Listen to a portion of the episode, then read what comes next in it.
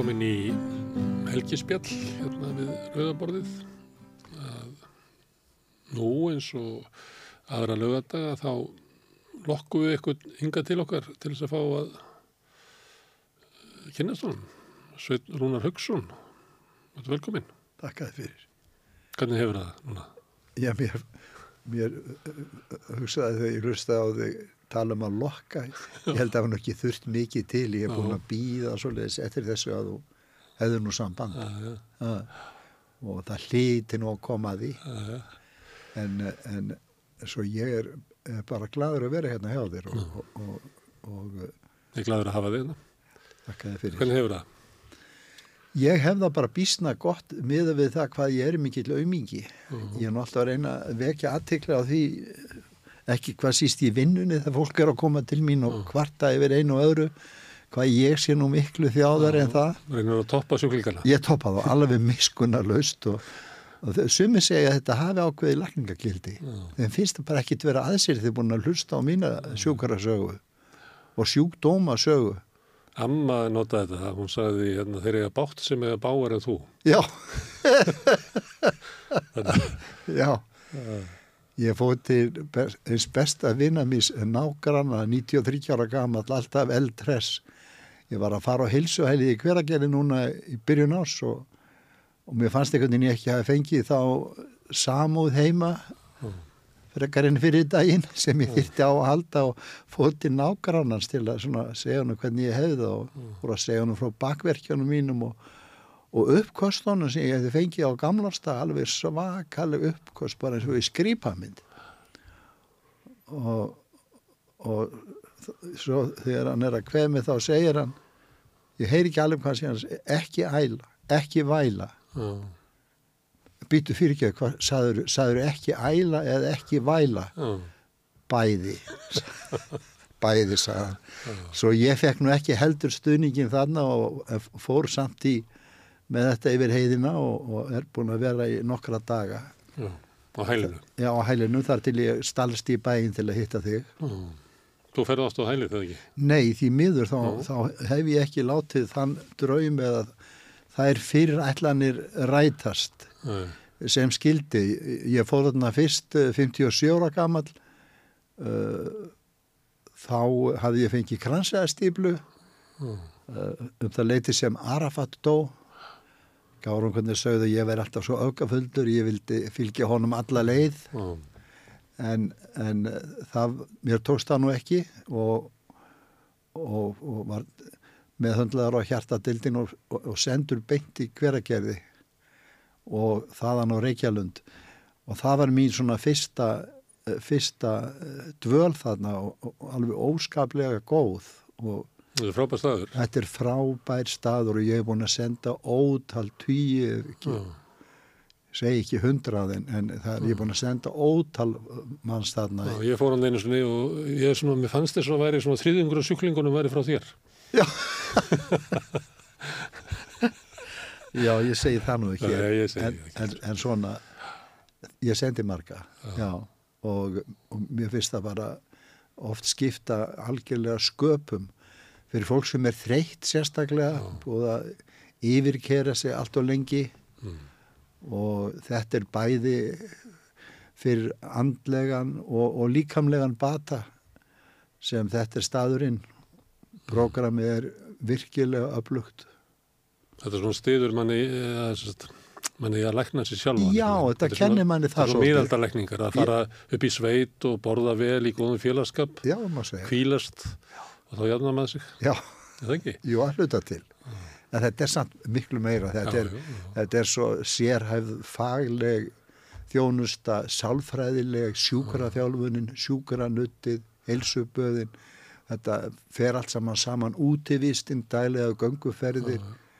Þetta, þetta er alveg, þetta er frábært. Þetta hangir svolítið á svona eins og var bara í gamla daga, eins og hælin voru í, í gamla daga, já. bara Já, aðeins út úr, klippa sér út úr daglegu lífi. já, Ég segi þetta nú við fólk sem að er að velta fyrir sig hvort að fara í áfengismeðferð, ég segi bara endilega, þetta er bara eins og bara yfirst þetta yngat gert hérna fyrir 200 árum, var þetta í sveit og borða reglulega í góðum félagskap og stunda göngutúra og bara jafna sig.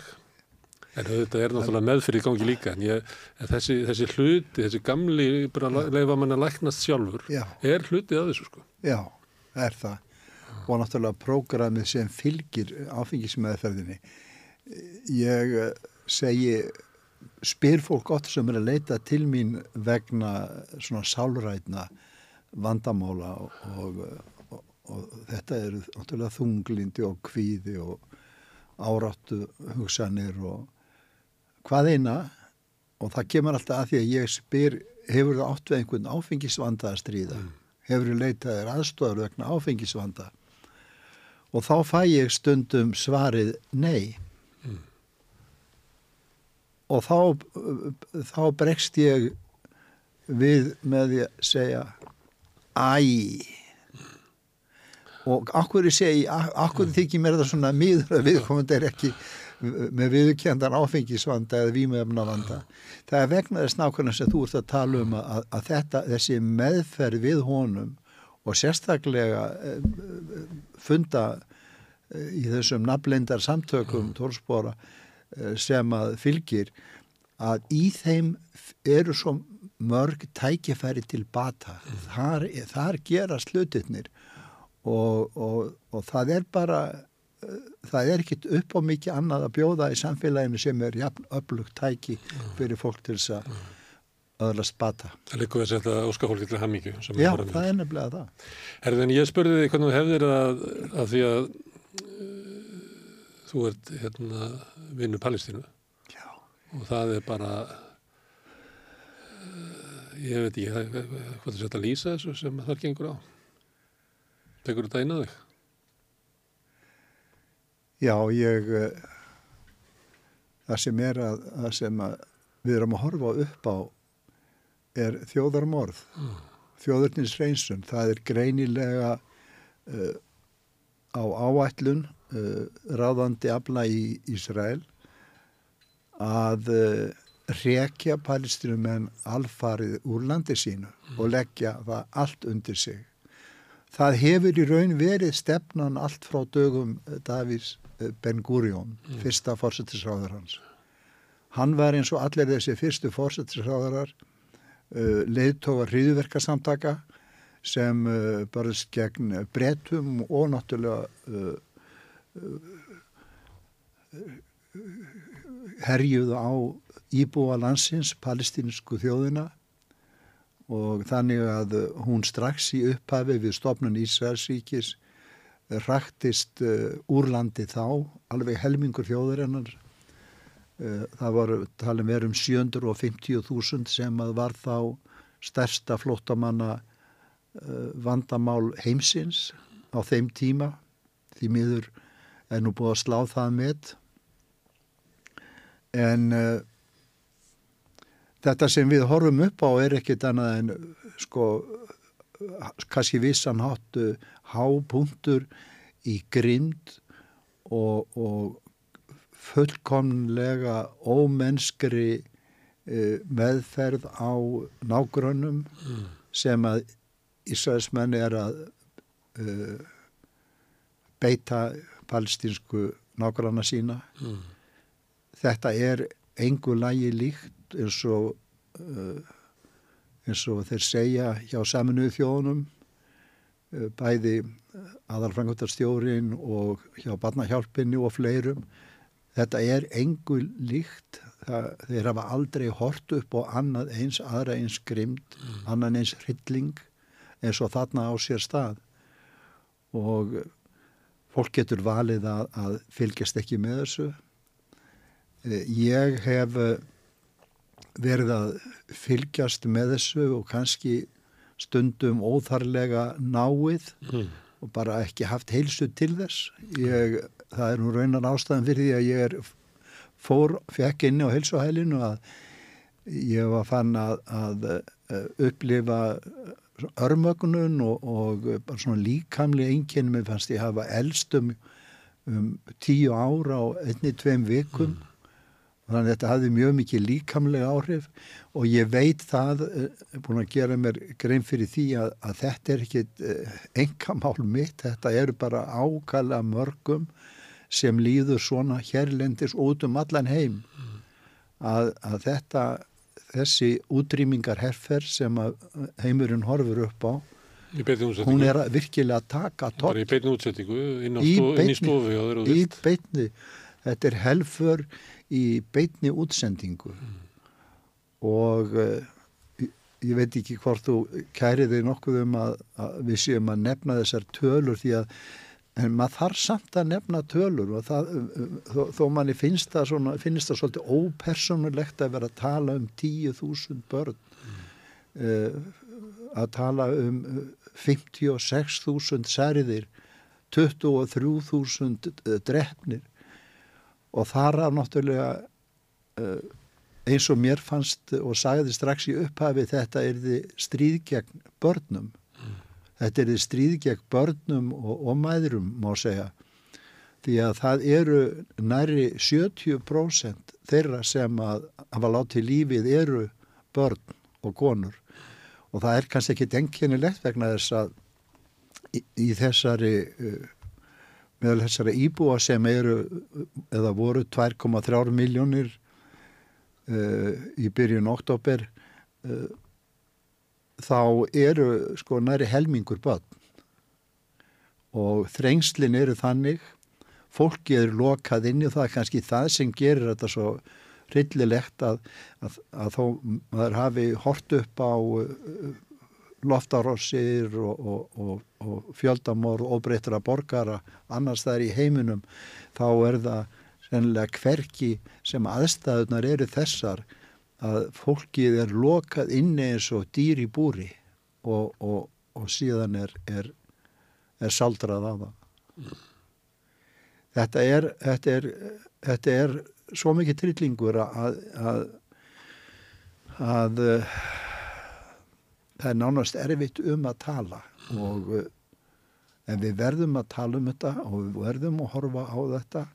Og við verðum að gera kröfu til þess að okkar stjórnvöld að okkar stjórnvöld uthæringisráðara, forsettisráðara beiti sér að fullum mætti til þess að stöfa þetta. Og það geta öll vestræn stjórnvöld haft einhver áhrif og saman geta þau þrátt fyrir haft, haft mikil áhrif þeir eru þóttir láti eins og þeir, þóttar Ísraels stjórn og ráðmenn þar hægir sér æmileg eins og þeir séu hafnir yfir, yfir uh, lög og rétt. Þeir þurfa ekki að virða alþjóðalög, þeir þurfa ekki að virða úrskurði alþjóða glæpadómstólsins. Þeir þurfa ekki að hlýta álíktunum saminuðu þjóðuna og ekki álíktunum öryggisáð saminuðu þjóðuna sem jafngilda lögum. Hrókin er því líkur, þeim finnst þeir yfir allt hafnir. Meiri segja svo að, að Bibi hefur látið, þar að segja Netanyahu hefur, Benjamin Netanyahu kallaður Bibi hefur látið það eh, sko þau orð falla að, að hann hafi, að Ísrael hafi í raun neitunavald hjá saminuðu þjóðunum. Því að en er það raunin sko. Bandaríkin bara gera það sem að þeim er sagt í þessu sambandi. Það, er, það fara aldrei gegn uh, vilja Ríkisvöldnar Ísrael Nei, nei. Og er ekki hægt að sjá það í náinni framtíð að svo verði? Við höfum í gegnum árin, þetta er náttúrulega langur tími hjá mér síðan ég kom fyrst til Palestínu mm. með sér raukvaldi fimmбóðsynni þá presti á staðastað og hann var fyrsti formaður félagsins Ísland-Palestína var það í þrjú ára áður en ég tók við. Mm. ég hafði verið varaformaður með honum. Við fórum okkar fyrstu ferð þarna og ég kem þarna fyrst 1990 og þá var einmitt uh, þá hefði einmitt orðið atbyrðir sem að hefðu hleyft upp ástandinu. Þannig að þessir atbyrðir svona sé oft með vilja gerðir það gerðir sama árið 2000 En 1990 þá gerist það að hermaður uh, uh, mætir með hrískotabissu eða sjálfverkan riffil í, eh, við strætóstöð, stoppustöð í Rishon LaZion sem er borg eh, nálat Tel Aviv. Og það, þetta er á þeim tíma sem palestínumenn hafa atvinnuleifi í, í Ísrael og það voru oft fleiri, fleiri þúsundur, ekki tugþúsundur sem að voru að vinna í Ísrael bæða frá Gaza og mm. að Vesturbakkanum nema þessi maður hann eh, tekur sér til og hann eh, vilja stega auðvelt með það að svort er að gýðinga frá palestínumönnum og, og eh, hann hann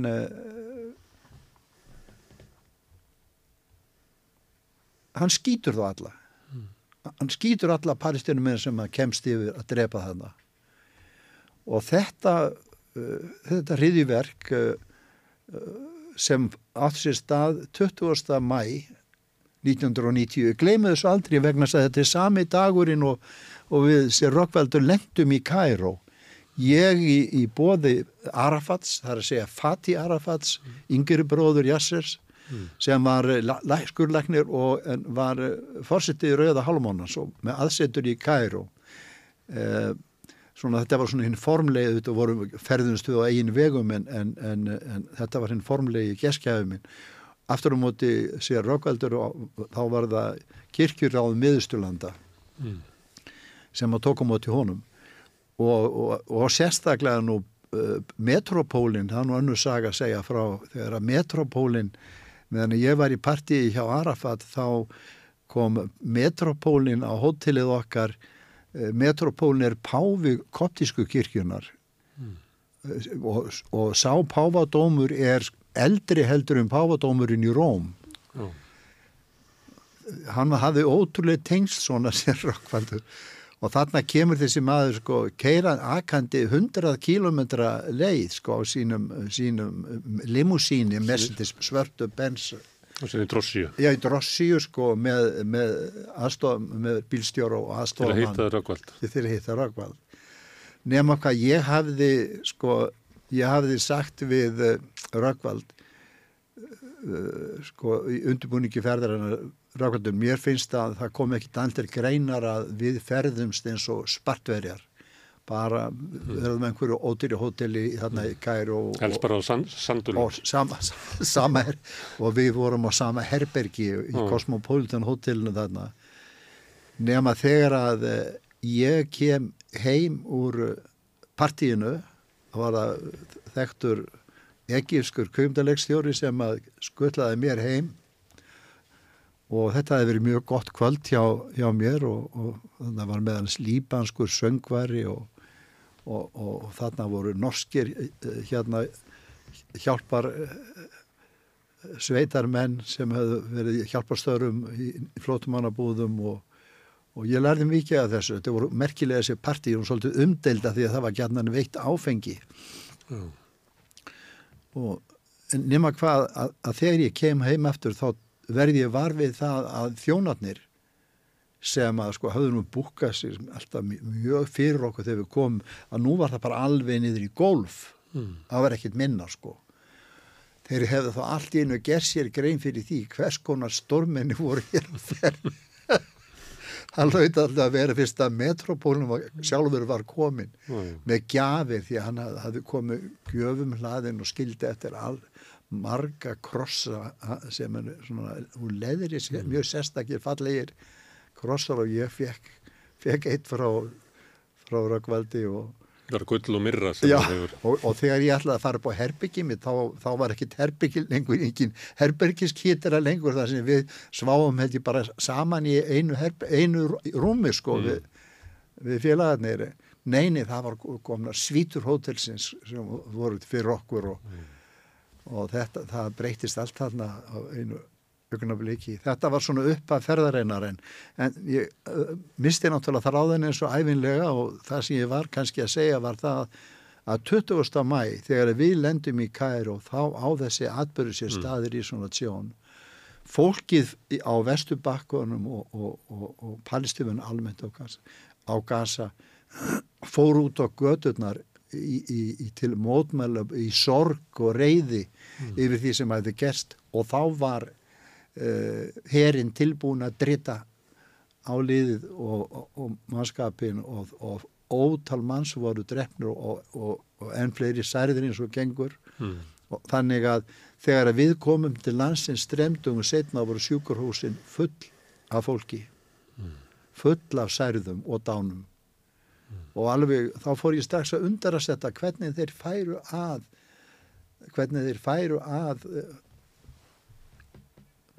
að og, og þá er sko að, taka á móti svona hvernig palestinmenn færu af að lifa já, við þetta að leknarnir, kollegar mínir mm. hvernig þeir færu að að taka á móti svona mörgum særðum í einu og, og þarna til dæmis á Gaza þá vildi fólki ekki fara á sífa sjúkarhósið mm. því að þetta var á þeim tíma sem að það var undir Ísraelskri stjórn mm.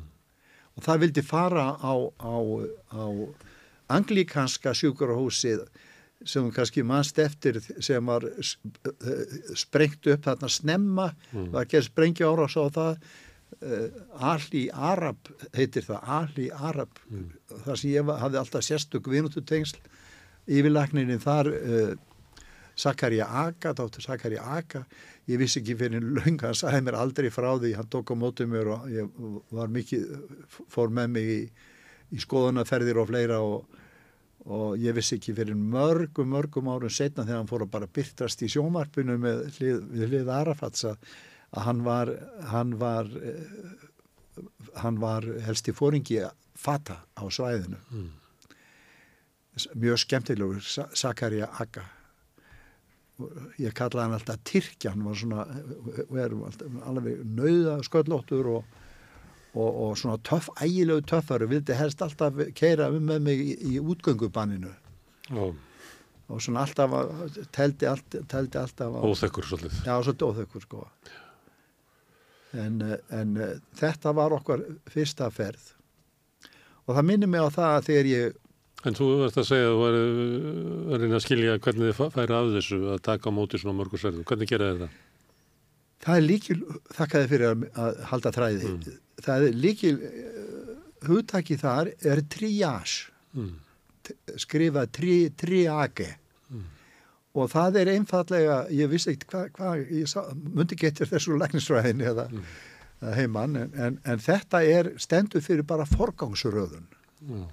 Og það, þetta byggir náttúrulega á reynslu sko, að, að, að afgriða mál alltaf sko og, og, og hérna og, senda alla burt sem, burt sem hægt er sko og skilja allt eftir það mikilvægast það fer inn sko.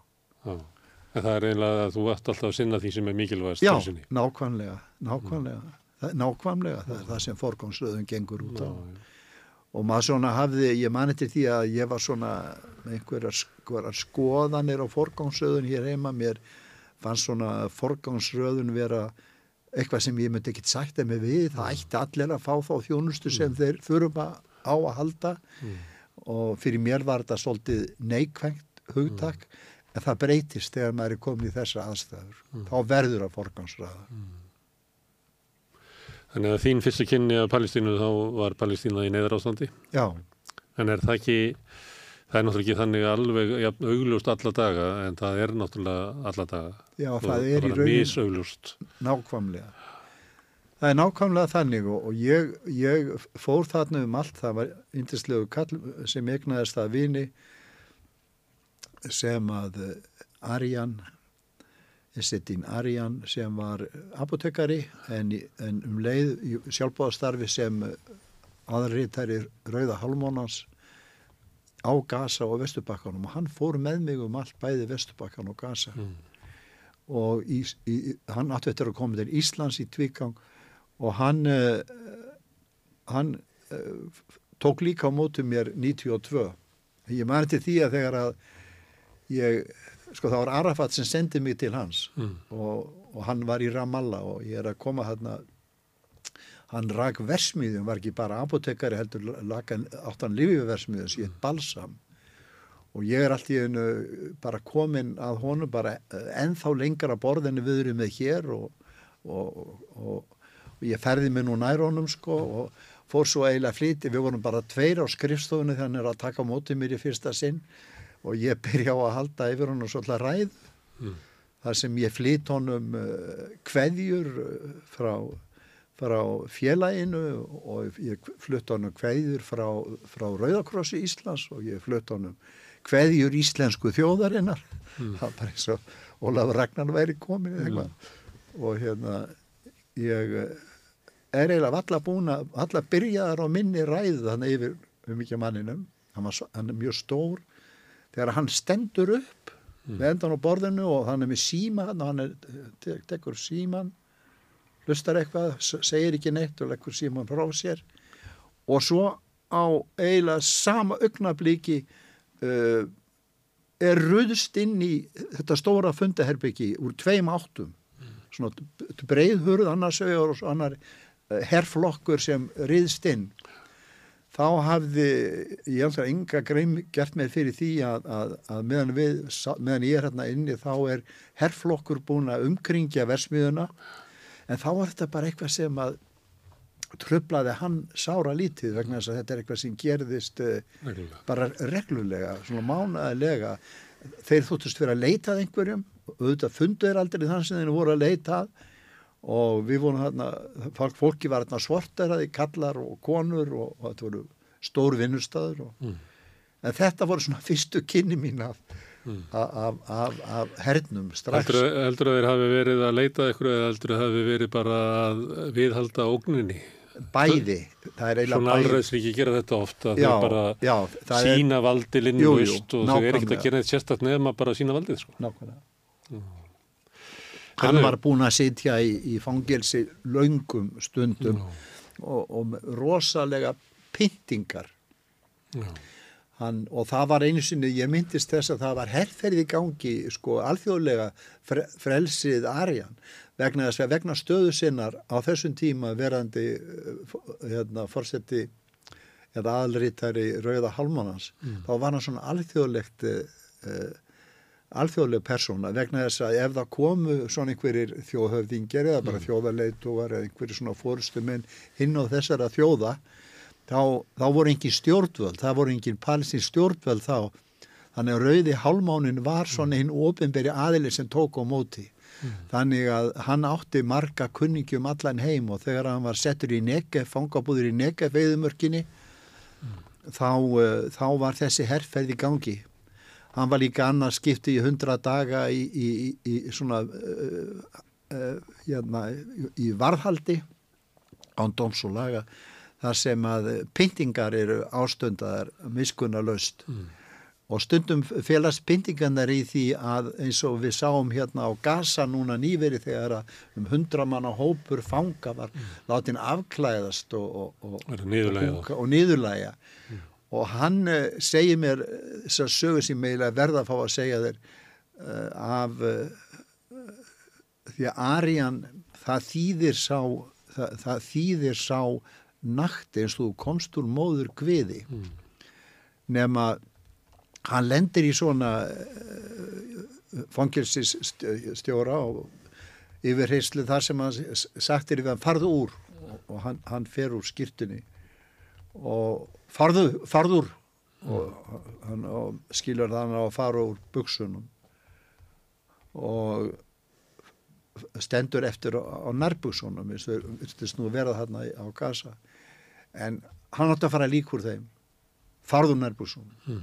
og lokk stóðan þarna lokk stóðan þarna kvík nakin fyrir framann eh, eh, pyntingameistaran hmm. og og þá fer hann að hlæja eins og fíbl þá fer hann að hlæja og hins uh, uh, hérna sig. Hvað, okkur er þetta að hlæja? Mm. okkur er þetta að hlæja og hann hlæir bara meira og meira og, og hérna eh, bara eins og vitfyringslega eða sem hann, sem hann hlæir og hlæir og, og þá fara þeir að ganga í skrokkunum mm. og berja hann. Og það enda með því að þeir missa stjórn á sér. Mm og berja hann þannig að hann finnur að hann er að missa meðvutund og þá er síðasta sem hann mann áður en hann missir meðvutund og er flyktinn í klefan aftur er sigurtilfinningin yfir því að þeir skuli hafa mist stjórnar sér af því hann veit að það er, það er ekki það sem er yfirherri slá að ganga út á mm. þá er mitt ekki að láta það missa, missa uh, hérna, meðvutund. En hann sagði mér hins vegar, hvað var það sem að allir því að hann fór hlæja eins og fíbl? Þá var það minningin um afa sinn sem hétt einmitt Arjen eða sá Beri. En afans var frægur fyrir það, sko á fullorðins árum þegar hann var aldraður, af kvöldin að fara út og striplast í, í hérna þorpinu. Og var svona menn, menn, menn sennilega verið komið með einhvern sko minnisjúkdóm eða einhverja, einhverja minniströflun eða eitthvað svoleiðis og, og eh, en, en hann er að hugsa til afa eins og hlæri svo fíbl Herðu, sett þú í upphæfast að tala um að þú værir svona haumur, væri ekki alveg sterkur. Og, og tala svolítið um því þannig. En uh, þú ert að lýsa þegar þú ferð til Palestínu, þú ert að horfa á uh, miklar hörmungar. Og svona, maður myndi ætla það að, að þú ættir ekki að þóla þetta. Og þess að maður er að velta fyrir sér um þetta að segja frá. Að þá ert, lítur að það er, það er önnur hlið sem að er eitthvað svona þolgjaði fólksins og eitthvað svona tengsl sem að þú myndar sem að færði að þú er svo þú ert ekki að sækja hörmungana til Palestínu þú ert að sækja eitthvað sem að er miklu nær sko bara lífinu og, því sem er mikilvægt Þetta er alveg hárrétt sem þú Mm. segir, hvert einasta orð því annars myndur ekki geta verið þarna sko. Þú, þú byrjar á því að nefna þálgæðina. Mm. Þálgæðin er líkil hugtakið. Mm. Að skilja það, það sem að þeir kalla, heitir á arabísku sumút, mm. seglan eða þálgæðin. Mm. Það er það sem ráðamun úrslitum, ekki hvaða, hvaða vopn Ísraelsmenn hafa verið að ráða eða hvort þeir eru konni með bara eins og í Vietnamstríðinu halva miljón hermana á máti 30.000 mm. svo kalluðum Hamasliðum mm. eins og reyndi í Afganistan líka aha, já eins og í raun og veru gerist í Afganistan mm. í, í stríðinu við Taliban teknin getur ekki unnið stríð nei en, en þetta er alveg hárétt og, og líka þetta sem kemur inn á að, að ég ég sæki þrátt fyrir allt gleði mm. og, og, og hamingju til, eh, til mm. og það er stundir og þeir dagar sem ég hef átt á gasasvæðinu í minningun er, er, er þetta dásamlega fallegt land. Mm, sólalægið er hverki fegura ég segi ekki hérna, upp í breiðholti kannski en, en, en, en, en hérna, það er í alveg tala alveg ótrúlega fallegt að sjá sóluna setjast mér að hafið mm, og, og, og setja með einhvern góðan safa á, eða í talningum ef maður hef, hefur efna á að fara á, á fiskiveitingahúsi þannig að það eru svo fín fiskiveitingahúsin þannig og uh, þannig er alveg, eða bara vera neyri fjöru þar sem fólk er fullklætt að baða sig í sjónum mm, og fjölskylduna leita í, í, í sjóin á, á, ströndina. Það er uh, dásamlegt eða þá að, að minnist þess að þegar, að, þegar ég kom fyrst þarna þá uh, er mér bóð að, að koma á fund bænda. Mm, að segja sítrusbænda. Þeir voru allir í fínum fötum sko, hérna, jakkafötum og, og, og þetta voru svo businessmenn sko. Og eldri en ég, ég var nú ekki nema kannski rétt færtugur þarna og og uh, þeir höfðu þá sögu að segja þá þegar semst 1990 að, að, að uppskýrana væri bara að rotna hjá þeim. þeir, það var verið að meina þeim að flytja út og jáfnvel bara flytja til Vesturbakkars sko sítrusbændur á Gaza voru öflugustu sítrusbændur í heimi. Það var hvergi meiri útflutningur hér áður fyrr þetta er, þetta er algjör paradís þetta, þetta er algjör gr- gróðurreitur fyrir all, öll trén öll biblíutrén hvort það eru fíkjutré eða, eða, eða, eða döðlutré eða, segi sítrussin Löngu appelsínurnar áður en að geðingandi fóru að flytja þetta út. Áður að þau voru til Jaffa appilsínur. Jaffa er ekki til að lífa. ekki sjálfsög áður, jú, jú, þeir stálu nafninu Já. En ekki, ekki, bara, ekki bara það er í sjálfs ekki málu heldur hitt að, að þeir hindra palestinumenn Já, ég er að gera algjörlega og, uh, og þetta er náttúrulega eitthvað sem að við eigum alls ekki að sagt okkur við um stundum verið að potast eitthvað í og, og geta að gera þá kröfu til Evropusambansins að, að, að þeir að þeir opni á þessi viðskipti. Að láta þetta ekki viðgangast. En þetta, þetta er svona langt síðan að, að eh, þetta verið 33 árum að, að ástandi var, var orðið slæmt. 800 að markvallt vestna eins og það er í dag þar sem búið er í rauninni að, að, að eh, meir sér áður en áður en loftvárusunnar eðurlöðu núna meir en helminga af öllum byggingum íbúðar húsnæðinu fyrst og fremst íbúðar húsnæði og, og, eh, og síðan líka versmiður og annað kirkjur, skólar uh, það, það hefur heilsugæslan, það hefur allt orðið fyrir barðina á loftárásónum þessum, þessari geriðingarherferð Mm. og uh, en þarna þarna þarna er mér þetta minnistætt með gasa hvernig gæt líka ráfað um í, í aldingörðum sko þetta er þetta, þetta, menn halda þetta sé einhver eyðimörk gasa þetta, er, þetta er í raun og veru miklu næði að vera einn allserjar aldingarður en, en þeir hafa líka lagt gríðarlega áherslu á það bæði þarna og í gegnum öll árin hefur Ísraels herr verið með sér uh, uh, verkfæri annarkvæmt frá Caterpillar eða frá Hyundai sem að, og meðal þeirra uh, hjá Hyundai er náttúrulega þeir eru verið að störa snillingir að framleiða fyrir Ísraels herr uh, vinnuvelar til að rífa niður heimili fólks. Og uh, Caterpillar er eins og með stóru jarðítutnar það sem, sem að þeir líka riðja húsum til hliða til þess að, til að skapa hérna auðveldari umferð fyrir önnur uh, herflutningatæki og fyrir herina almennt en síðan eru með alveg sérstök tæki eins og, og rakvelar það eru, það eru velar sem fara í aldingarðina og fella, fella heilu aldingarðina garðana. Fella trén sem eiga sér þúsundar og svo Já, já, mörg þúsund ára sögu að að skipta. En, en, en, en fella þau þannig að það er stúfur eftir. Þetta er svona þryggjadaga skegg sem er skilið eftir. Því, að, því að það er erfiðar að byrja upp á nýtt fyrir bændjurnar ef það er, ef það er uh, stubburinn er eftir af tránum.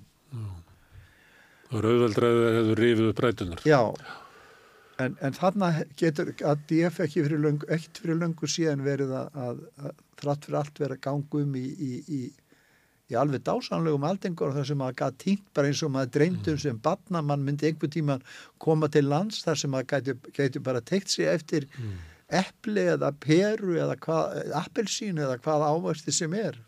Þannig er það þarna. Þannig að svo Palestína sem að þú kynst er menningaland, Já, fallet land, já, maldigarður. Það er stu- stundum talað um þetta eins og þarna séu uh, flótta fólk haldið uppi eða flóttamann aðstóð samlu þjóðana. Fólk sem að, að uh, kannski átti sér fátt áður en að Ísraelsmenn eða geiðingar komu þarna og ræktuð upp landið og gerðu það paradís. Þetta er af og frá þessi, ég kannast við þessa lega sögu frá því að ég var unglingur. Það hafði kannski mest mótandi áhrif á mig af öllu. Það var uh, þegar ég uh, fór til bandaríkjana 17 ára gamall sem skiptinemi á vegum þjóðkirkjunar og uh, svona almennt talað þá var nú útkoman úr því svo að þegar ég kom heim ári síðar að þá var ég stimplaður kommunisti og var óskaplega sár en, uh, en það hefði verið það hefði verið sko, það hefði verið svona ákveðið prógram í gangi á vegum þessara nefnda skipta, þessara alþjóða ungmenna skipta og ég kom heim í rauninni í sjálfu sér ópolítiskur eins og ég hefði alltaf tíð verið kristilegt ungmenni. Og við stopnuðum sandök skiptinema og, og, og, og eftir áramótin þegar ég var eh, en 18 ára stopnuðum við til tenglastarfsins í februar 66 en ég var að koma heim 65 og kennari mín í Östurlandafræðum D.C. Smith, hún hafði óskaplega mikil áhrif á mig og hún hafði svo mikla skam á Vietnamstríðinu sem var þá að byrja Mm. og ég heyrði þetta líka í kirkjunni að það voru svona ráðstefnur og ég var í svona tiltölu að frjálslindir í kirkju þarna í, í norðvestrinu í Seattle og, og, og ég held að Kalli vinnu minn hafi verið í, í svipuðum s- söfnuði sem Kalli biskup sem að kallaður er og Kallt Sigurbjörnsson. já og hérna við, við tengdust mjög náið þarna og, og, og, og við vorum í, á svona ráðstöfnum og í þessu prógrami og, og, og það, sem, það sem var yfirskrift prógramsins var á ennsku confrontation of realities að horfast í augu við veruleikan og hver er veruleikin í heiminum? Hann er arðrán bílaðu milli ríkra og fátækara fyrir stöðugt vaksandi þetta orð arðrán bara það eitt og sér, það var nú bara bannorð á Íslandi. Það voru bara ljótustu kommunistar sem að gáttu að tekið sér svoleiðis í orð. Þjóðvilji myndi ekki nota svoleiðis orð lengur. Og annað var aðskilnaðastefnan bæði í Suður Afríku og heima fyrir í bandaríkjónum þetta vorum við að fjalla um og svo vorum við að tala um málefni fríðar og, og, og, og, þessi hernaður bandaríkjana um allan heim. Og þá ekki síst Vietnamstríði sem var komið á dagskrá. Og þegar ég kem heim og, og leifi mér að spyrja uh, mömmu hérna hvað, er- hvað er þessi hér að gera hérna á Íslandi? Er þetta ekki sami hér og er í Vietnam móður mín, ég ætlaði bara eiginlega ekki að lýsa því hvernig hún, já, hún trompaðist og ætlaði að berja þetta úr mér. Ég, ég flúði inn í Herbyggi og, og hún þarna heyrði, heyrði ég mig fyrst kallaðan kommunista og það þótti ekki gott svona, ekki byrju þetta vandist. Já.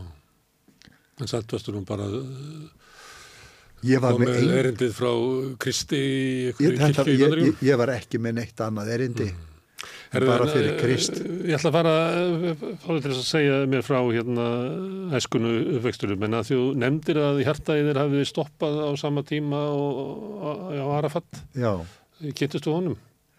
já, ég gerði það og það voru bara indislega kynni ég eiginlega sá svolítið eftir því eftir á Já. að, að hafa svona haldið aftur af mér og ég var alltaf að senda aðra unga menn til, á fund til hans en mér fannst einhvern veginn uh, ég var ekkit að flýta mér til hans og, Mm. og ég fór ekki til hans fyrir en að Björk var komin til Palestínu Mm. og var þarna með mér og þá fórum við til hans Mm. og við áttum alveg indislegan fund með honum og ég mann það hvað ég sá eftir að hafa ekki farið til hans fyrr og uh, hann var þá uh, hann var þá lokaður af þarna í í Mugata sem kallað er í, í, í, rústum Mugata, Mugata er stjórnsýslu bygging uh, uh, landstjórnarinnar sko, mm. bresku og, og palestinumenn hafa tekið við þessu, þessu þessari miðstöð Mm. Og þetta er svona stjórnsýslan hefur höfustöða þarna upp á þessari hæð og, og sem kallað er Mugata og það voru svona stór svona, já, þetta, voru, þetta var hrunin bygging eftir, eftir sprengju árásir en, en það var að fara á bakvið og, og bakvið stór björg og, og steina og, til mótsið hann í, í, lít, í herbergi það sem að það sem að hann tók á mót okkur og hann var svo einstaklega hlýr Mm. og hann hafði áraðanlega líka til að bera þennan eðliskost, þú nefndir súmút, sko, segluna. Mm. Það er eitt sem að má bæta við sem að geri það að verkum að, að, að, að ég sæki og þrái að komast til Palestínu og, og vil fara alltaf aftur og aftur og það er þessi mennska sem að eru mætir mm. og það er þessi kurteysi mm. og þá kann man kannski segja frá því að ég hef vorið varfið það að þegar menn er að lýsa öðrum mönnum mm.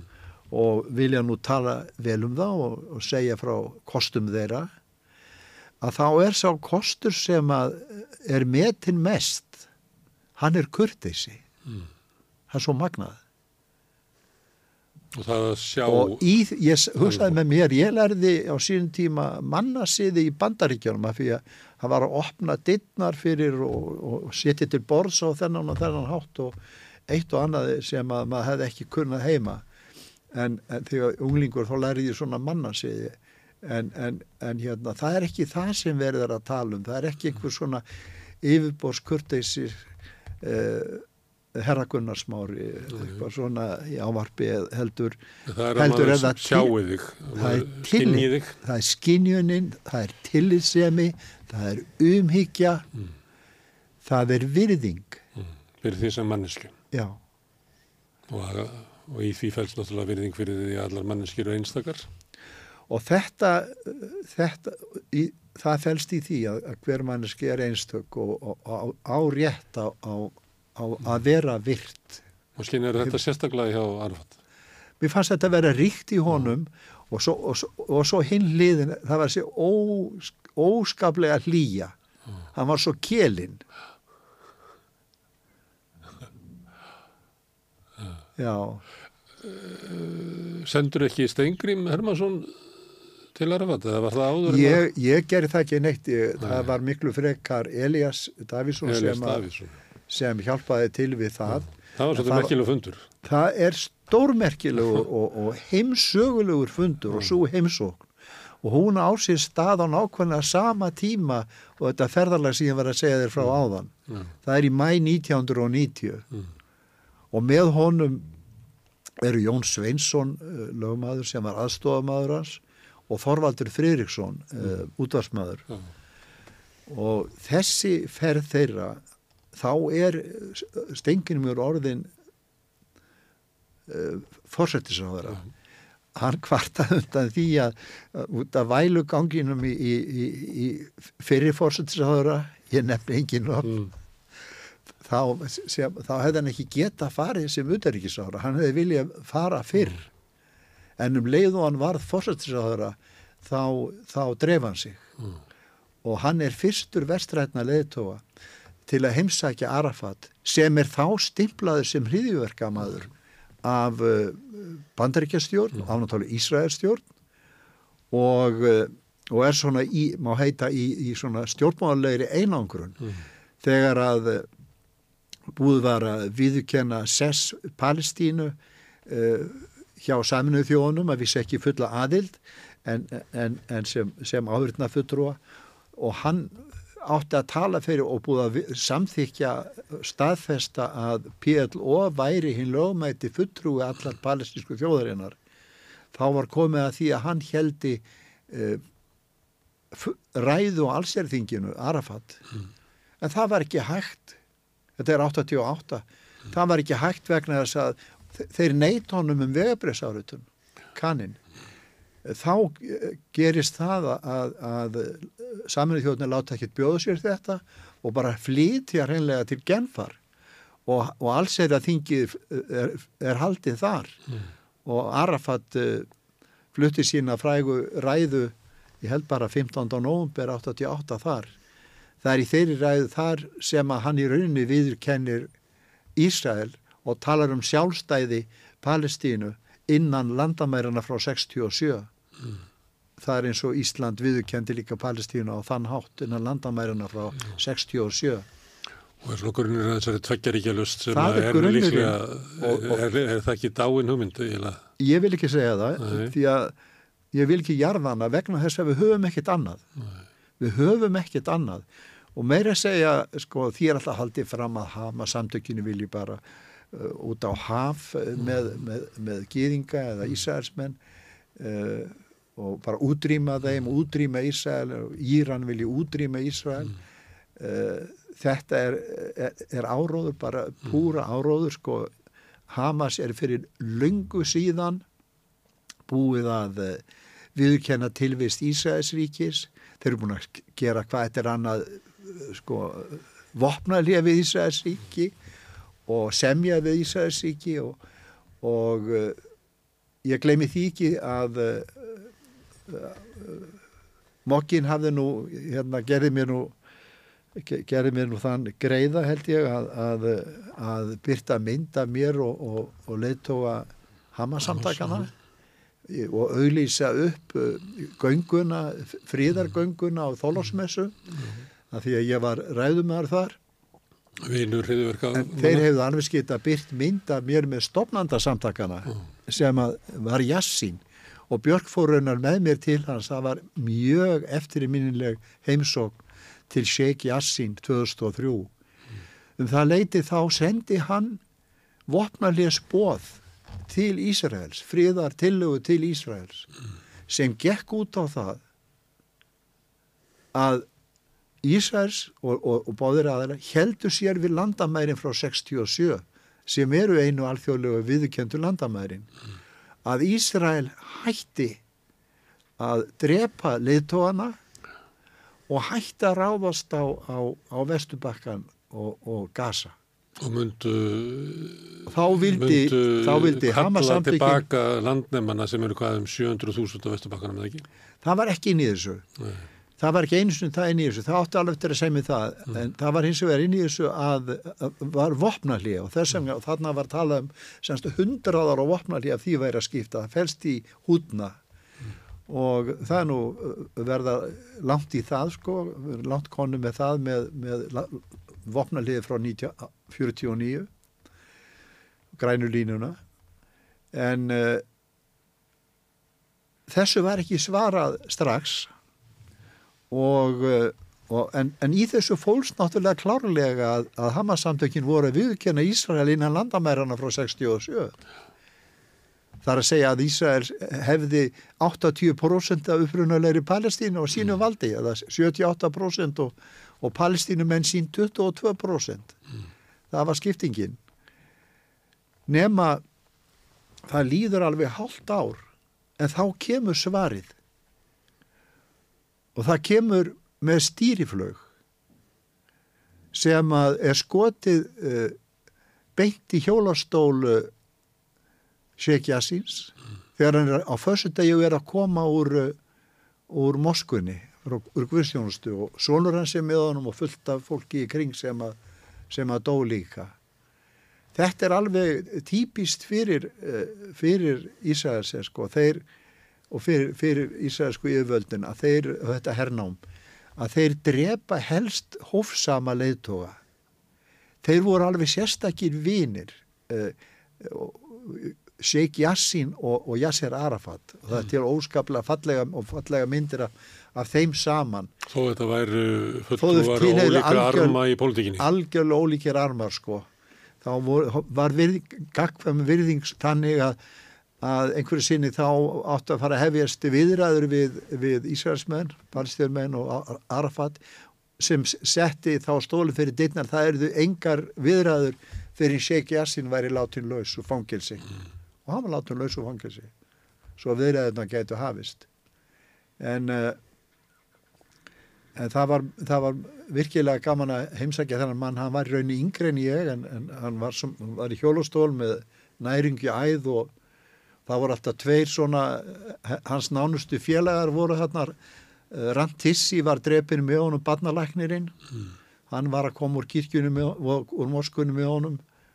Og, eh, og hann var með annan verkfræðing með sér. Þetta voru svona tveir sem voru hans nánustu aðst, aðstóðarmenn en það var mjög þetta við hittum hann á heimilans og, og ég man þegar við komum inn í komum inn í, í húsið að, og þá förum við inn í svona hliðarherbyggi svona byðherbyggi og þar var svona svo röðin af, af sjálfvirkum riflum sko.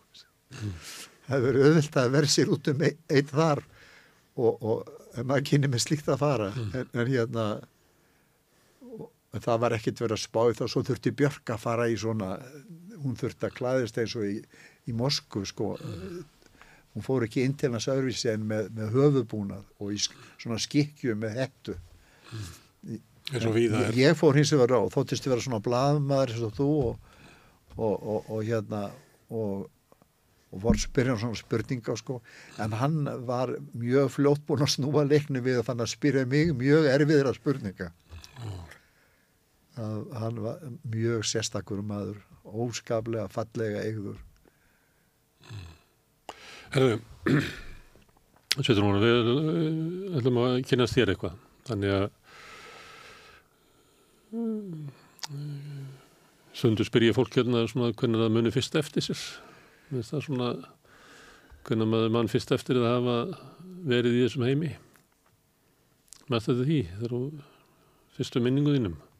Já, þær eru sennilega snorabrautinni áður en að við fórum, sko, ég, oft sagt ég sé frá hlemmi, því að ég er annars vegar sko við, til fimm óra aldurs á snorabrautinni, snorabraut 50 og svo fórum við til ömmu á lögu við 132, rétt fyrir ofan hlem Mm. sem að sem að, að að Friðrik Ólafsson var svo í næsta húsi 134 og Skákmaður. Já, kom heim að tefla við pappa og fleiri kalla, það var mikil, það var mikil telt. Já. En uh,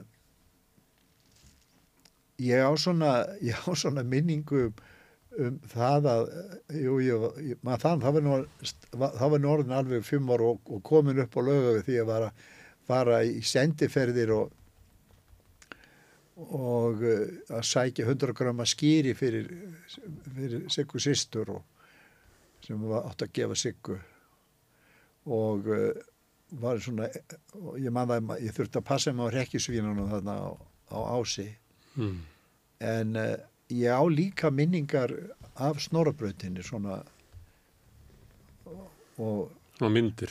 Já, svona myndir. Mér finnst til dæmis að, að, að ég hef verið eitthvað að frekja sko þegar mamma var að gefa sigga sýsterinn og fjórum árum yngre en ég Mm. og, og, og, og var náttúrulega brjósti sko að ég hef viljað líka Mm. og hérna, Hún var að stjakar í burtu. hvað segir? Og hún var að stjakar í burtu. Ég, ég held það. Ja. Og allt hafði nú... Þetta er alltaf mikill harmur fyrir barnið að, að vera móðurinn neita manni um brjóstið. Já, Ha, það var það mér er erfitt að aldrei, venjast því. annars var mér nú aldrei neitað um neitt. Nú, En það frumburðurinn sko. ha, Já. Mér finnst eins og líf mitt hafi verið eitt dekur ha, frá upp, alltaf í uppáhaldi mm. og eh, Aldrei andmætt. uppáhaldi hjá kennaránu. Ég spurði konu núna sjúkarhjálfaran á, á hver að gera, hvort að ég hlíti ekki bara að vera svona lúmsk kennarasleikja, svona Já. mikil.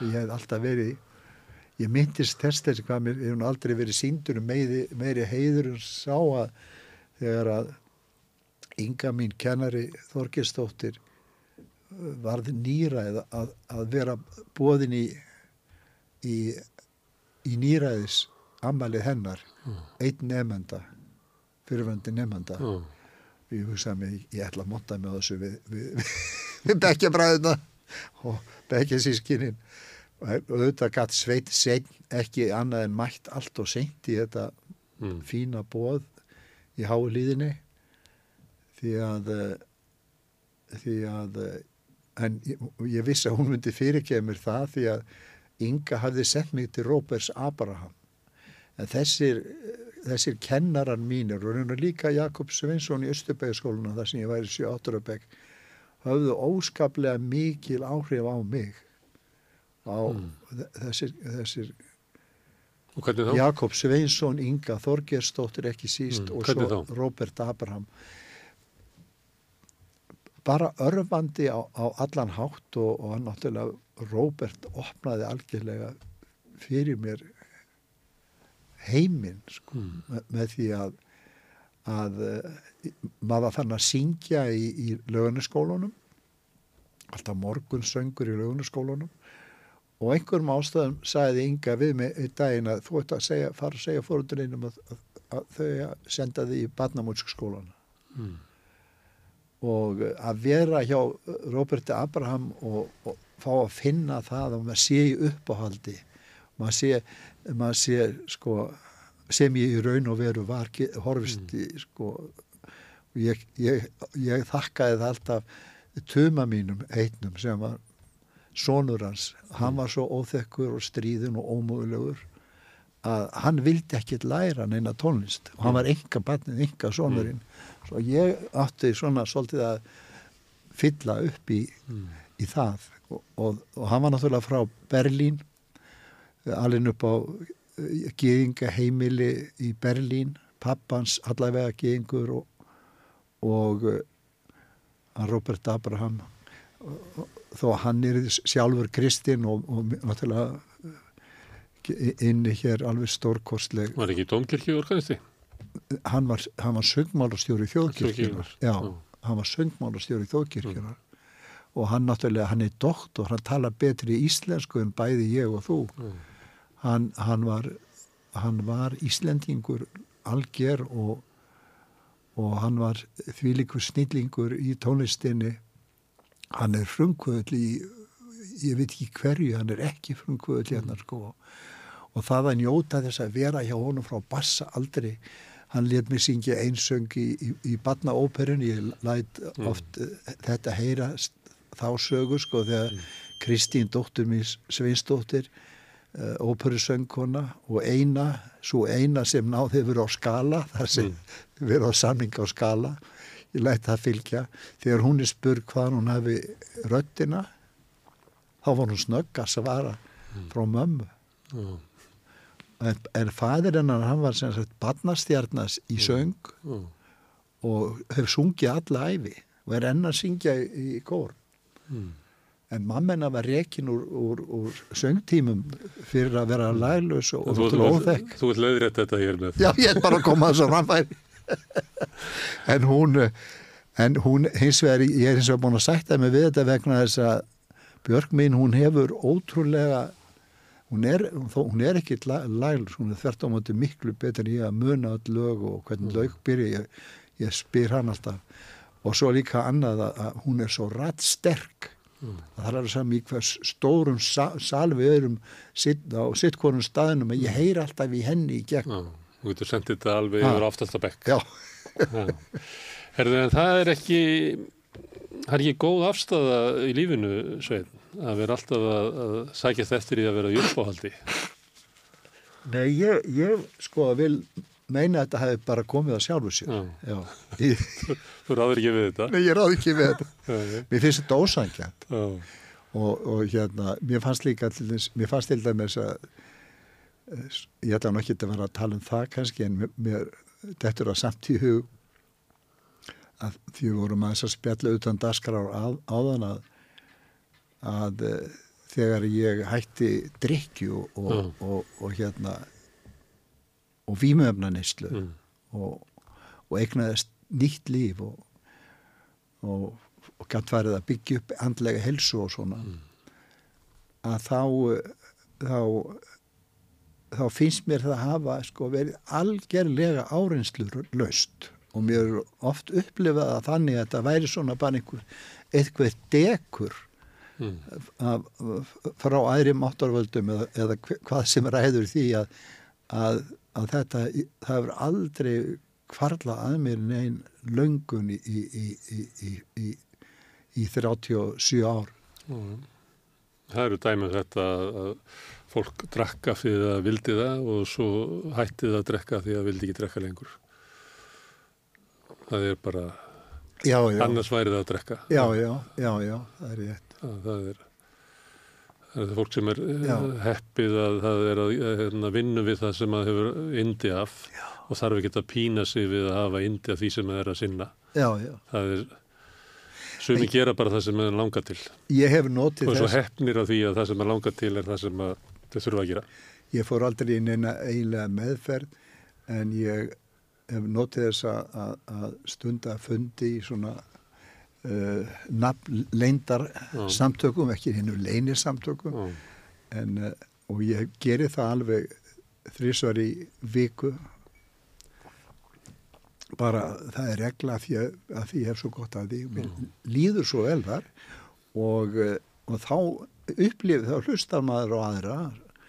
Og, og þá sko verð ég náttúrulega varfið það að það eru margir sem er að koma og fundi og, og eiga í alveg óðbósleiri baráttu og eru að falla aftur og aftur og ægilegri baráttu. Það er það sem ég ávið og svo eru, sum, ég er ekkit einn um þetta, sumur okkar bara er stöld sem bara algjörlega tekið. Þetta var svona því að hætti að reykja líka. Kristi mín var... Það getur vel verið ef að þú þyrtir að standa í barátunni, þá verður þú drekkandi. Já. Það er ekkit vist um þú þóla það. Nei. Nei, það er sem ég var reyna að reyna að koma. Og nú svo nú annað þegar maður enn og þess utan geðveikur eins og ég Mm. með svona, svona geðsjútum þá er það líka áhættu þáttur að auki sem að en, en það hefur aldrei orðið til þess mér er einhvern veginn sloppið og, og mér finnst ég hafa verið uppáhaldi hjá hjá, hjá máttarvöldum. skaparhónum Já. En uh, þú myndur segja að þú hefur verið alveg upp í svona ást og elsku. Svo sannarlega ég, Mm. ég, ég, og miklu öryggi og miklu öryggi þannig ást og þó að, þó að pappi drikki þá þegar ég segi pappi þá er það svolítið rugglingslegt því að ég, ég veður einum pappanum í annan Mm. því að ég er nú ekki að telja með dati í bandaríkjónum Gordon Brown Mm. en, en, en uh, hann var líka dat, dat náttúrulega Mm. en ég á minn, minn föður Mm. sem var 94 ára gamall og, og, og var og smakkaði ekki áfengi alveg í aldarfjórðung og vel það síðustu ára æfi sinnar uh, en svo eignaðist ég nýjára gamall stjúpa Mm. sem fyrir mér var nú algjörlega heilagum maður og, þykir óskaplega væntum og hans minningum og, eh, og álíka svons sem ber hans nafn ég á, ég á sett bæði Haug og Guðfinn Mm. og uh,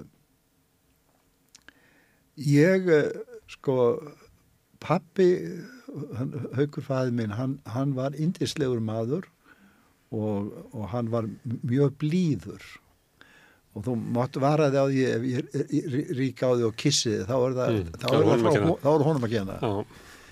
og uh, þetta, þetta er líka einhver vestfyrska en uh, en þegar að uh, sko mamma varð að skilja við hann og þá var hún ein með þrjú börn Var það skiljið við hennar því að hann var drikkjumæður? já, Já.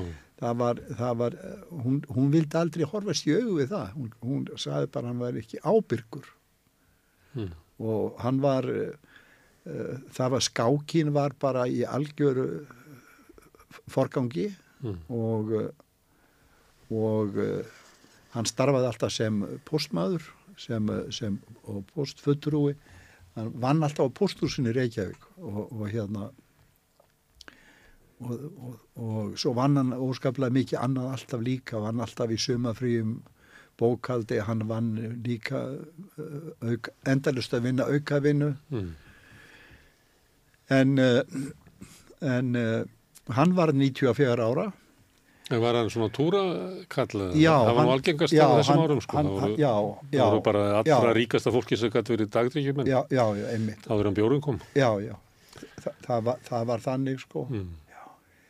en ég man það að þegar að mamma eh, hérna, skildi við hann og þá láðum það undir mig sko Mm. fyrst og Nýjára gamlan. Já, ég var raunir ekki ennum að 6-7 ára þegar hún sagði, sa- þá var hún, hún var svo lengi að, Mm. að gera þetta sko og sá hún, senni minn ég er úr sem að skilja við pappa þinn uh, er það í lagi og ég svona þægði smá stund og jankaði svo Mm.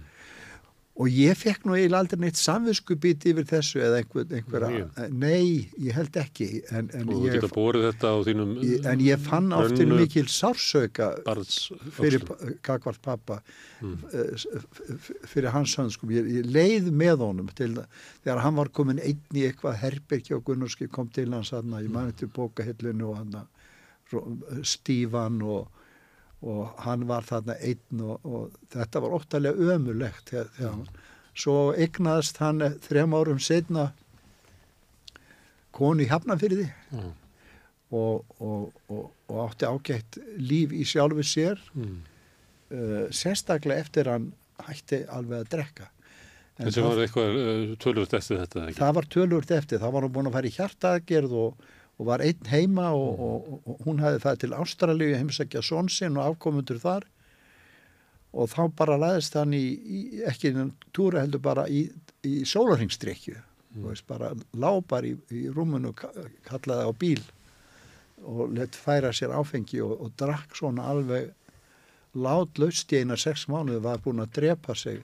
Og, og þar, það, Kójufyllir í eins og kakar. Já, kójufötur ég og það var svo óttar bróður sem að greip inn í. Ég vildi ekki uh, fara að skipta mér af þessu og, en óttar minn gerði það og, og let mig hins vegar eh, sækja hann á mándegi og keira hann inn á vók Mm. og uh, Þegar þú ert sex ára, það er það ekki bara á sjötta áratögnum ekkert, hvað? Sko ég, ég er Þá er ekki mörg ráð í Reykjavík fyrir alkoholista. Það valla að samtökið séu búin að ná fótvestu, það valla. nei, þau, eru, þau eru valla. Nei, Sko, það er bara sko- örfái kallar. þau eru ekki til sko, þau verð ekki til fyrir en að ég er sjóra þau verða til 54 þannig að þetta sem við vorum að tala um 63 ég byrja að fara nýr í bæ til pappa 5 ára gáðan, þá erum við komnir á, á, á pappirunir á pústúsi það var svo mikið stuðningu fyrir mig. Og ég er komin í sölumennsku strax 5 ára gammal sölum með tek strætó, tek strætó niður í, niður í hérna, niður á torg Mm. og fer upp Ingolstræti og sæki hérna blöð og er svo að byrja í blaðasölu. Já, svo gerist það nú að, að, að, að þetta er eina skipti sem ég á minningum það að fóruðra mínir tali við mig alvarlega saman. Og þau byði mig um það að hætta þessu. Því það sé fólk að tala við út í bæ að það gangi ekki að svona lítið batsi að selja blöðnir í bæ. En mér gekk mjög vel að selja og ég hafði svo fína aðstöð að geta alltaf ef ég þurfti að pissa eða, eða hlaupa inn Mm. þá gæti ég farið til pappa á posthúsið mm. fór þó að gegnum lörgluportið frá Hafnarstættismegin Mm. og uh, ég félst á þetta að, að, að, Láta störfum. að láta störfum og það var það samkominlegi að ég myndi ekki byrja fyrir ég er sex ára Nei. og ég byrjaði bara nákvæmlega daginn eftir 11. mæ og eftir það var ég alltaf að selja nýr í bæ eða eitthvað aðtast nýr í bæ Mm. og, og, henn, og hafði alltaf eins og ég segi þessa aðstöðu svo þegar að, þegar að var, var nú Björsbakar í ríkórið aðstæða þegar að pappi Guðfinnur pappi er komið til sögunar því að hann eh, hann, eh, hann vann þar fyrst áður en hann stopnaði eigi bakari inn í Grímsbæ Já. en, en þú spurður um ást og hlýju uh, sko hún var ómæld Já. alveg reynd og, og, og mér finnst að, að það er einhverja smá leiðilegar minningur um fyllir í á þóllásmessu og, og pappi verið mikið veikur slappur í sambandi við fyllir í og svona og, frá þessum ungu árum. En eh, ég gerði mér voða litla grein fyrir þessu. Við vorum svona í ríki ömmuminnar sem var með sinn setni mann uh, Felix Otto og, og hérna þau við leituðum mikið til þeirra. Og amma, þau voru í stúkunni og það var bara svart og hvitt Já. annarkvort uh, var, var ég bindindismöður eða það myndi fara svona fyrir mér eins og hinnum Mm. og það þurfti ekki langt að fara hjá mér til minna kærustu frænda Mm. ég átti bæði móður og föðubræður sem voru uh, urðu áfenginu að bráðu sem sagt er og, og uh, voru götunumenn á köflum Mm. Og hittur þá þegar þú varst að selja blöðin? það gat alveg komið fyrir það gat alveg komið fyrir þeir, þeir voru nú þá meira í, í hafnastrætinu ég var nú meira í, í, í, össustrætinu við liðin og Óla og, og svo bara á torkinu Mm. og ég ætti nú að segja frá því að þegar að minnst er á torkið að ég er ekki gamall. Ég eigi ekki margið þá æsku minningi minningu að vera hýttir ofnberlega. En eh, ég er eitt sinn að selja og við tveir strákar, hann, hinn er aðeins stærð, ég er svona sjö og hann er svona níu og nema hann er, er hérna, við förum uh, vinstri umferðin og, og, og við erum að hérna, fólki kemur út úr strætó fyrir fram að stjórnaráði Mm. ekki langt frá klukkunni sem var. Mm. og uh, strákurinn, þegar við förum svo inn og göngum með milli fólks, milli sætana til að spyrja hvernig einhver vilja kaupa. Og svo förum við út aftur og þá uh, á strætu að fara að fara að stað og hann ætlar að loka bílnum uh, með svona pumpu og þá setur strákurinn fótinn fyrir. Þannig að dittna lokast ekki. Já. og bílstjórin reynir aftur og aftur og uh, síðan áttur hann sjá því hvað er að gerast stendur upp, stekkur út en strákurinn er alveg ótrúlega snöggur að láta sig hverfa. Mm. ég þurfti ekki að láta mig hverfa því að ég var saklus maðurinn, bílstjórin hann ræðst hins vegar á mig og rýfur niður búsutnar og raskellir mig á, á lækjatorki og, og mér eh, þetta, vandar, þetta gerist svo hrætt að ég eiginlega hefði ekki tíma til þess að láta mig líðan eitt sérstaklega yfir þessu annað en ég gerði mig og og, og, og, og það koma svona konur og gefa mér 25 og 1,50 euro verið segja þannig að fólk hafði samúð með mér Já, já. Þannig að þú ert maðurinn sem að hefur verið farið með niður og lækjatork og gift niður og raskjalt eins og stundum var sagt, maður ekki þetta þessu, það var svona sagt að taka hann og fara Jú. með niður og raskjallan. já, já. Það var að segja við fólk sko. Þannig að þú ert eiginlega eini maður sem hefur lett í þessu. sem ég veit um Já. Þú kannski, þú þekkir svo marga. Ég aldrei skilið, eh, skilið þessar setningar eins og þetta væri, eins og þetta væri tíðkað. þarna fegstu það, þetta er eins og þetta hafi gerst í gær. Herðu, en, en fóstruðinn, hvað kallar hann? Guðfinnur, pappi kallar hann pappa? já, ég kalla hann absolutt pappa og það er, ve- veldur svo öllum rugglingi að því að ég kalla það á báða pappa Já. alveg jöfnum höndum Það er ekki alltaf sem að konunar sætta sig við fóstra sinn. nei, en það var ekki hægt annað í þessu tilvíki mamma var alveg óheyrilega fögur kona, eins og hún átti kyn til úr borgarferðinum Mm. Mam, amma hefði verið svona fögur og, og mamma hennar Sofía eh, hefði verið svona, hefði verið svona færar og, eh, og þetta er í ættinni segi ég Mm. kvenlegnum Mm. en við uh, nú misti ég nú alveg Nei, ég var að spyrja því að, að það er ekki alltaf sem að börn, nei, ég myndi var að sætta sko, það sem ég ætla að segja er það að pappi eða hann var orðin stjúparnir, 30 þætti sætti sig við hann var börnin. orðin 36 ára pípasveit Já. og hann er eitthvað að þvælast þarna eitthvað að búin, eitthvað er, mamma var að leika uh, í, uh, í Guttó í sko, stúkan var með leikhús í gangi og hún var að dollaraprinsessan og líka dollaraprinsessan og svona eitthvað og hann var eitthvað, hann var eitthvað aðstóð þau kynntust eitthvað í gegnum stúkuna. Mm. og þó að hann var kannski ekki mikill stúkumaður þá var hann allavega eitthvað að sniglast þarna. Nema hvað, það takast kynni hún, það lá á hjá henni Mm. að ná sér í mann. Það verður bara að eins og er. Hún það hefur var ekki- ekki takt að vera einstæð móður með þrjú börn á þessum tíma Mamma reyndi það og það var eiginlega ekki hægt. nei og mamma mamma hún eh, hún, ég, ég á nú ekki að segja frá þessu en, en, ég, þá er ég búin að segja tvent sem hún var, er mjög ósátt við að ég segi frá mm. bæði þetta með að hún skulle hafa spurt mig eh, um skilnaðinn og svo hitt sem ég stríti henni alltaf á Mm. en það segir svolítið til um hvað, og útskýrir svolítið líka fyrir þjóðvarandi Guðfinn pappa að að hann sko fyrir honum þá gat hann ekki skilið það hvernig hann gæti eignar svona fallega konu og fannst það bara, alveg, bara algjörlega óskilinlegt að hann gæti eignar svona Það rissa kvöld. Já, heyrðu. og annað sem var og fá þessi þrjú börn bara í bónus veist, þetta var alltaf tilfinningin sem við höfðum að við vorum bónusvinningur fyrir hann. Ha, Þannig að þetta var ekki eins og ljónið sem að rekur í burtu ekki, höfðingja. ekki aldeilis en, en, en, en en þetta var svolítið erfitt fyrir haugföðuminn í byrjun. En pappi síndu honum alltaf óskaplega mikla virðingu og tillitsemi skildi eftir hlutur fyrir hann.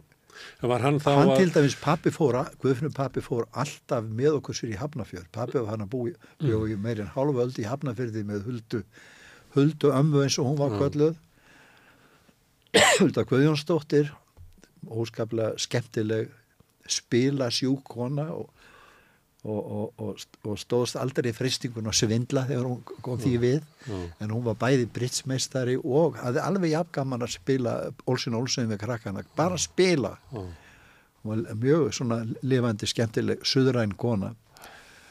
Og uh, eldaði góðan mat þegar við komum um helgar og alltaf var það pappi sem bæði kom á moskvítnum með okkur og, og sótt okkur. Já, og, og, uh, og svo ætla ég að segja þér eitt að þegar að pappi dó þá var hann búin að sko missa heilsun og komin á, á, á landakott Mm. og, og það dó þar og það var komið 13. oktober og ég var að nefna við þig að, að, Amenar, Amenar Maríu hún, hún, hún tvíbara sýstir mm, pappa og uh, og, og uh, sko þe- þennan 13. oktober þá er pappi alveg komin að því að deyja mm, að Guðfinnur á ammælistæðinans Hug Sveinssonar mm, en það skildi ekki verða hann dó eftir minnættið mm. og svo er það svo magna Það tillitsemi. af tillitsemi af því að hann, var alltaf að sína tillitsemi mm. svo hittist hann og raunar á að þetta var nú líka uh, trúlofunardagur fóröldarans og, og sem 79 og hálsás ammalið hans því að hann fættist á hálsás uh, hjónupans ammali fóröldara sinna mm. trúlofunar ammali Mm, Sigfúsar Guðfinnssonar skipstjóra og síðan Kaupmanns. Og uh, En að því að hérna... hann, ég ætla- nei, ég ætla að klára Já. þe- þetta með, með sko, með, að það er ekki nóg með þetta. Mm, heldur var pappi búin að taka Guðfinn svo í sátt sko og, og, og hérna og uh, löngu búin að fara að meta hann sko hvað hann var okkur mikils virði og honum og okkur öllum að þegar að hann deyr núna bara fyrir fáum árum síðan mm, þá dó hann líka 14. oktober og- bara svona til þess að kvitta fyrir. Guðfinni til stuðnings. Guðfinn til stuður Þessi kynnslóð, hérna, mamma þín sem að skilur við fullakallin, að kannski var kynnslónu undan sem að það var ekki valkostur og þú lýsir þessu að, að raunverulega gæt mamma þín ekki verið einsta móður. Það bara hlutverk var ekki til, það var ekki gett ráð fyrir í samfélagin, það var ekki stuðningur, það var bara ekki hægt. Nei. Pappiðin er, hérna, það var ekki til eiginlega hugdakið sundarspappi, það verður til kannski 15 ára senna. já, Þannig að þetta eru fólk sem er að semja eiginlega svona, já, svona samfélagslega breytingar. já, Mamma og pappi skilja svona kannski 8-9 árum eftir þetta já, og það var bara uh, einhvern tímann tók uh, kona mín þá viðtal við mömmu og aðra konu um svona fyrstu kynsluð hérna kvenna sem að voru að skilja við fullakallinn sko. já, já, Þetta er eiginlega bara að gera þarna, það er svona Já. mikla breytingar. já, já. En mamma þín að þú ert að tala um að, að það er amma þín sem var í stúkunni sem er uh, móður amma þín. Það er móðuramað mín frá, Þannig að mamma þín kemur bara úr stúkunni já, og giftist pappaðinum sem er, og daginn sem að hann, sko, þau gifta sig fyrsta september 56 mm, og skulum ekkit fara út í hérna, landhelgismáli eða, eða ríkistjórn, vinstristjórn en eitt svoleiðis, heldur er þessi dagur fyrsti september mjög mikilvægur fyrir mömmu. Þetta er dánardagur föður hennar. mm, Guðmundur Jóhansson, góðsögnin í okkar fjölskyldu sem að, sem að var til þess að við þurftum ekkert að ganga í sjálfstæðisflokkin nei, því að við áttum hann, já, við byggum hann til. mm, Hann, hann deyr 38 ára gamall frá öllu, formaður varðar, sá sem hefði stopnað fóringjaráði sem breytist í fulltrúaráð, mm, sá sem var aðal skipilegkendi sjálfstæðisflokksins, mm. 29. En akkur er það svona ungur? hann dó að- í fyrsta bílslýsinu hérna bara inn í Sogamýri. Mm, það voru tvær stúlkur fram í 17 ára gamlar.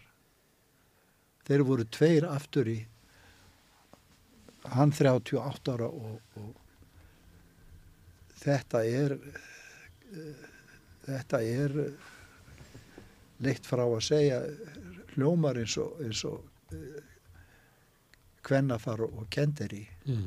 á þessi fari nánar út í það þeir koma allavega, þau koma allavega við hjá Svein Egilsinni og þessum árum 31 þá þýtti það ekki annað en, en, en, en spritt Mm. En spýri eða, eða Já. áfengi Já. Þá var hann, 31 þá var hann þá bannar, eða svona, þau eru já, bara gefa, búin að gefa mikið eftir með Já, spánavínum og nei, en það er samt bann. já þess vegna þarf að fara svona í sprútsala Já, En, En þetta eh, verður þetta, hörmungar var, þetta var óskaplega erfitt fyrir ömmu. Hún var, hún var kom, komin upp í sveit með börnin sín tvö og, og mamma var ekki, ekki orðin fimm ára. Og þetta var, þetta var, þetta var áfall fyrir sveinatungu ættina mikið. Það er sem að afi var fættur í sveinatungu elstur barnana þar í Jóhanns Egilsson sem hafi verið þingmaður fyrir íhaldið og mm. og, en hann var svona frjálslindur uh, maður sem að barist fyrir hlutum eins og strætsöknum Reykjavíkur og, og, og, og verkamannabústöðum. Mm. Og þú varst alveg upp við minningu hans, hann var svona sannlega minningin. sko, við- alveg svona he, helga minningu hérna þessa móðurafa Mm. og, uh, en ég er náttúrulega fyrst og náttúrulega aðlinn upp hjá hjá uh, nafna mínum uh, eða ég var ótt að bróður var, var, var sendur til ömmu og af og laugavegi þá var amma komið með annan mann Mm. uh, Felix Otto af og laugavegi Og bróðinu skýrður eftir honum eða eitthvað? í raun og veru Já. Og, og það er ekki hægt að líta öðru sjá. Ég aftur á móti eftir af og ömmu í, í, í Kópavogi sem voru upphaflega í Bólungavík lengst af. Mm. og uh, afi kom samt úr garðinum og fór uh, á stríðstárunum í garðin var kennar og skólastjóri allt í öllu verkarísfélagi skákfélagi, tappfélaginu á, á Bólungavík, leikfélagi var alltaf að leika var að leika fram á nýraðisaldur þá var síðast í Kópavogi þar áttan þriður starfsæfina líka fram á nýraðisaldur þetta er Sveinn Halldórsson sem ég bjó hjá. Hann hafði, hans líf hafði byrjað með því að hann misti sko fóreldrana fimm ára, pappin druknaði í sjó í garðinum og mamman gekk í sjóuna eftir fyrir fór sér og, og þá voru börnin bóðið niður og voru refs og ómagar. En hann, hún tókst að, að rífa sig upp úr þessu að fara þegar hann var 16 ára og ganga til Reykjavíkur og komast á Þegar fórður mammaðin skildi við pappaðinn, var þá bróðin sendur til ömmusinnar og þú til amaðins? það var mikið þannig sko Bara eins og að hann hefði farist á, Já. á, á sjó eða eitthvað, þetta leysa upp fjölskylduna. Það var ekki hægt fyrir móðin að halda fjölskyldun saman, eða hvað? sko, nú, nú ert að tala um, uh, um, um, um hérna eftir skiljaðin hjá móðu minni Já, já, sko, hún hafði alltaf þennan góða stuðning já, frá ömmulögavegi og afa já, og, og hérna þannig að óttar sjálfsögð og, og við líka hinn en, en ég var í, alltaf sendur í, í, í, í garðin eða í Kóp, og svo setni í Kópavóin og áttu svo raunur eftir að flytjast til afa eftir að hann var orðin einn, amma var dáin Sendur, hvað mennur þá? Á sumurinn eða? Nei, bara hvena sem var. Ég, ég, ég var til dæmis uh, hjá þeim veturinn, ég sé það í bók eftir Sera Sigurjón á Klustri, æfisögu hans, uh, snildar bók sem heitir uh, hérna, sko, Hamrastál, undir Hamrastáli Mm. og alveg stórkostlega bók, sérstaklega sem lýsir lífi vestfyrðinga uh, þarna við Arnarfjörð og, og í byrjun síðustu aldar. Og en, en þar kemur fram líka setni, setni partinu svolítið um hann sjálfan og, og, og fór í Guðfræði en það í Guðfræðinu var að kenna í garðinum. Og hann er að kenna í mitt hennan vetur 50 til 51 og þá er ég ekki orðin fjögra ára. Mm. og í bókin er það með alveg ótrúlega lýsingu af kæftinum á mér og, og, og hvernig ég hafi verið sko tæplega en hann, hann, þeir vildu fá afi og þeir vildu fá hann sem skólastjóra annars var hann fyrst stöðum skipstjóri búin að vera alltaf tíð og, og hérna en svo ákveður hann að í Guðfræðin og ástæðanilega var svo hann gæti ekki hugsa sér því að hann fór í helgaleifi í kringum uh, 10. mæ eða 7. mæ segi og þá er, kemur uh, karin, kanin ófóru varendis aftur, flotinni komin bara upp á ströndunum Mm. Og hann alltaf sér þetta að nú hernámið er komið aftur og, og, og ég ætla ekki að fara að lifa eða æfi minni hérna uh, í skugga hernámsins í gardinum svo þ- þá fór hann í Guðfræði og endaði svo á klu- klaustri var lengst af prestur og klaustri Sigurún Einarsson, algjör snillingur Hvað er ólst upp? Ólst upp hjá afaðinu með það? ég, Hvað varstu gammal þegar þegar hann var einn og þú varst sendur? En þá er ég, þá, þá er ég, sko, þegar ég flyt til afa, það er því ég komin heim frá bandaríkjónum Já, en, og var svona orðin sjálfráður og, Mm. sjálfráður og hérna, uh, sko, ég er alltaf hjá mömmu, já, ég er alltaf hjá mömmu og, og í stórum dráttum, þetta eru bara svona dvalir, þetta eru bara, ég er sendur í svona skemmri Það er sendur. Ég hvað, ég sé ekki Nei, ég- ákveði það sjálfur þryggjára, ekki ákveði það sjálfur þryggjára, nú ætlum ég að fara til að mú afa. Nei, nei, Ha, nei, nei. ég líti að hafa verið sendur Já, já. Já, já. og ég er þarna veturinn, hann man eftir mig kallinn hans Mm. Sigurinn heitinn. Mm. Herðu, þú fæðist inn í sjálfstæðarflokkin Já, og síðan ertu búin að segja okkur það að þú hefur farið í krist, krist, kristileg uh, námsmannaskipti þannig að Já. þú ert uh, inn í uh, kirkjunni. Þetta er bara eins borgarlegt og hægt er að vera í Reykjavík. Já og, og ég vil eiginlega bæta því við sko að, að því að fjörskilda pappa, það var ekki bara pappi, heldur ég sagði þér að hann væri svona Sigfúsar Guðfinnssonar, Já, hann er, sá Sigfúsar að við var eldri bróður Einars Guðfinnssonar já, á Bólungavík og þar með áttu nú að geta séðaldið og, og fyrir, fyrir mér er þetta líka frængaru, þetta er það fólk sem ég heimsa ekki ef ég fyrir til Bólungavíkur, því að ég á ekki neina blóðfrændur þar. Já. það er bara fólki hans pappa og, og, og sískina minna því að þau eru náttúrulega náskild mm. svo eina Kristín Guð, Guðfjörnsson og, og, og Sifús bróður minn Guðfjörnsson þe- þeir eru þreminningar og, og, og hérna þannig að þetta er fjölskylda sem allatíð hefur verið okkur mjög góð. Og það var ekki bara pappi heldur líka Sigfús afi og, og Mari amma sem að tóku okkur sem sínum alveg frá fyrstu tíð. Mm. og uh, mér er meir sér stundum fundi sko að, að við svona fleittur og jóman sko því að, því að, því að sko, já það var einhvern veginn þannig kannski, kannski ég held að ef, ef að hann gerði aldrei mun og nú egnaðist hann þrjú börn með mömmu þannig að mamma var komið sex. Og, og það var aldrei þannig að gerður væri munur. Og, og þeim í, í vil sko, það var þá frekar það var meira að aðtast með okkur af því við vorum kröfuharðari sko, mm. kannski ég og óttar fyrirferða meiri en, uh, en það er alveg rétt að þetta er, þetta er sjálfstæðis grunnur en svo náttúrulega er Sjálfstæðisflokkurinn, þetta er stúkan, þetta er kirkjan, Já. þetta er tengsl við Einar Guðfísson sem að var Já. ekki Mattias Jökulsson sem að hafði Já. hann og kannski Einar ríka í eigum í huga þegar hann var að tala um aðtapnaskáldin. Þetta er bara góðsök sjálfstæðisflokksins bara. nákvæmlega það sem, það sem Mm. Það er magna- bara það að við komist það bara heilbriður út úr þessu. sem- það sem magnaðast er það að þetta er meiri segja að sko svolítið að uh, sko ganga í enn frekari endurníun sko með, með setni kynsluðum þar sem að þar sem að dóttur mín hefur nú eh, kvænst eh, hérna uh, afkomenda Ekkers Kristjánssonar. Se, að þú talar um um, um, um, um fána bera eh, flokksins og, og, og, og, og þá var það fána beri frjálsara veslunar meiri en okkur annar í, í hérna í, eh, í, í, í morgumlæðinu. Þetta er En, en bakgrunnur, var, en- en Einar segi var náttúrulega sá sem að flagga var sem ameríski draumurinn og, Mm. og sem að, að allt orðið úr engu og orðið svona mikið úr engu sko. Komið til Bólungavíkur og, þetta upp. Já, En hérna þegar ég segjum að bara þegar þú er 12 ára, hvað hérna framtíð sérðu fyrir þér? Hvað verður um sveinrúlar?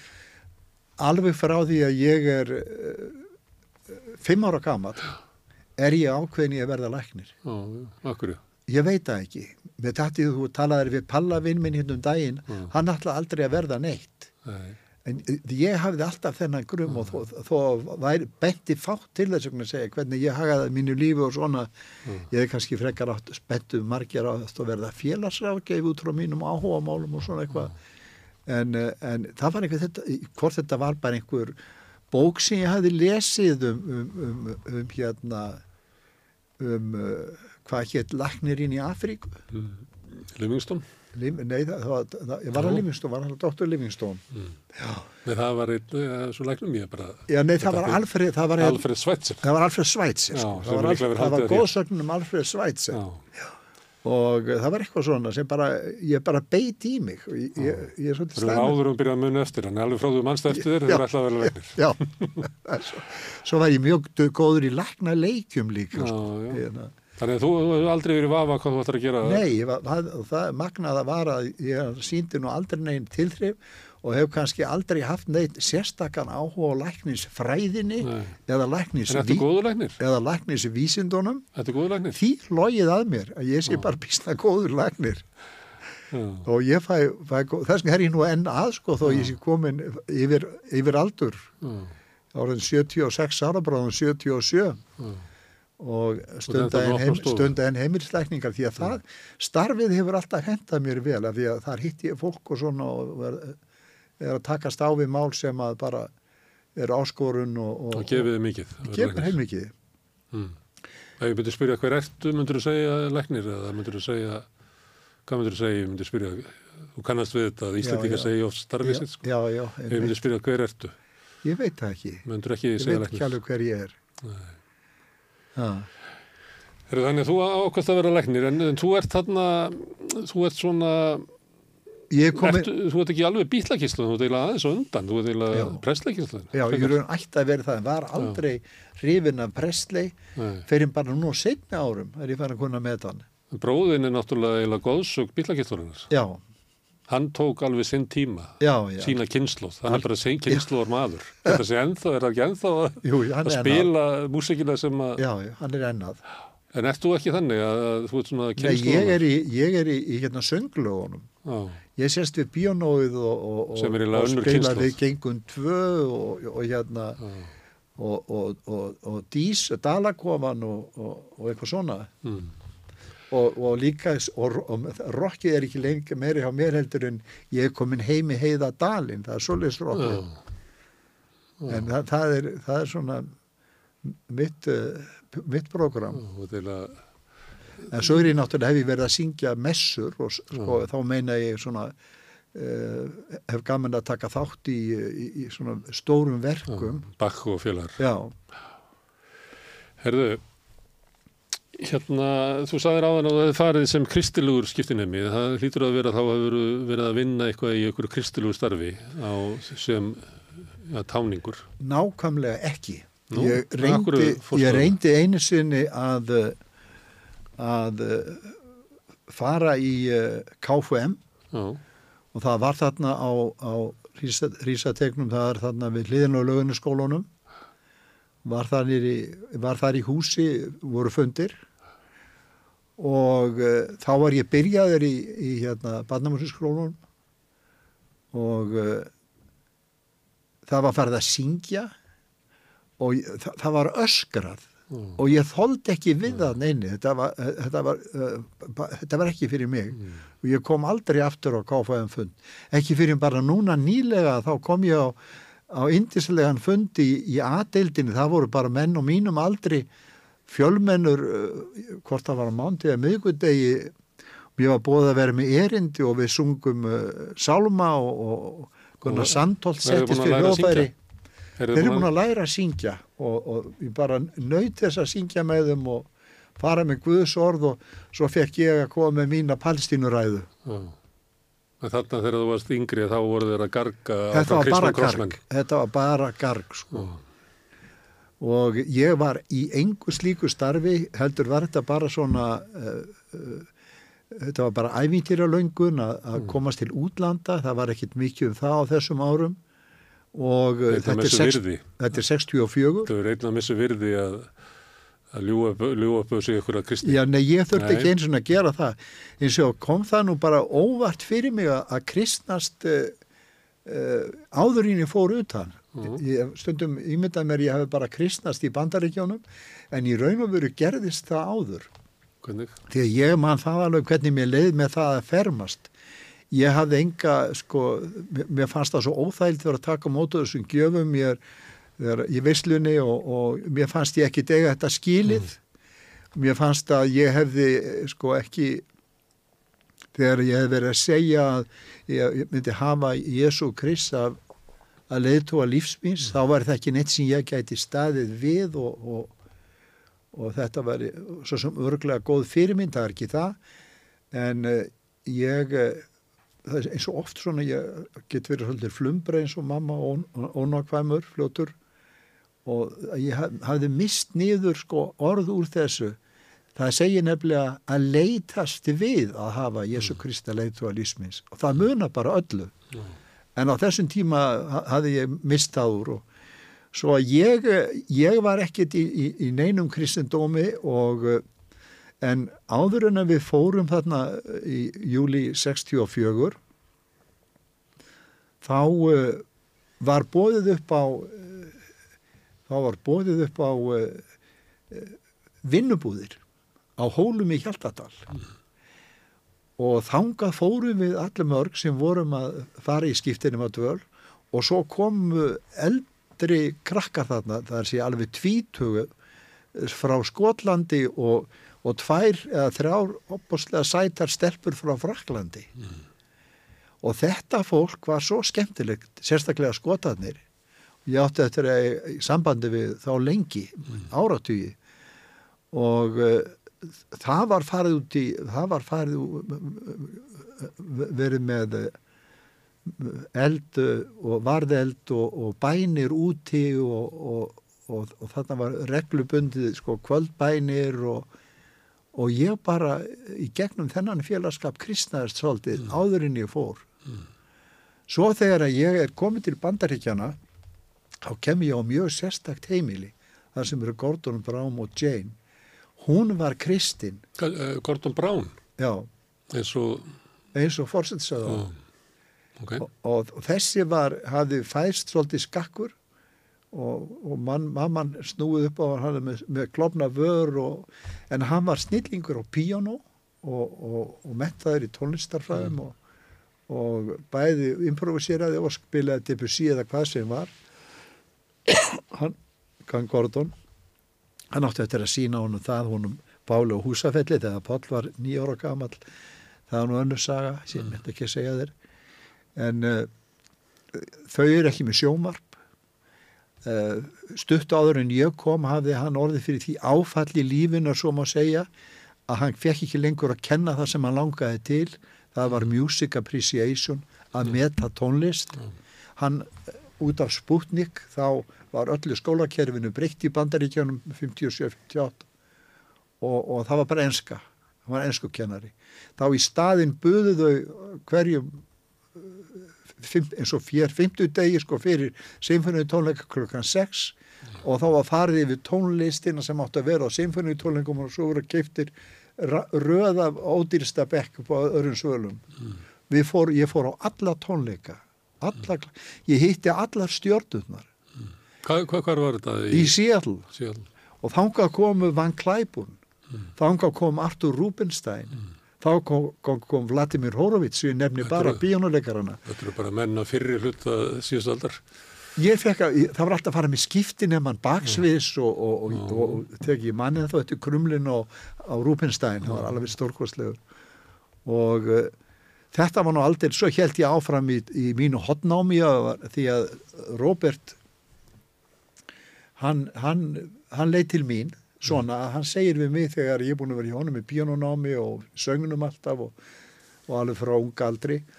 15 ára gammal hvort ég vil ekki fara að læra hotn ég fattaði ekki alveg hvað hann var að fara. Jú, jú, óskaplega fallegt og það enda með ég fór að læra hotn með Rökkvaldi Árelíu sinni. Við byrjum saman hjá Herbert Tríbersek. Og eh, en hugmyndin hjá var svo augljós svona eftir á að hyggja hjá Róberti sko Tumi ætlaði ekki uppfylla neina drauma en uh, son, enga sonurinn uh, en þó- svo sveitur Rúnar átt að gera það. Pappi hans hafði nefnilega verið læknir og hann vissi að ég ætlaði að verða læknir. Pappi hans var uh, skákmistari eða hafði verið skákmaður Mm. og teldi reglulega og ég var nýjórðin unglingamestari í skák. Mm. hann leka á, á hotn í, í svona kvartett pappans. Mm. Þannig, að, þannig að þessi þrenna uppfylltist með þessu móti. Og uh, svo ég held þessu öllu saman áfram í, í bandaríkjónum og, og ég var alltaf í kirkju og ég var alltaf út um alla trissur að halda ræður yfir yfir kvennaklúpum, skólum og allstæðar Um og se- hvað? segja frá dásemda ríkinu Íslandi. Já, og var með ferðasýningu með mér svona hérna, hérna, gæru og, og, og, og brúðu í þjóðbúningnum og, og eitthvað svona. Þú tókst þetta með þér vitandi að þú myndir fara út í þetta? já, já, ég þóttist vita það. En ég, það er fengið þetta sent. Og hérna En af hverju varstu með þessa fyrirlestra? En- Til að fá auka maður er alltaf beðin um þetta. Nei, engin peningur, þetta er bara, maður gerir þetta bara uh, ég, ég ger þetta meirinn hundra meirinn hundra skipti. Mm. það er skráðu þetta mom og, og, og, og hún D.C. Smith kennari minn í Östurlandafræðum Mm. það var, D.C. Smith sem að vel og minnst sem að kom 5. Feb, kom, sem kom í byrjun februar uh, 65 í kjenslustofuna því ég hafði neitað að valdi miklu uppustandi hjá skóla, farið fyrir skólastjórun alltaf, ég neitað að læra ameríska sögu, Já. bandaríkja sögu og sagðist, var með mjög stramt program þegar ég ætlaði ekki að missa úr mentaskólanum tók, tók fjórðarbekku utanskóla því ég kom heim Mm. á einum mánuði og svo ég geti haldið áfram með sömu strákum en, eh, en eh, þarna eh, sko fekk ég mi- mitt fram með frekjugangi að fá að vera velja í staðin Östurlandafræði, fara í stöðis hjá, hjá D.C. Smith og einn morgunir sem ég segi þá kemur hún með, með blað sínur okkur alveg titrandi af reyði og sínur okkur forsýðu blað það er ekkert annað á forsýðun en eitt orð retaliation Mm. hemd Mm. og henni finnst þetta svo óhugnanlegt. Þetta var þarna í februar byrjuð þegar að þegar að uh, tónkinflóa uh, atvikið átti sér stað eða öllu heldur átti sér ekki stað því það er löngu búið að sanna að, að þetta var allt saman upplóið tilbúningur af, af bandarísku leinithjóðnustunni fyrir herin til að gefa tilefni til loftarossa á, á Vietnam og uh, þetta var svona, þarna fór það á nýtt stig með svona það sem eru kölluðu teppalagningu. Það er, ég tek eftir því það er líka verið að tala um teppalagningu í loftarásum Ísraels á Gaza núna En uh, svo ég skilji á hverju vildur þú frekar læra austurlandafræði heldur en amerísar sögu? Ég hafði það bara á tilfinningunni, bæði var ég spenntur fyrir því að vera í tímum hjá, hjá, hjá D.C. Smith sem hafði tekið sérstaklega móti ekki bara mér, heldur almennt á móti skiptinemum. Mm. Hún hafði verið fúlbreytt kennari þarna á Nýja Sjálandi, hún hafði verið í Kína, áður en Japanir réðust inn og var, var eh, fluttburt nauðug þaðan eins og allir bandaríkjumenn og uh,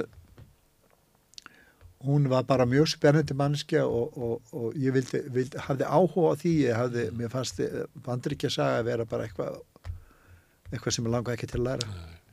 Hvað varstu lengi í Seattle? Eitt ár? Þetta er eitt ár og, og Það, hafði- þetta var mikil áhrif á þig?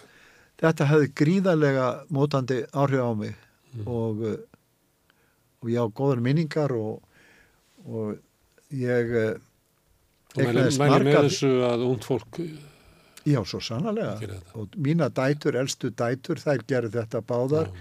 þær fóru raunar til Suður-Ameríku og, Mm. og hún var meira og minna eh, í tvö ár hún gerður í Bóluvíu Mm. í heimsótana þangað og og, og, og, og Inga mín hún eh, festi rætur á vissan átt í Kolumbi hún, hún var þar og hún náði sér í einmann þar sem hún á tvær dætur með Og þú kallaðir fólki sem bjóst hjá pappa og mömmu?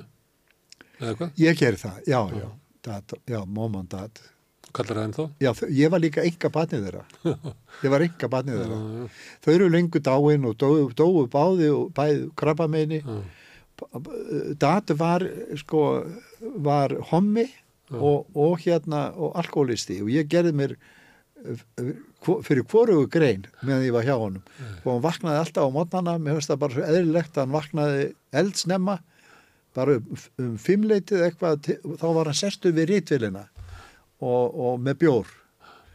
Og, og, og þannig hann var búin að drekka vel áður en hann fór í skólan og, eh, og en mom, hann var trúleysingi hann fór svona aftur sína helgar með Já. guðba og svona og, Já. og, eh, og eh, Army Buddies en, en eh, hún var alveg gjör ólík típa, hún var svona meir eins og mammans Já. og hún, hún var með barnakórin í kirkjunni, hún var líka kennari Mm. og uh, þetta var indislegt fólk og, og, og hún ég hefur vitað að hann væri mjög hommi. sterkum og og hún hefur vitað að hann væri hommi og sett sér við það? ég bara hef ekki hugmyndu það. Ekki hugmynd. en ég bara vissi ekki fyrir að í raun og veru að það flytur inn til hans maður eftir að hún er dáin.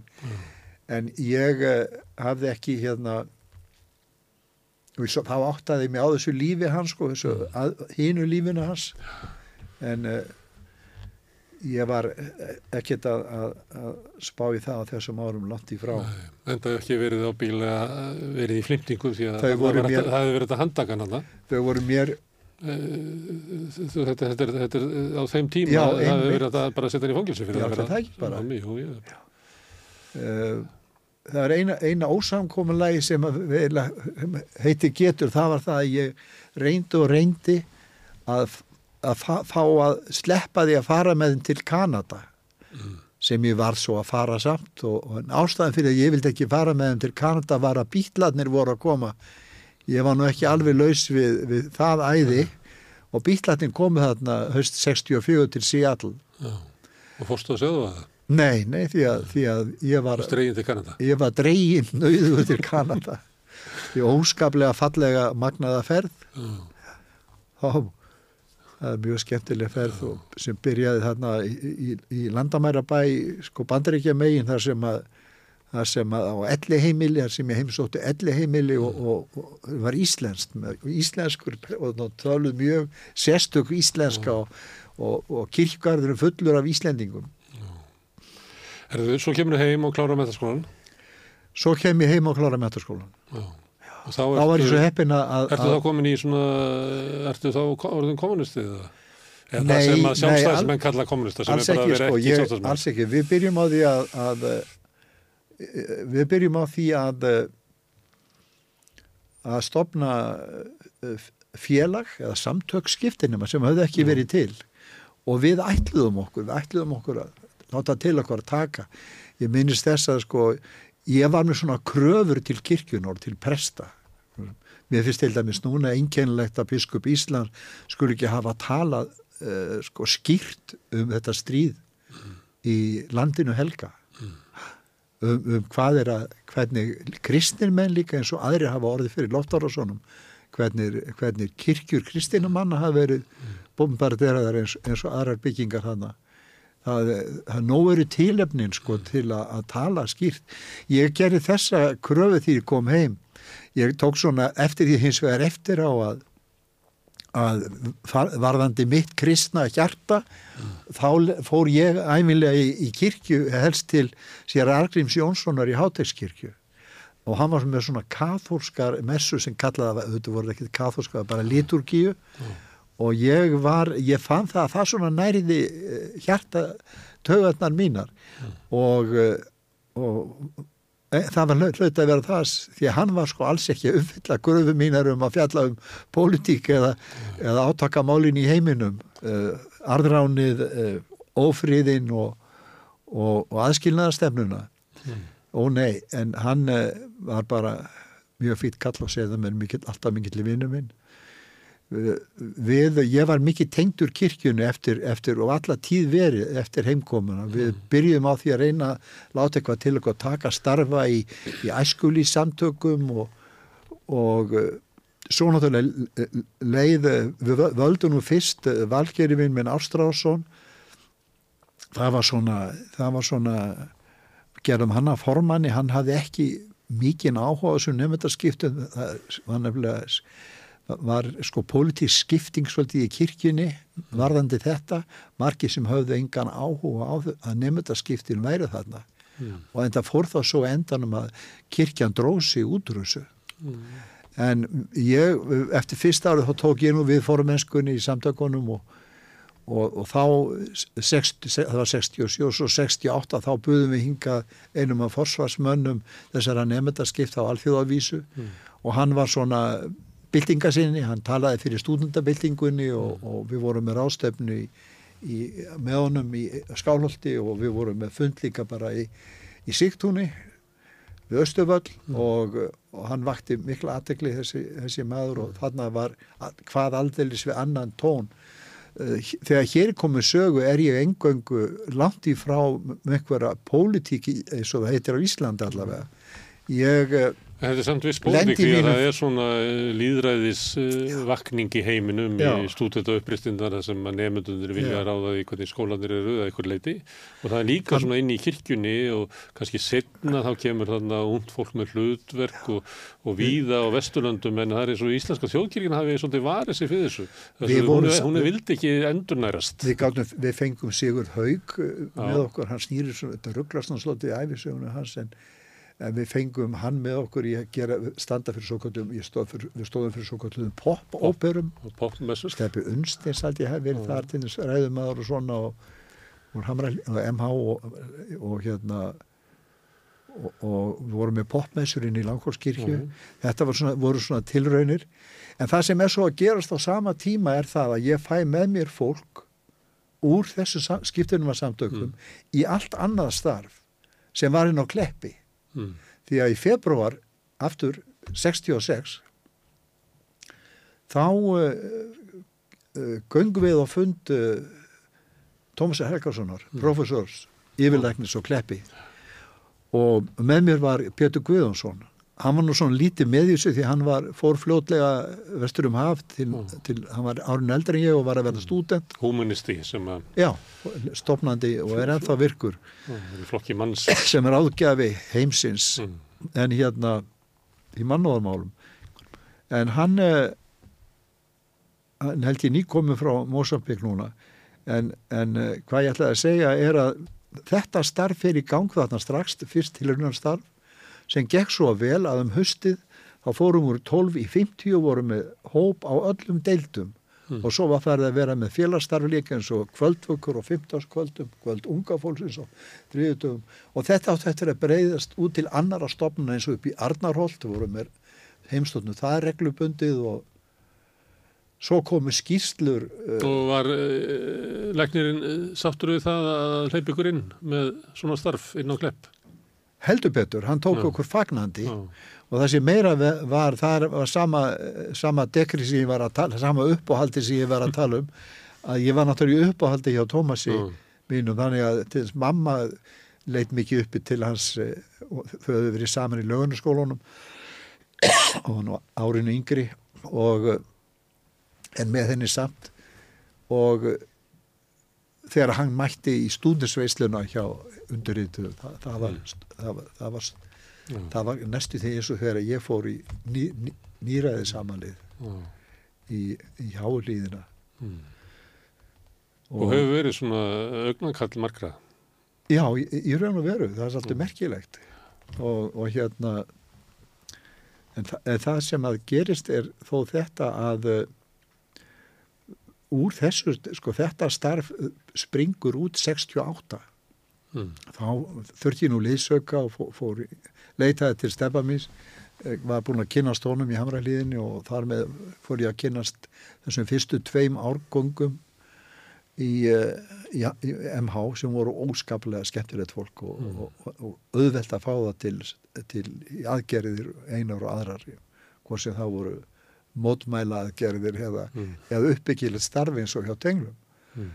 og uh, þetta, þetta gekk alveg hindi eins og í sögun þarna lendi ég samt fyrst í útistöðum við, við Tómas sem mm. að leist ekkert á þess að þróum þetta væri að vera svona vera svo stort og mikið allt saman mm. og, og hann vildi, við vorum efna til geðhilbriðisviku höstið 68 sem var 8 daga geðhilbriðisvika með fyrirlestrum í háskólunum, með greinum í blöðum, með útvarserindum, með síning og verkum vangifin eins og það hétt þá. Mm. Uh, hafði aldrei verið sjálfur síninga áður, gáðum út námsefni, ég fór í alla skóla með Stefáni, framhanskólan á, á, á sal og fekk að segja frá geðilbliðismálum og kynna þörfina á að fólk færi í nám á þessu sviði, mm. verka að vinna, byggjum geðdeildir hér þetta, mentum starfsfólk og, og þetta var óheimilega mikið program en minn maður hafði ekki þetta, hann vildi bara við undir selja merki fyrir geðvendafélagið eins og höfum gert tvö ára þar á undan mm. þá var ég með Kjartar minn Gunnarsson með mér og hann var þá eins og líkt 15 ára gammal lögfræðingur með, með skjálatösku og hann var gælkerinn fyrir mig mm. og, og, og hérna þetta var þetta var uh, voru skemmtilega áramarkan hátt og, og átaka mikil uh, 68 lendi ég í fyrstu útistöðum við morgublaði mm. þá er það þannig að þeir sé ástæða til þess nákvæmlega sem þú varst að koma inn á mm. uh, upprýsnin í, í 68 upprýsnin mm. sem ég kalla nú ekki stúdent og óverðir heldur lörglu óverðir og uh, þá uh, þá gerist það sko að mokkin skrifa leiðara náttúrulega mjög vel meintan í það mm. sinnið þar sem hann er að hefja okkur til skíjana, tenglana og englana mm. og sérstaklega formannin Sveitur Únar Haugsson formann tengla og þetta verði og, og, og þetta var svona í anda sér að árelýsa sem hafði í útvarsmessu talað um sko sko let, let sko téð falla nýður eiginlega mm. þegar hann var að tala um englana mm tenglan, tenglana og en þetta var mér tilmynd til, já hann segir og mokkin segir sko í liður honum að hva, hversu þakkláttir megu Íslendingar ekki vera mm. að eiga ungt fólk eins og þetta mm. á sama tíma og vinnutu þjóður okkar í Európu vera að glíma við stúdenta óverðir og það er óáran mm. þetta var mér tilmynd til, til að skrifa leiðréttingu til morgunblæsins Það sem ég bendi fyrstulega á það að ég sé ekki formaður tengla. Það er engin formaður tengla. Og, og í öðru lagi að þá sé ég langt í frá að við lítum á okkur sem, sem, sem verandi einhverji anstöðu við stúdendarheyfinguna mm. í Evrópu heldur þvert á móti greinar af sama meið. Mm. Fokkina ekki ánum þetta? Hann bara byrti þetta ekki mm. hann bara byrtir þetta ekki og það líði dagarnir og líði dagarnir og þetta byrtist ekki þá sendi ég þetta á hinn blöðin mm. með þeim formóla morgunblæði mm. allir sem ekki að byrta þessa ábendingu mm. þá komu í mokkanum svona uh, sko svona mjög afmynduð hérna útgáfa af minni yfirlýsingu en þannig fannst mér einhvern veginn ég hafa í fyrsta skipti sko upplifa þetta vald sem að, mm. sem að þetta morgunblasi vald mm. og þess að rítskoðum mm. En uh, hvenar uh, veikistu? Það, uh, það er ekkit löngu síðar því að, mm. því að það sem að við erum, við erum konum til 68 og það gerist svo sem fáttu markvert mm. sko það varð aldrei 68 má með sanni segja eins og Birna hefur líka sagt uh, en uh, sko það er allt svo lengi á leiðinu til Íslands já en það er, var nú einhverja síður að bjargáð okkur, NATO bjargáð okkur mm. með, að, með að yfirtaka uh, og láta riðja háskóla Íslands mm. þetta hefði aldrei geta, hverki geta gerst annars það en einhver einræðisríki að riðja háskóla ekki Evrópu á þessum tíma mm. með sér húsvörðurinn var það að fara það ætlaði nú engin að láta, láta senda sér burt Guðfræðinemar voru ákveðinir í því að, að bara liggja á bæn og það eru þá rífað og út og berað mm. Eh, hérna kyrjandi út úr byggingunni mm.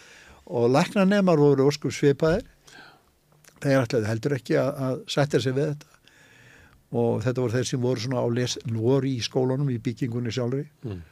fjölmennir svo bóðaði Ármann Snævar til fundar Já. og af snillísi ætla hann kannski ekki að fara alveg út í öll þau Mm. smáatrið þá, þá uh, hafðan menn ofan af því raun og veru. Hann sagði sjálfur vera á móti þessu. Hann hefði viljað mótmæla þessu. Nú okkur mótmæla þessu þá ekki? Mm. já ég get ekki gert stöðumennu vegna fyrir en eftir fundin Mm. þá fór málið að snúast en það hvort hann myndi ekki örgulega gera það þá eða ekki og svona. En svo myndist hann eitthvað á leikskóla hérna í Valhöll og svona sem, sem skipti mynd og, og þetta var eiginlega bara komið Mm. en, eh, en uh, það varð ekkit úr neinum mótmælum nema utanhús þegar sem fylkingin og, og herstöðvanstæðingar stóðu fyrir og ekki herstöðvanstæðingarinn þeir voru ekki komið til sögunar það voru bara herrnámsanstæðingar þá Og tókstu Stofnun- þátt í því eða? Ha? Tókstu þátt í móndunum? Ég tók ekki þátt í því að ég er á þessum tíma uh, stað, fjari góðu gamli því að ég var í London var búin að byggja mennum að láta mig vita eitthvað fær að gerast. Það gerir þannig einhverja alltaf að ég að drífa mig heim til að vera í mótmælum. Já. En ég var í bóði breska geðmyndafélagsins að undibúa geðhilbriðisvíkuna sem að varðum haustið. Í Brellandi. Já, Þannig að þeir vildu fá reynsluna frá Íslandi þar sem þið höfðu að gera. Nei, ég var að fá reynsluna hjá þeim. Já, já. Já, já. Má ég fá aðeins hérna að skrepa þér fram? Já.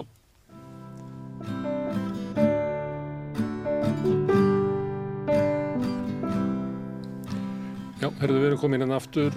Það er uh, helgispjall, rauðaborðið á laugardagsmotni og, og gestur minn er kominn aftur. Við skrupum aðeins frá í smá stund. En það var nú Það var alltið besta mál, Sveitrúnar Haugsson. Það sem að rétt áður en að, við tókum okkur smá pásu, að þá var ég að spyrja um veikitiðin. Hvernig þau veikst. Já, ég verður nú að segja, það var nefnilega ekki komið að því, því Nei. að það liði einn tvö ár þar til að ég kynntist uh, veikindum, en ég er alveg til í að tala samt um þau hér Já, í tengslu með árið 68 já, sem var uh, alls ekki eins uh, lifandi og, og aðtapnasamt hér á landi eins og við annar Já. staðar, sérstaklega hjá okkur unga fólkin og, og stúdentum. En þá varst, varst að vinna í, í það sem að heitir tenglar. þá voru Það tenglarnir hjá að mér starfa inn á, á, á sjúkrastofnunum. já, Eh, sérstaklega Kleppi, Kleppspítalun geðdeildunum og einnig á stofnunum fyrir þroskahefta og, og, og, og félagslega illa statta eins og flestir sem að voru í Arnarholti. Við vorum á þessum stöðum með reglubundnar heils- heimsóknir og, og félagsstarf ferðalög böll út í bæjavel, skemmtanir og reyndum svona að rjúfa þessa félagslígu einangurinn sem að margir hópar í samfélaginu byggum við ekki síst uh, þeir sem áttu við geðrænar áskoranir að stríða eins og það heitir núna. En á hverju voruð þið þessu? Þetta var bara hugmynd sem ég fekk og ég held ég hafi fengið hann út í bandaríkjónum. Mm. Þetta var eitt af mörgu sem ég skoðaði og, og kynnti mér þar og uh, það var í mér einhver brennandi löngun að, að, að gera eitthvað sem að gæti skipt máli samfélagslega, að vekja uh, félaga mína, skólafélaga mína og annað ungt fólk til, uh, til uh, ábyrðar, til, til að finna til félagslegar ábyrðar á, á, á gagvart náunganum og kannski var þetta bara kristileg hugsun, eitthvað slíkt sem að láð þarna undir, ég veit ekki hvernig á að skilgreina það, en þetta var samt í mér þessi brennandi löngun og þegar við svona fórum að uh, líta í kringum okkur þá var kleppur staður sem að það sem fólk var útskúfað var virkilega verð statt sem manneskjur heldur en okkur staðar annar staðar að, að okkar að mati.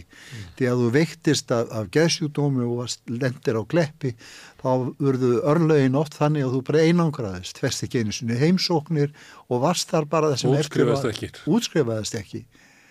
Þannig vildi þetta oft verða allavega og uh, okkur var tekið vel með þessar hugmyndir mér og Petri Guðjónssoni þegar við komum fyrst á fund Tómasar Helgasonar professors hann, og allan tíman sem við vorum þarna sem ég var þarna þá hafði ég greiðan aðgang að honum og, og, og, og, og allir, allir dyr og opnar á spítalunum og gatirinn gert það sem ég er dætt í hugstungi upp og hverju sem var í sambandi við nýting á salnum til dæmis að koma á kvöldvökum fyrir fólk og, og, og, og uh, á þrjúðaskvöldum uh, varum tíma líka voru kvöld unga fólksins og ég fekk hljómsveitir þess og ímsa skemmtikrafta og annað sem við gerðum mm. okkur til dagratvalar og síðan voru það bara heimsóknir hópanna, svona fjara fimmann og hópa hver, sem fóru reglubundið á hverja deild og svo líka einstaklingsstarf mm. og þetta skilaði virkilega árangur og þetta breytti virkilega örlugum í missi sem þarna komum, mm. við fengum mörg dæmum það. Og svo breytti þetta líka okkur sjálfum, fólkinu sem vorum í þessu, þetta þetta hafði mikil áhrif á, á, á þennan stóru hóp sem tók þátt í þessu. Og mar, margir fóru út í störf á þessum sviðum. Mm. með þetta til dæmis ég hefur nefna uh, Hannes Pétursson sem var í fyrsta hópnum og, og átti eftir að vera yfirleiknir og fari fótspor uh, professors Thomas mm. og, uh, og margir fleiri sem að, sem að fóru í, í, í störf tengt þessu. Hmm. En þetta er á tímabili það sem að er að vera breyting í svona afstöðunu til geðsjúkra eins og að, hérna, að það að nýju geðlifin er að koma annað hvaða svona 56, 58 og það er verið að það er til dæmis heimildamindir sem eru gerðar í bandaríkjónum um uh, veruna inn í þessum uh, hryllilegu hælum sem að voru þar, það sem að fólk fór inn og og var eiginlega bara beitt aga, Já. var eiginlega pínta, þetta varu hryllingur. Já. Þannig að þetta, var, á, sástu eitthvað slíkt í bandaríkjum þegar þú varst þar? Varstu verið við þá umræðu þá? Var hún komin þá eða? nei, ég hef, nei, ég held að ég hef í sjálfsög ekki orðið var við hana ekki beint en einhver síður svona gert mér grein fyrir þessu. Já. Ég átti nú ná frængu sem var á kleppi mikið hluta æfinar efri árana og, og uh, ég svona tengtist því að, þýleiti en uh, ég átti náttúrulega eftir að kynnast þessum hryllingi sem uh, viðgengst til dæmis í Arnárholti það, það var, var alls ekki var alls ekki jákvættu umhverfið þar fyrir vist fólkið sem að dvaldi í Arnárholti og var ekki að sætta sig við, við pyntingar ef því var að mm. skipta. Það var ekki að kalla annað en pyntingar þegar erum verið að refsa fólki með því að vista það í einangrunnar sellu þar sem það var lokað fyrst í vikutíma fyrir einhver brot eins og þau að reyna að strjúka í bæin mm. og, og ef fólk svo reyndi aftur sama brot og, og náðist á leiðinni þá var það flutt tilbaka og þá var ekki tvær vikur mm. í sellu sem var fyrst og fremst bara fleti og síðan hóla á gólfinu þar sem var niðurfall og fólk hatt gert þarfir sínar mm.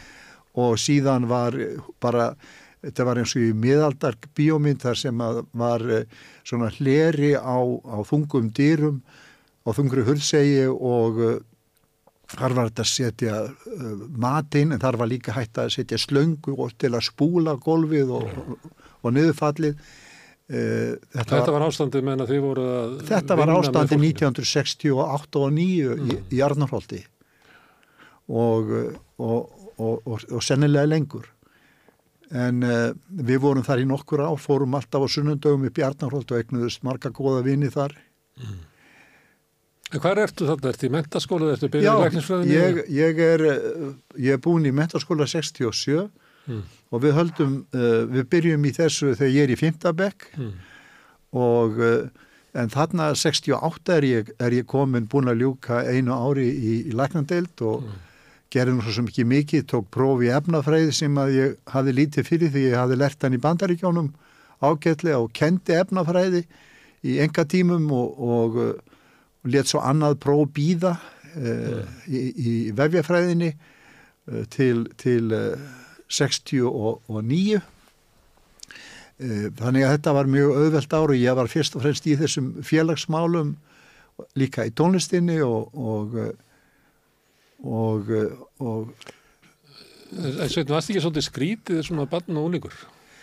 Ég held það, þetta sé engin ég, ég, ég haf verið bísna bísna skrítin og, og, og alls konar menn sem að horfa á þig og finnst uh, minn, mi- uh, þeir, þú minnir það á, á þá þegar þeir voru ungi líklega og sjá í, í þér eitthvað neista og já, það ekki? jú, ég gerir ráð fyrir því. Og hvað var þetta sem að, ég veit ekki, það var einhver þetta og var svo færðu fólk til að vinna með þér Þetta- og þú ert svona var einhver- og hvað var, þetta var einhver árátta. Þetta, merkilegt þú skulle nefna þetta því að uh, ég gleymi svo oft en, en, en þetta rifjast núna upp að, að þetta var sko, þetta var ekki, ég, ég gat bara ekki uh, sko, í rauninni verið kyrr eða, eða á þess að vera að gera eitthvað fjáran og efna til einhvers félagskapar og ég var sístofnandi félug frá unga aldri. Mm, og þegar við, þegar við fluttum til dæmis inn á, á Klefsiveg í, í, í, á Klefsiveg 56 í kjallana þar sem,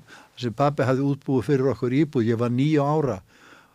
Og uh, þá var, byrjaði ég að stopna félög þar og það var það voru uh, það voru uh, sko, slagsmálafélög eða, eða, eða skilminga, ba, bardagafélög.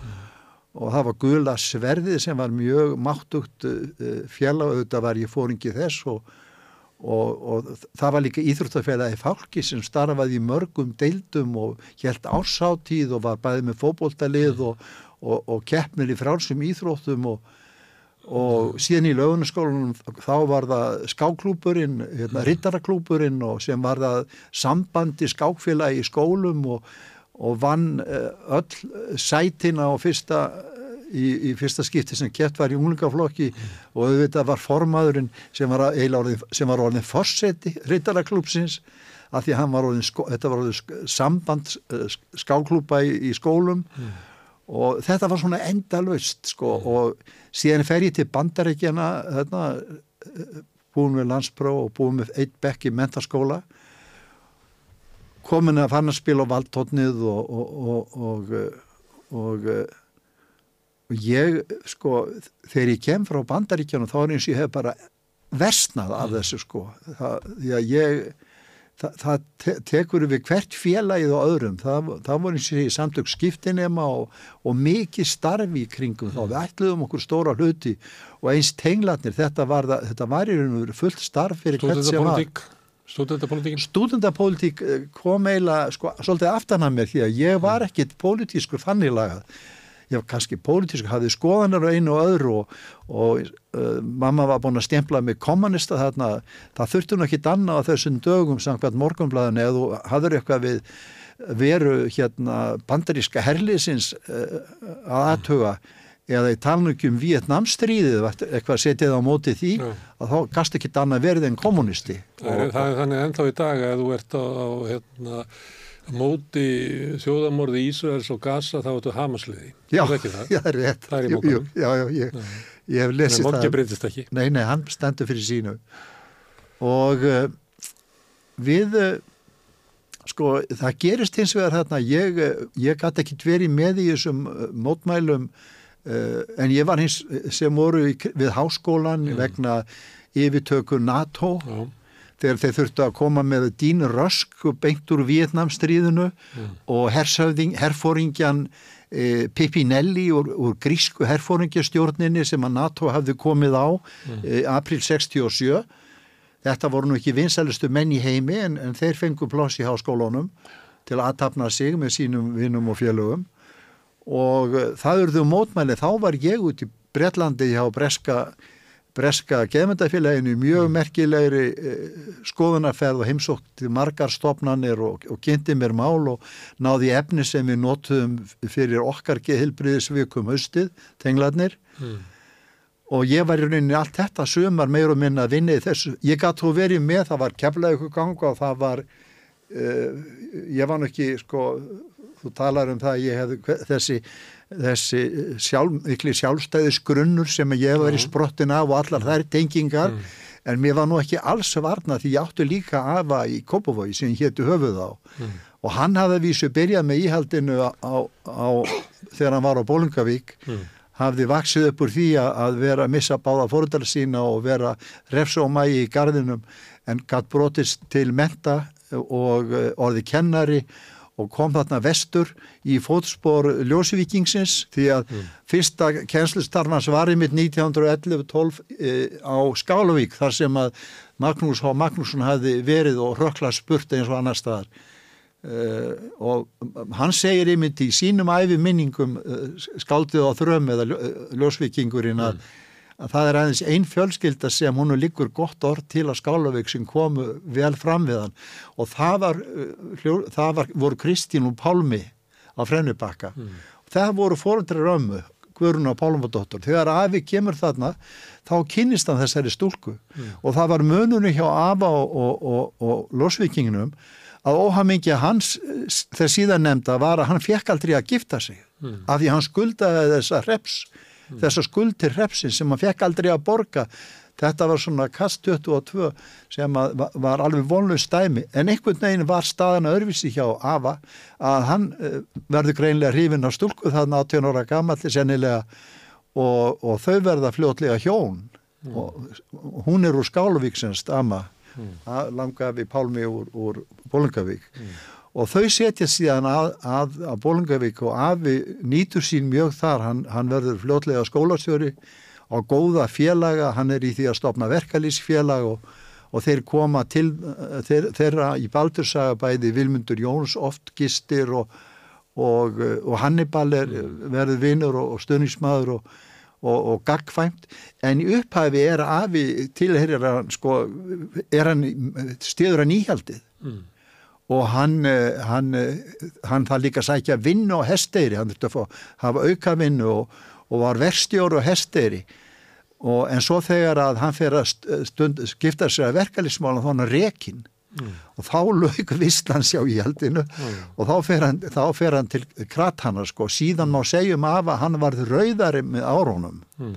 og þegar að... Það er svo margt gott fólk. Já, og þegar, þegar, þegar Hannibal sko, tók sko, spori til, til hægri aftur þá var afi eftir vinstramegin og þannig að það skildur svona leiður pólitíst og væri alltaf góður vinskapur þar.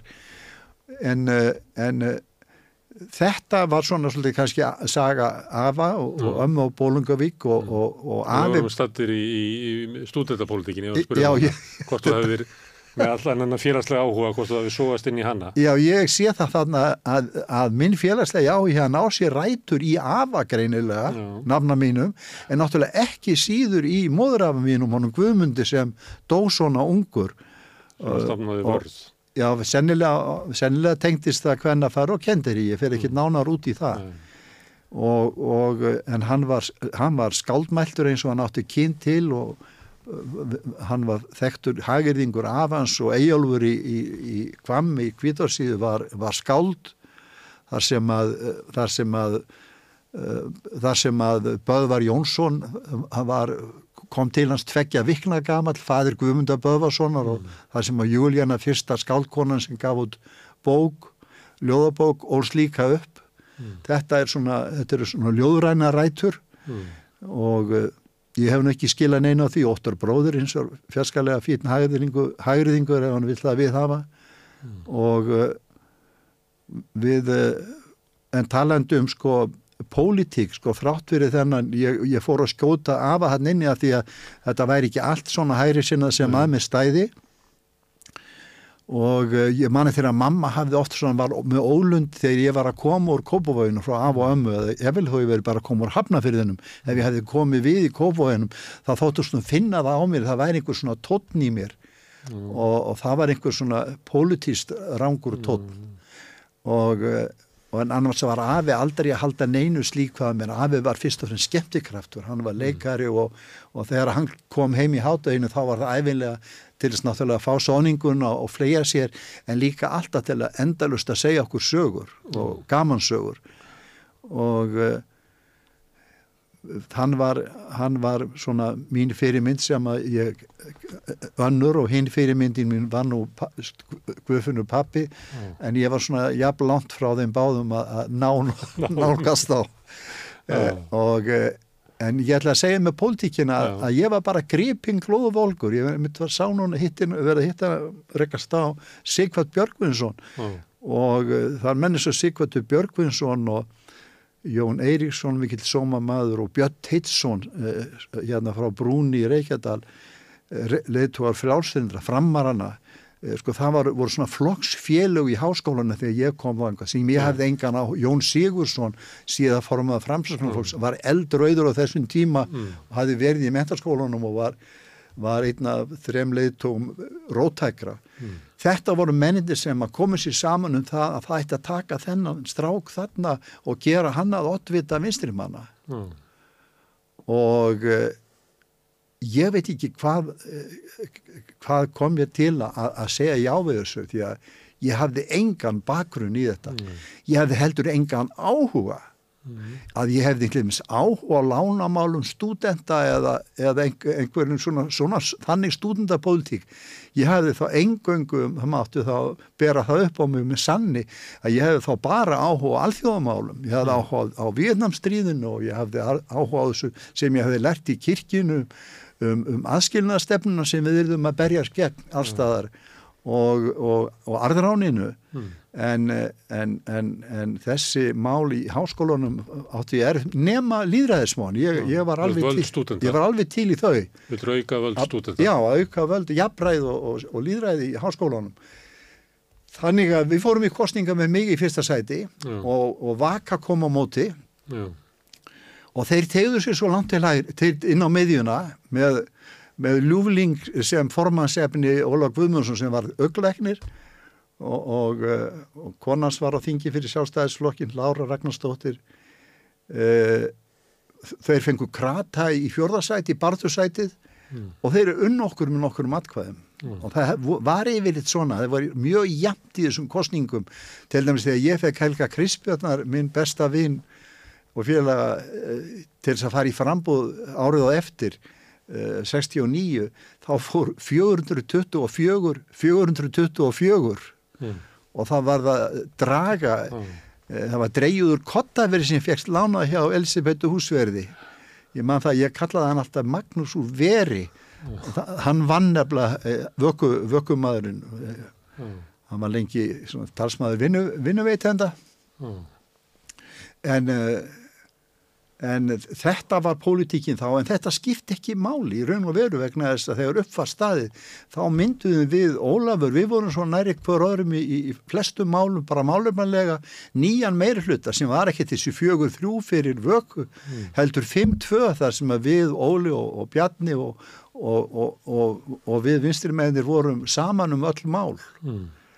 og þannig að þetta var bara, var bara skemmtilegt En ákveði heldur að þeir hérna hafi séð í þér einhvern fórustumann?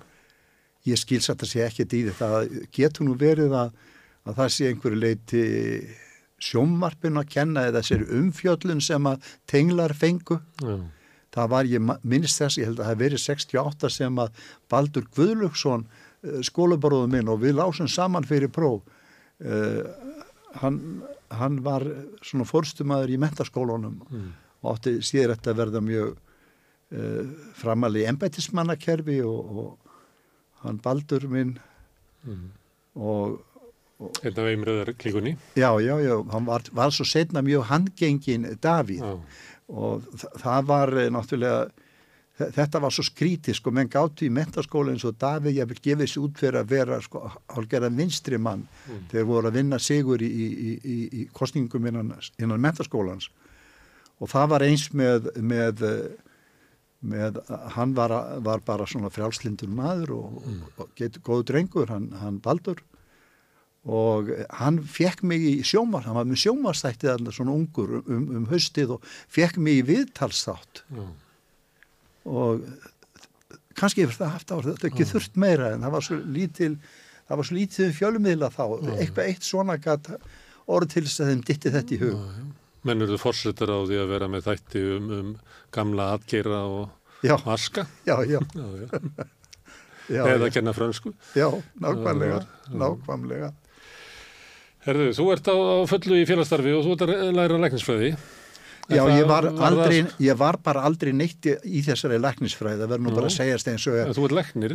Ég ætla að segja þér frá því að, að bara til þess að fara hratt yfir, yfir sögu, sko, að eh, það taka þarna við ár við stopnum verðandi Já. 69 og uh, sem 60 er forverið rösku svona. Já, má segja það, það. Þetta, þetta var bara félag róttakra eða Mm. í, í áskólunum og átti þess að vera opið kennurum Allt og við íhaldið. vorum Það er ekki svona allt nema íhaldið. ekki að Allt nema íhaldið. allt nema íhaldi, nákvæmlega Já, já. og uh, við, uh, við letum til okkur taka bara ýmsum sviðum bæði innan háskólans og, og margt að því var samkomanlega um við einmitt uh, meiri hlutan í stundafélaginu Mm. eins og háskóla uh, hjör háskólarektors uh, til þess að leggja áherslu á eitt, eitt maður, eitt atkvæði Mm. og uh, setna meir var þetta líka spurningin um að taka afstöðu til atvinnulegs til bartu verkalýs Mm. Reyfingarinnar og, og verkalýstjættarinnar uh, bara þann gegn atvinnulegs og kjaraskerðingu sem náðu ekkit síðu til stúdenta og námsmanna og unga fólksins Mikið almennt. atvinnleysi þannig að þetta er síldarhunnið er þannig Já, við stopnuðum með stuðningi dagsbrúnar uh, hagsmunasamtök skólafólks þarna um, um vorið og uh, ég var bara, uh, við, við fengum pening frá, ég man við fengum 50.000 frá, frá, frá Guðmundi Jóð og, og, og liklan að dagsbrún, þannig að við gáttum farið inn uh, sko, og, og verið í útringingum og skrifstofunum þar, uh, vinnandi í uh, könnun og atvinnleys ungs fólks. Svo höfðum við félagseimili uppi um kvöldið, vorum með allslags dagskráð þar. Þetta voru hagsmunarsamtur skólafólks. Og einn deildin þeim var jafnvægt að vinna gegn fjöldatakmörkun uh, í laknadeild, mm. í svo kalluðu laknadeildarmáli og í- líka í því að vinna að því að fjölga námsbrautum. Við unnum sigur í báðu þessu, mm. mentamálaráður að fjall frá fjöldatakmörkuninni og, og hann fjælst á að láta hefja kennslu í almennu þjóðfélagsfæðum um félagsvís þetta deild. þó að hétta ekki þá strax en, en, en það var vísirinn að því. Nefndin hafði sem vannaðs hafði sagt að þetta væri alls ekki tímabært. Var örgulega haft alveg rétt fyrir sér. En við bara með frikjugangi og ofstopa unga fólksins og þessar mm. baráttureyfingar náðum okkar fram yfirleitt á þessum tíma. Þetta var tími mi- margra sigra. Og breytir háskólanum mikið úr svona embættismanna skóla yfir í, í almennari skóla, eða ekki? Ég hugsa að það hafi verið hluta þeirri hlu- hluti af því, já, og það var náttúrulega líka eiga sér stað eh, breyting bara innan frá úr háskólanum með, með skýslu með skýslunni 69 um eblingu háskólans Mm. og, og það var verið að skoða háskólan mm. við eh, við eh, tenglarnir voru á fullu á þessum tíma, við heldum þrjár ráðstefnur þetta árið og þarna er Vietnam-hreyfingin líka til 69 mm. hinn íslenska Vietnam-nemnd hafði, uh, hafði gefist upp því að þar var neitunavald og, og heimdallur var með í nemndin og bara beitt einfallega neitunavald en þannig að ekkert var hægt að gera viti í, í Vietnam-málunu en nú var komin Vietnam-hreyfing og emt til ímissa aðgerða og uh, uh, uh, síðan kemur 70 þá, þá bregðust hún nú við að uh, ég, minnst nú aðalega aðgerðana í apríl, 24. apríl 70 Mm. það var þegar við tókum mentamálaráðuneti með rauðum fánum í nafni verkalistjættarinni, nafni samstöðu með verkalistjættinni og samstaða námsmann og, og verkalís Og settust upp um alla ganga og stiga. Já, já, og þa- þar var ég borin úti og, og, og, og, og, og, og dregin síðan fyrir rétt og sakaður um að vera höfu forsprakki þessara aðgerða sem að ég bara því miður gæti ekki viðkjönda það væri alveg rétt. Ég, mér fannst ég ekkit, ég er eins og svo stjórnsamur þegar á hólminni komið að þeir höfðu orðan rétt fyrir því að það leit þannig út sumstaðar á einhverju tímapunkti að ég væri það.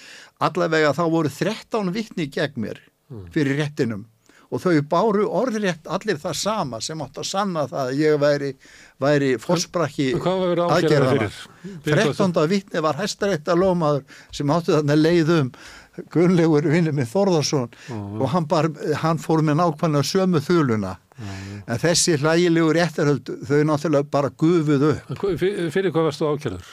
það var nefnilega það. Fyrir að efna til óspekta við, við uh, mentamálaráðuneyti og ólíðinast skipunum lörglunar um að um að riðja húsið. Það hefur verið ákjara krakkana sem að voru að mótmæla sko brottrekstri hælisleitenda og settust niður í, Já, í já. andir í dómsmálandisins. Já. Það hefur ákjara þessa krakka. Já, já, þetta, þetta var Þetta náttúrulega samskona. Þetta er pó, pólitísk réttarhöld, reynræktuð. Það er ekki lægi sko.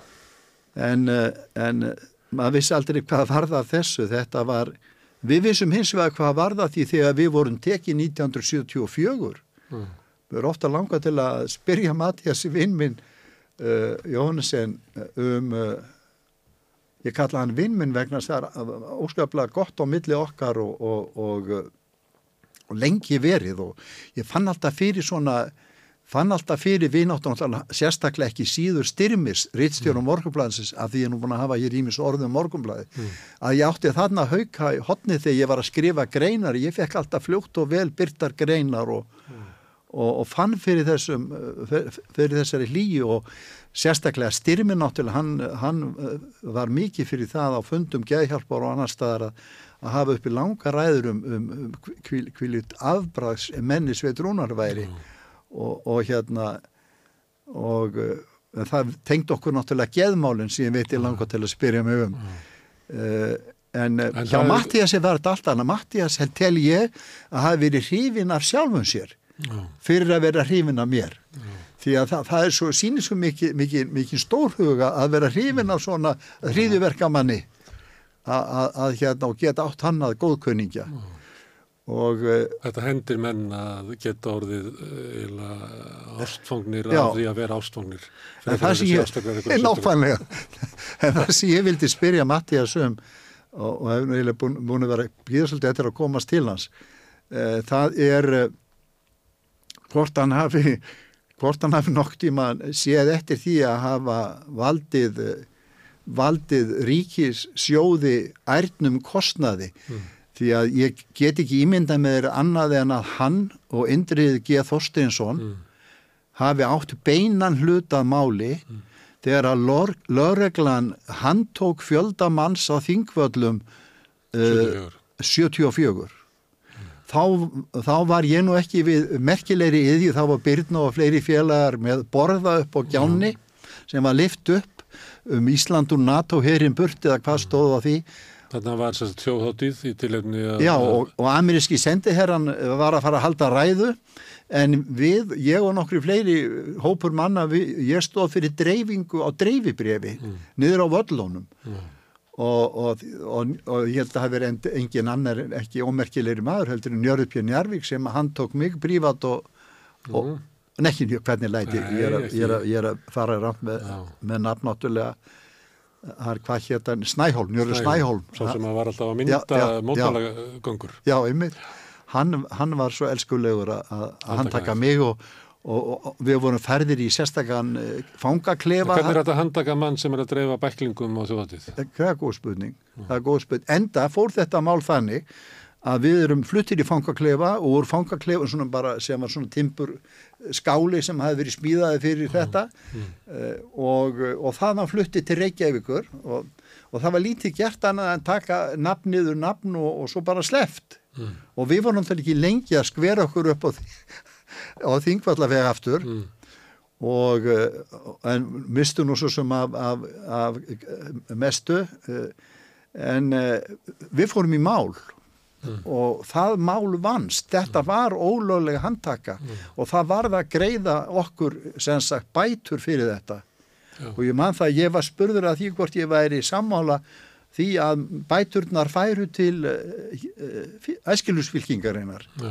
og ég bara samþýtti það fyrir mína parta. Ég var, ég, þegar að málunu laug var ég komin til Danmörkur og þá var Vietnamstríðið búið Vietnamstríðinu laug 30. apríl eins og þú manst 75 þá flúðu þeir eins og fætur tóguðu og hugsa sér hvað þetta hefur sagt og hvað þetta var mikill hvað þetta var mikill boðskapur fyrir allan heiminn að þessi sigur skildi vinnast að þessi fátæka bænda þjóð skildi vinna sigur á voldugasta á voldugasta heimsveldinu og öllum þessum vopnabúnaði það voru komir yfir 600.000 hermenn þarna. Og það voru þess að teppasprengingar eins og talaði nú um á gasa alltaf við höfum eitthvað svipað núna við höfum eitthvað svipað núna sko, þetta farið að minna mann æ meira á Vietnamstríðið á gasa Mm. hvernig þarna er sko 500.000 manna her. Það búið að kalla út allt varaliðið. Mm.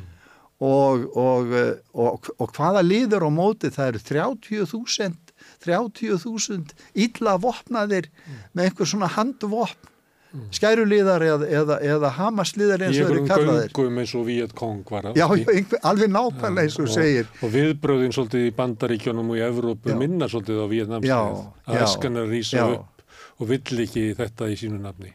30. april 1975 þá voru liðin átta ár Mm. þá voru liðin átta ár frá því ég hóf nám í læknisfræði Mm. Og ég hugsaði mig um nú, nú eða aldrei sko, nú verð ég að ákveða hvort ég vildi ætla mér eitthvað með þessa læknisfræði, hvort ég ætti að láta þessa ákvörðun standa sem ég tók fimm ára á gamal Mm. Eða, eða bara hætta þessu snúa, mér að einhverju Hvað var öðru það að gera í læknisfræði? Varstu bara að reyna að gera eins lítið og þurftir til Í þess að- rauninni, nákvæmlega þetta því ég, ég, ég gerði það getan til þess að komast í gegnum próf Mm. að kaupa svona litla bæklinga svona, sem að physiology for nurses Mm. eða e- lífeðlisfræði fyrir hjúkurnafræðinga Mm. og eins nýrnafræði fyrir og eins fæðingar og kvensjúdómarfræði fyrir, Mm. fyrir hjúkurnafræði þetta er allt saman til fjarskalega góða danskar bækur þægilegir bæklingar í staðin fyrir einhverja þykka dóðranda og þetta dugði ég við til að fá fimm í fæin og komast í gegn Þannig þú ert ekki með gott læknisnám. Ég tók ágættispróf í Danmörku því að það sem gerist hjá mér er það að þegar að Vietnam stríðið er búið þá ger ég mig grein fyrir því að á þessum átta árum er ég búin að ljúka því nefnur tveim árum a- a- af, af námi. En Þú uh, hafði reitt einum tímanum í, við í höfum það, það hefði náttúrulega gerst að, að þau- höfðu orðið æ, floknari og, og viðtakari því að þetta er líka tími sko sex, drugs and rock'n'roll, eða ekki? jú, það, það kemur að því. Það kemur að því. En, en pólitíkin, það fórst að spurða um hana fyrst Já, að þá er það þannig að eh, 72 endurreysum við samtök herstofanstæðinga Mm. og veljum til þess 16. mæ amalistega Jóhannes og Göllum og, og seinna það ár stopna ég Víetnanemndina með Jóni Áskeri Sigursinni vinni mínum og nánast að félaga hann við stopnum Víetnanemndina á Íslandi. Og þá, þá kemst það starfi í einhvern farveg og ég er formaður hann, hennar Ólöfu Gíslason svo, svo varaformaður og, og, og hann tók svo við að mér en uh, ég fekk tækifæri til þess að því að við, við vorum líka komið með meiri hluta sko verðandi frá 69 fyrir að vinna allar kostningar við buðum fram uh, við buðum fram uh, uh, 71 herinn burt sem efni fyrsta des. Þetta voru pólitísku kostningarnir í háskólan, það voru fyrsta des kostningarnar. Við unnum. 72 buðum fram Íslandur NATO herinn burt og við unnum.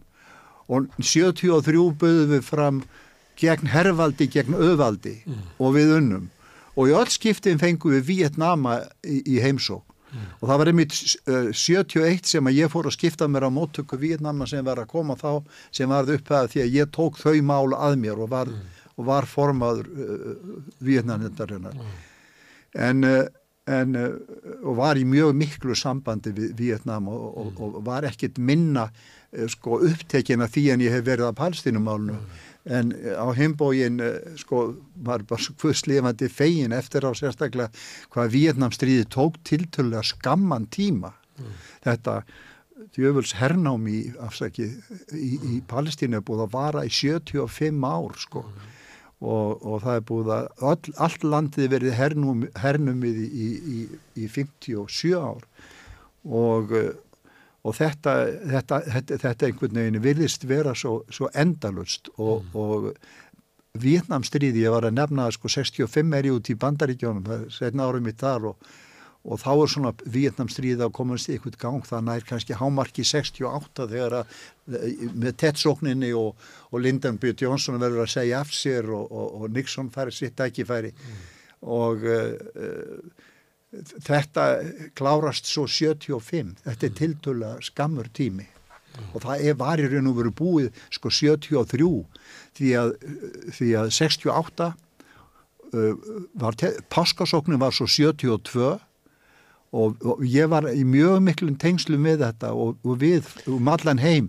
Mm. og, og við Vietnamun og við sóknina og okkar stuðningur við þessa reyfingu ég, ég er náttúrulega á því að þeir sjálfur hafi unnið þennan sigur en þeir segja hins vegar að, að, að þessi stuðningur heimi hafi haft gríðarlega gróðundan stuðningi já, já. Það er sama og þarf að gera strömmurlega sambandi við Palestínu, það er ekki fyrir en að verður grafið undan stuðningi bandaríkjastjórnar við Ísraelstjórna að þessi vonum eitthvað sigur. Það er alveg rétt. Það er alveg rétt. Það, það, það, það er þar sem að hlutinni verða. Það er önnu líkindi með Vietnam og, og, og Palestínu. Já, það er þar sem að hlutinni þurfa að gerast. Ég, en, ég, segir þetta er stöttu tími, þetta er líka, er líka langu tími vegna þess að, að þú ert þannig bara eila táningur, 65, og svo er þetta bara ungu maður, 75. Já, já, þá er ég árið 20, hvað, 23 ára gaman. Já eða meira, meira, meira 20, ég er búin að eða 8 árum í þetta sko, þetta er 28 og þá verður að fara til Danmarku til þess að klára leikspil já, þá hittist þannig á sko, við höfðum sko 72 eins og ég var að segja þá, þá, þá erum við konum öll tök á studendaráði og, og sem var svona ön, önnur stofnun í stundapólitíkinni mm.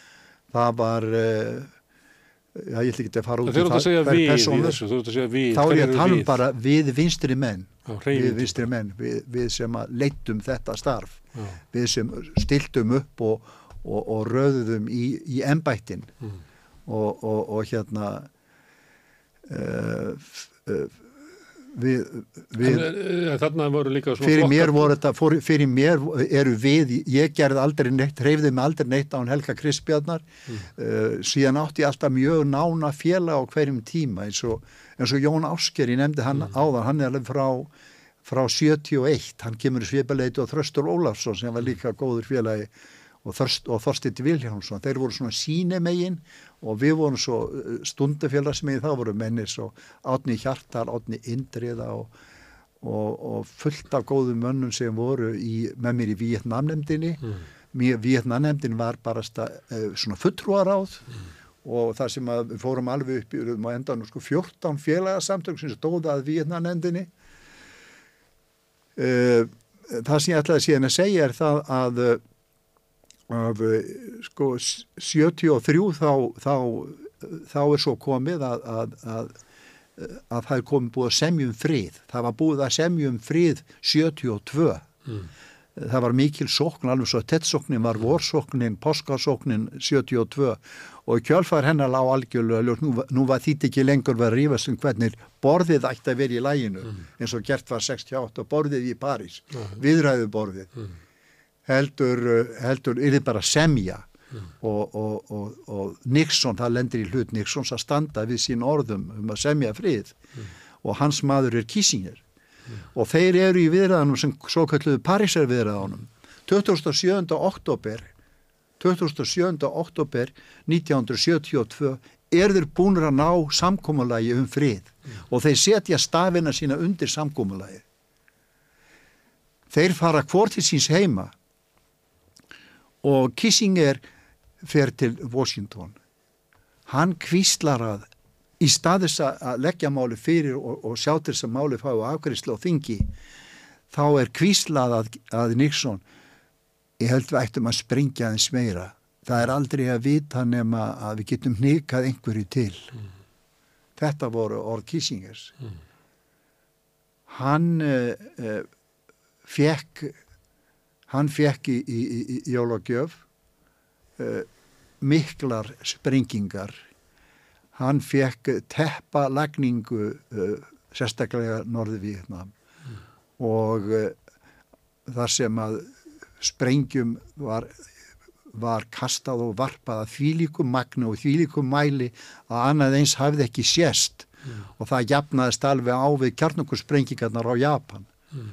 sprengjumagnið Þetta voru jólasprengingarnar, þetta voru jólaloftárásinnar 1972 þá fengum við Víetnanemdin, þá fengum við uh, Magnús þrjá ráðherra uh, sko, í, í ræðustól í háskólabíói.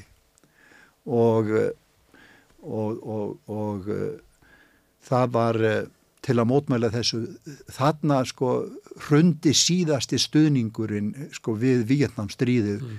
svona almennt í heiminum það er kannski það vonandi sem er að gerast núna að með hverjum deginum sem líður á, á uh, Gaza þá er Ísraels herr að grafa Ísrael dýpri og dýpri gröf sem þeir munu sjálfur sökvi og uh, og það er það sem gerist með þessum sprengingum. 27. janúar 73 hittust þeir aftur, ekki einu með einasta stafkrók hafi verið breytt. Og þeir skrifuðu núna undir ekki bara með sínum uppafstöðum heldur fullu. Og fengu eða áttu að fá Nóbersvelun fyrir þetta, bara Kissinger tók við þeim, Ludug tók afþakkaði að taka við Nóbersvelunum með Kissinger. Þannig lauk þessu sko, síðan er eftirleikur þannig að kannin er ekkit farin hann er að reyna að vietnamisera stríðið byggja hérna, láta hafa nú nógu mikið af springjum og, og vopnum eh, en, en allt kemur fyrir ekki þeir býða algjör, algjör afhróð og, og, og flýja þessu aumingjar úr landinu og þá hefur heimurinn hort upp á þetta stórkostlega veldi býða ósigur. Og þetta held ég sé enn að gefa fólki von í heiminum. Mm. ég, eh, ég segi fyrir mína parta að þegar að þetta ég gleymur sér ekki þessari nótt 30. aðfarnótti þá í það skipti hlustaði ég á kanan. Var nú ekki mikið fyrir það. En þá var ekkit um annað að hlusta á kanan og þar var bein útsending frá Vietnam mm. frá flottunum já, já. Frá síðustu þyrlunar eru að fljúa frá sendiráðinu og ég, það vildi þannig til að, að, að við, við, við höfðum ekki bara tekið meiri hlutan í, í, í stúdendapólitíkin, í stundaráðunu heldur líka í æskulisambandi Íslands sem var orðið að bara tæki íslenskar æsku gegn heimsveldastefnunni mm. og til stuðningsstjóðfrelsis baróttu hvað sem væri og sjálfsögðu baróttunni gegn NATO og hernum á Íslandi þetta gerist og náttúrulega fór heimdallur í fílu og gengu úr æskulu í sambandinu um tíma og, og mm. ég held að eitthvað, hvort að, hvort að hérna, eitthvað eitt, hvort að skátaðnir eða einhverju eitt félag hafi farið með þeim. Mm. En það var í raun og verið ekkit mikil. Ungmennafélagi var með okkur og, og, og öll önnur félag voru með okkur og við mynduðum nýjan meiri hluta í, í æskulu í sambandinu. Ég man ekki þetta vor 75 hvort ég var að fara á fund vegna sambandsins eða eða stundarás til Kaupmannhafnar að ég sá leik á borði að skjótast til árósa. Ég hefði svona heilt eitthvað skemmtilegt um árósa og um stundapólitík þar og svona og, og, og ég geri þetta og ég fekk panta viðtal við námsráðgjafa sem að líkil maður í því hvort að undan þá beðinni fengist samþygtum að komast inn í nám mm. og ég maður ennþá ég hitti hann Níels og, og hann og ég bara ákveð bara að leggja spilin á borðið sko og mér fannst ég vera algjör lúser eins og sagt mm. nú til það, ég sagði hann bara sko ég væri búin að vera í lækningsfræði í átta ár mm. og ég væri nú ekki búin að ljúka nema kannski næmi tveim árum og ég væri búin að vera að gera aðra hluti. Mm. og svo taldi ég þetta upp fyrir honum og hefur hann bara ljómaði öllur og hann fannst þetta svo stórkostlegt. Rugglið í mér það er akkurat svona menn sem við þurfum í lækningsfræði akkurat svona menn bauð mig velkomin og hann fekk það strax samþygt í nefndinni og, og, og ég var bara mátti koma um haustið og, og hefja nám í, í, í, í hérna þriðja ári í Árusum. Mm. Það var mjög góðu tími fyrir okkur Efu og Gerði og Ingu sem fættist út í Árusum. Þannig komin kona, komin ást. Þannig komin dásanlega kona. Mm. Já, sem ég hafði sko farið með í berjum á þegar ég var 6 og hún 5 ára já, já. því að feður okkar voru feður okkar voru uh, vinnir og mm. skákfélagar hann var mikill skáka áhuga maður Gutti Kóper sonur, uh, sonur Lúvíks Kóper uh, hérna uh, sem var mikill höfðingi hérna mm. sem er svo stopnaði hérna mörg fyrirtæki og, og frímúrura reglu og, og Jónsson og Koppir? Já, ég líka það og, og fleira og hann, það er aðvennar ef við minnar og það var einn sammeilitt áhuga mál, það var að fara í berjum og hvort við fórum í heimörk eða annað. Ég ætla hann að fara að segja skemmtisögur en tengdamóðu mín heitin blessuð hún hún, hún, eh, hún saði skemmtilega sögur af, af þessu. Og eh, ég er hversum fljótt sagt að það var þau mamma fór að sko pappi var, mætti með mjölkurbrúsa Mm.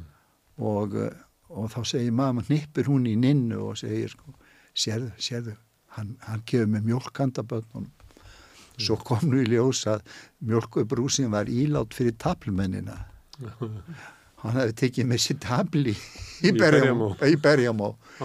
Og svo þegar að þau búin að góðan dag og búið að borða nestu búið að týna ber og, og þetta var svolítið badnahópur samilu badnahópur og neina fær svona að ágjör að því að hún sé ekki að gleyma neinu badnin og svona og þá heyrist í haukisveisin er það vantar eitt og henn, hún rekkur svona við getur ekki gleymt þessu þess vegna finnst það vant eitt af börnunum Já. þegar það vantaði eitt peð Já. En það, þú kynist konu, Já, ég kynntist henni á, á, á, í, í, í, í, háskólanum. Já. Ég kynntist þeim báðum í sama uh, háskóla, í sama, eila, í sama húsnæði á gamla garði, þeim báðum. konunum mínum, Já, barsmaðurum mínum. já. Sama, Ég tel ekki með unnustuna sem, að, sem að ég átti í, í, í, í, á undan þeim, en, en, en, en barsmaður mínar, þær, þeim kynntist ég báðum á, á, á gamla garði. mm, því að uh, Eva mætti á, á Garsball og ég hafði bara aldrei séð neitt eins fallegt eins og þessa konu og, og ekki meira með það. Það, það, hérna, uh, það gekk allt, mínir draumar rættust þar. Mm, en, en hinn hafði ringt í mig sko, eitthvað 20 árum setna og, Mm. og, og, uh, og sem gamlan mann uh, sko, sem átti að segja frá því hvernig þetta hefði verið í gamla daga þarna í verðandi og það er 68 og, eða hvað það var vildi flett upp í þér. já, lett upp, já, ég átti að mæta og svona þetta vera eitthvað málþing um sósialismu ég sagðist voða lítið vit um sósialisma Mm. ég væri svo lítið fræðilegur Eh, en, en hérna en ég væri alveg til í að velta mér upp úr gammalli fræð og mætti þarna hún var þá formaður og það var svolítið magnað að, að, að Björk Mm. hún, hún var orðin formaður í félagi sem ég hefði verið með því að stopna og verið kannski aðal driffjöður í að stopna 69 og nú var komið 86 og, eh, og þá voru þau að halda svona eitthvað, já, einhverja námstefnu um þessi mál og, og, eh, þá var hengið þessi gamli gaur. Og þá, sá- þá sá ég henni í raunni fyrsta sinn og, og Palli minn Bering var einmitt eh, með mér þarna og, og eins líka með mér þegar við fórum á borgina einhverja kostningahátti þá sé ég þessa þessa, þessa æsi fögru konu hérna, í, í, í allt of stuttu eh, svörtu leðurpilsi og, og, og, og gríðarlega hávaksin og glæsileg og uh, þetta var konan sem að ég átti eftir að kvænast Mm.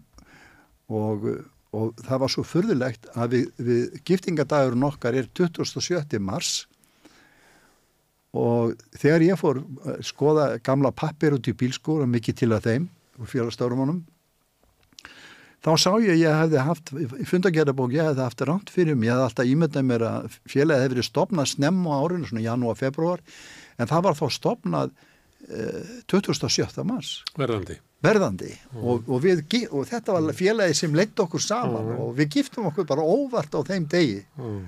það var óskaplega fallegu dagur sámarsdagur Herðu, en uh, þetta er ungmenna uh, uppreist í heiminum, Já. 68 Já. og, og fyrir þann tíma og margt að því sem þú segja er bara saga þeirra kynnslóðar. já, En þeirri kynnslóð eru uh, svona tvent sem að fylgir henni, það er hérna 8. áratunum með það sem er kallað svona vilda vinstri, það sem að félagaðinir hérna, fóru ímist í fylkinguna eða í máista samtök, það er eitt. En síðan er þetta náttúrulega líka það sem að eru svona, það er svolítið svona dóp, það er svolítið verið að reykja stuð. Varst þú í því? já, svo sannarlega var ég í því að það áttu eftir að hafa afgerandi áhrif á, á, á mitt líf og, og, og í raun og verið hitt líka sem þú talaðir um vilda vinstrið ég, eh, ég var svolítið svona skrítin partur af því. Ég, ég var aldrei máisti, ég var aldrei trotskiisti. Mm. Máistatnir kolluðu mig trotskiista og trotskiistatnir kolluðu mig máista. Ég reyndi að segja að ég væri sentristi. það var Einar Olgisson, það var svona sentristi. En uh, ég, uh, ég lendi hins vegar í þessari maskínu og uh, það bara gaman að segja aðeins dutt frá því sko að Ég, það var búið að kalla mig kommunista svo lengi og mér fannst ég ekki eiga það skili að hann upplifið það sem svona eitthvað heiðus heiðus Varst ekki góður í svona fræðunum? Í... Ég var bara akkurat ekkert í fræðunum og hefa aldrei verið Þú varst bara á hjartan og réttlættis Eins og ég nú mikið til dæmis kirkjustrákur og, og, mm. og, og kristinn og hef verið alveg frá þessum tíma sem ég var í bandaríkjana þar sem ég fór úr einni kirkjunni aðra það var svo forvitin og og hérna heima líka og er enni að fara í örfáum íslendingar sem að, sem að fá eitthvað út úr því að fara í kirkju og sunnudöfum mm. En ég, ég fæ alltaf, alltaf yfirleitt mikið út úr því að fara, fara til messu. En uh, á þessum, á þessum uh, tíma uh, sko þá erum við að tala um vilda vinstri eða erum við að tala um hasið? Þú, nú kom, afleð, nú kom afleðingarnir í ljós já, sko. já, Þú byrjaði kláraði villavinstrið Þá verða þannig að, að já, ég var að tala um það hversu lítill bókamaður ég er, já. ég hef gaman að ég hef mikið fyrir ljóð og ég er að lesa bækur. En ég les kannski tíundapartin að því sem kona mig les. Hún, mm. hún getur þetta. Mm. og, og hérna og ég hef unnaði að, að lesa það ekki það og þakkláttu fyrir það en en, en ég hef eh, bara, ég vil bara segja þér það eh, er, ég hef aldrei lesið biblíuna. Aldrei lesið biblíuna. Ég, og alltaf að segja, ég verða að fara mér í að lesa biblíuna. Mm. ég, ég hef haft gaman að lesa líka hérna kóranin, ég hef mm. aldrei lesið eins og ég lesi, er að lesa bænabækur og svona, uh, svona trúa rít mm. en uh, en ég hef aldrei lesið Karl Marx. Aldrei, aldrei kynnt mér hann okkur ég, ég hef búin að vera án áfengis og fíknefna í 37 ár Aldrei lesið aðbókina? Aldrei lesið aðbókina mm. og mér finnst það alveg ömulegt en ég var í svo lesið spórabókina Þú getur verið með þátt hérna á samstöðinni bækur sem ég hef ekki lesið Hefur ég lesið sko spórabókina alltaf hundra sinnum já. það er bara að ég er í spórallild og lögadöfum sem ég er búin að vera í 35 ár og við náum alveg fjórum umferðum á ári sko mm og þetta, þetta, þetta eru 150, kannski allavega meirinn 100 umferðið sko. Mm. Þannig, þannig gerist það en, en, eh, en ég er semst ekki bókamaðurinn Nei. og ég er ekki vísindam, ég er alveg auðvitað við Helga vinnu minn mm. Chris Bjarnason. Þannig að þú varst ekki til í að taka þátt í því þarna á þessum árum að vera að lemja aðra með því þið væri ekki á réttir línu. Vegna þess að þú vissir ekki hvað lína var. Vegna þess að, vegna þess að, nei ég gæti alls ekki verið með því, mm. það er alveg satt, mm. bara þeim ástöðum en, en, en vegna hvað búið var að kalla mig kommunista lengi mm. Þá fannst mér ég bara bera skilda til þess að kynna mér þessi málu mm. eitthvað mm. og skráði mig í lesring hjá fylkingunni mm.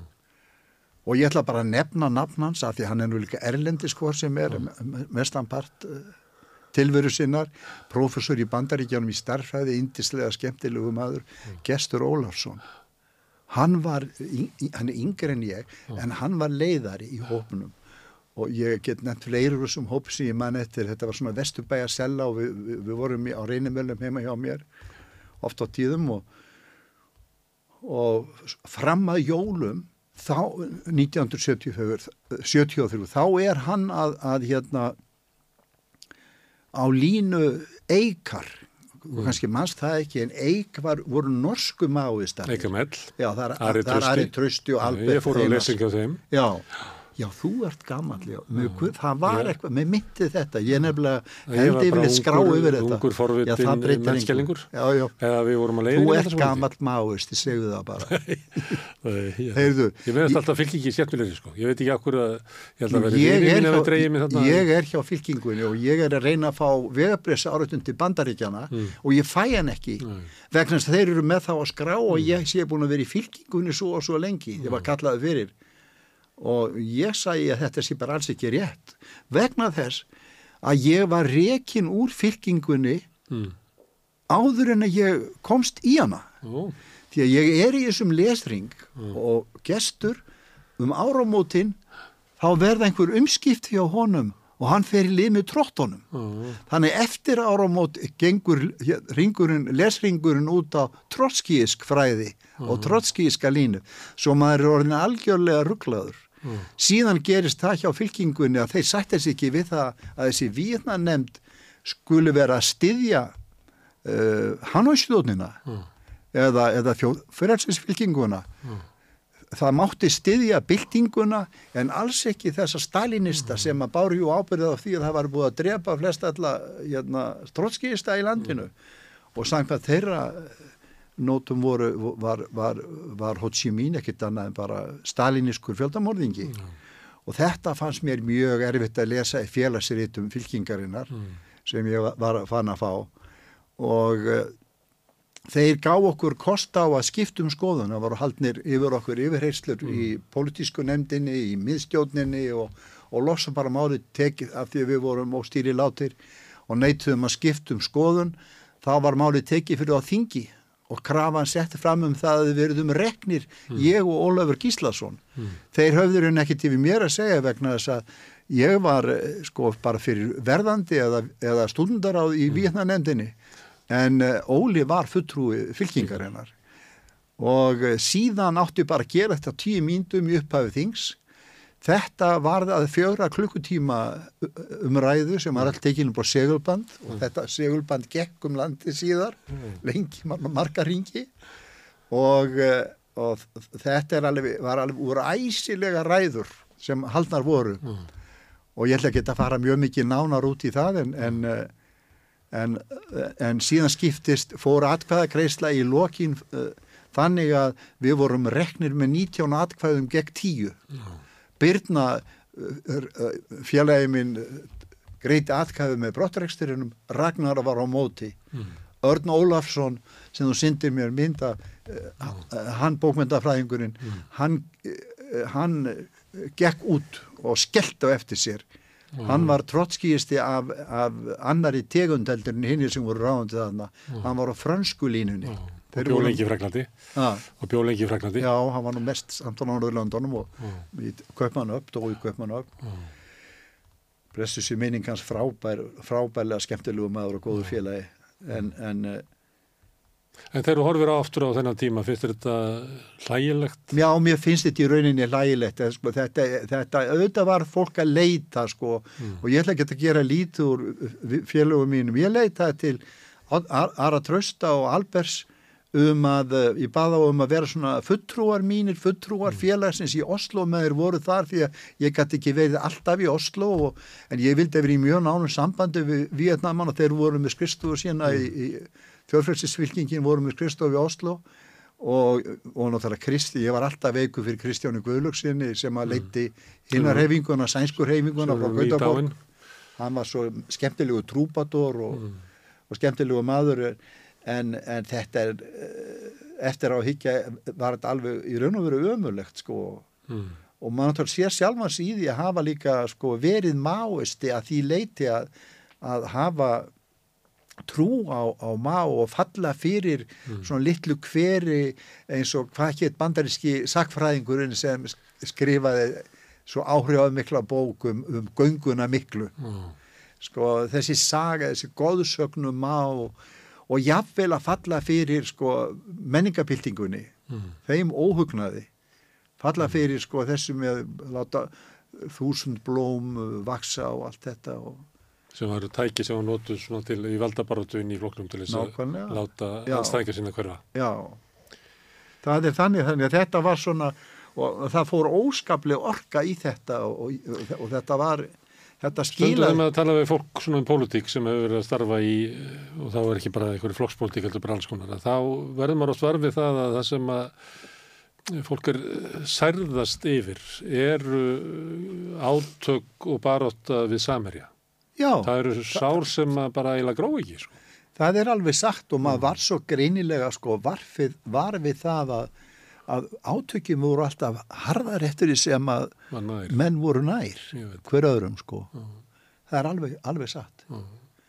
sko menn gáttu fyrirgefið sko óvinnunum eða svo má segja hvað sem var og haft gott samband við hann og, en, en, en, en þeir áttu miklu verð með að fyrirgefa einhver smávæli mistök eða skoðanamun sem að eins og er kannski í öðru það er oft við, ættardeilur geta orðið sko hatramastara já, já, já, það er alveg satt.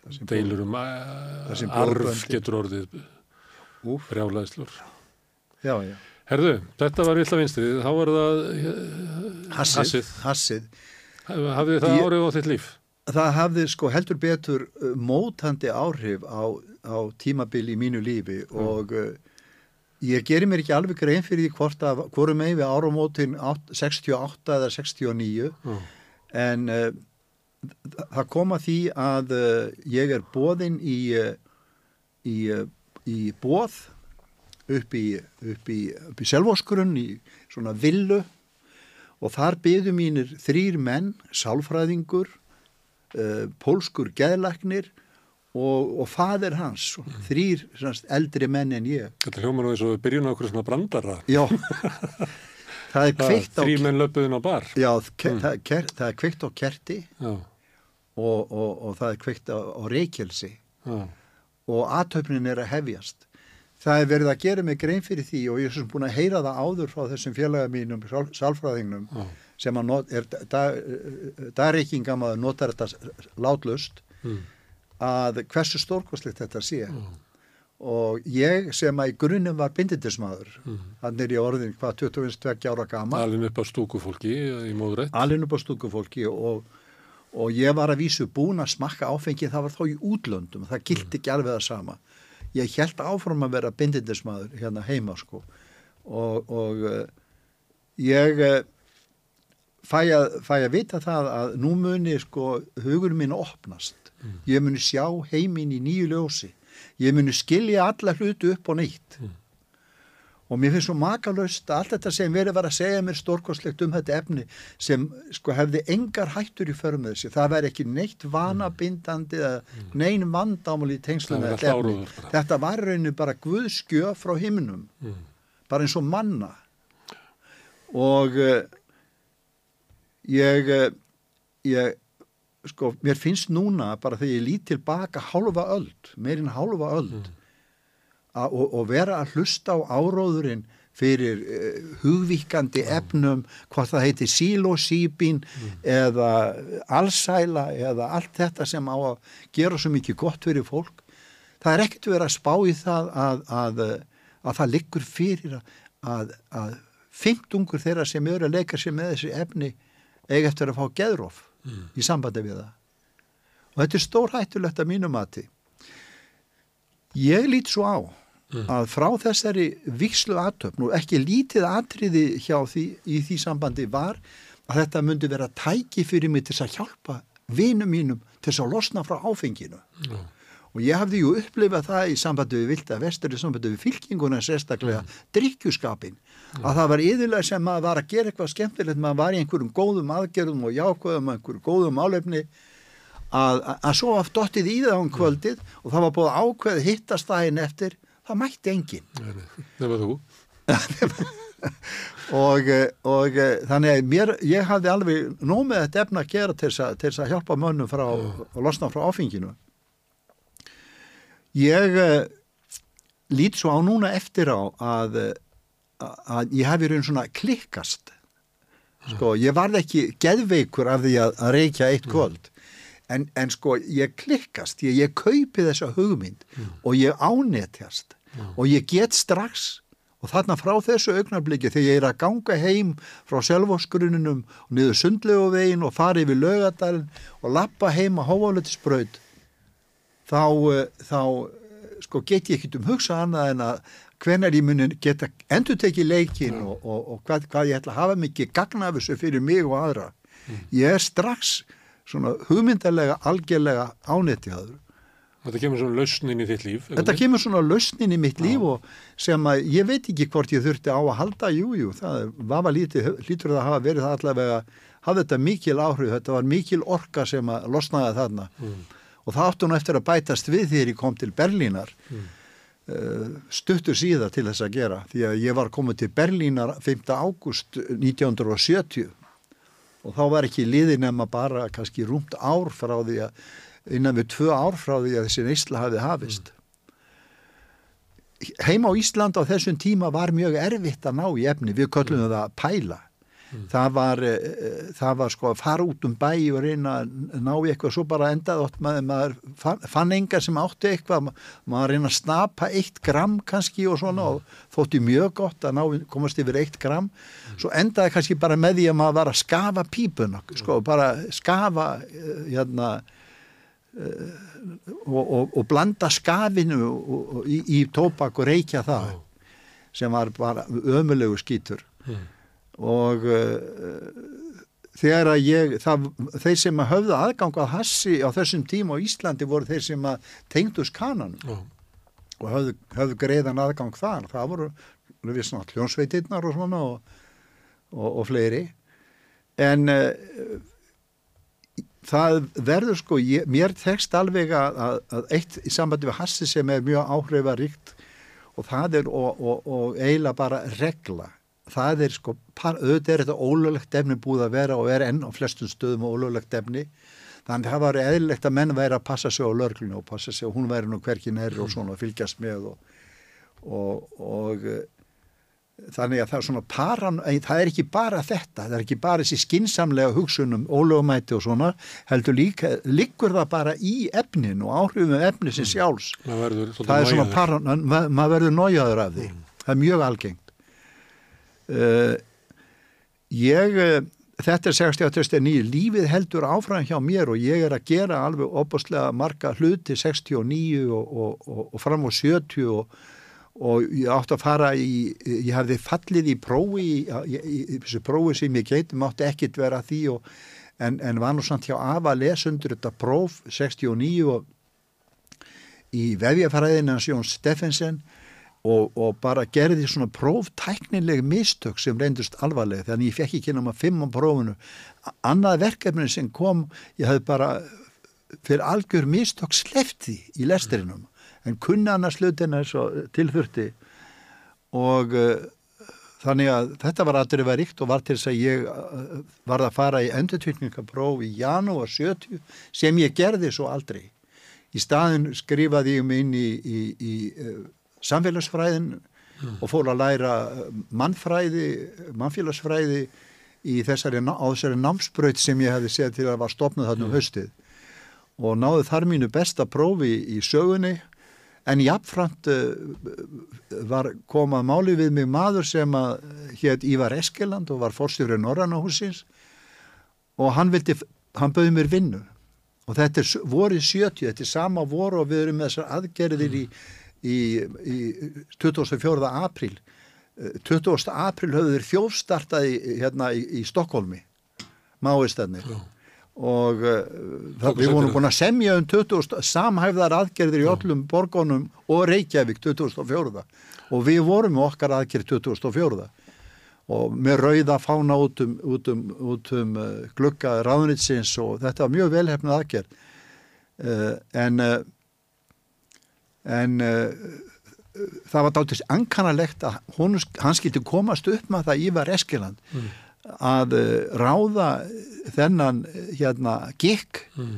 þennan, þennan forsprakka óerða Svein Rúnar sem fyrsta launaða starfsmenn starfsmann listaháttíðar í Reykjavík mm. en það varði ég og fekk skrifstof í Norrannahúsinu og setna skrifstof húsna og, og fyrir, fyrir sölu miðstöð í Traðkotsundi mm.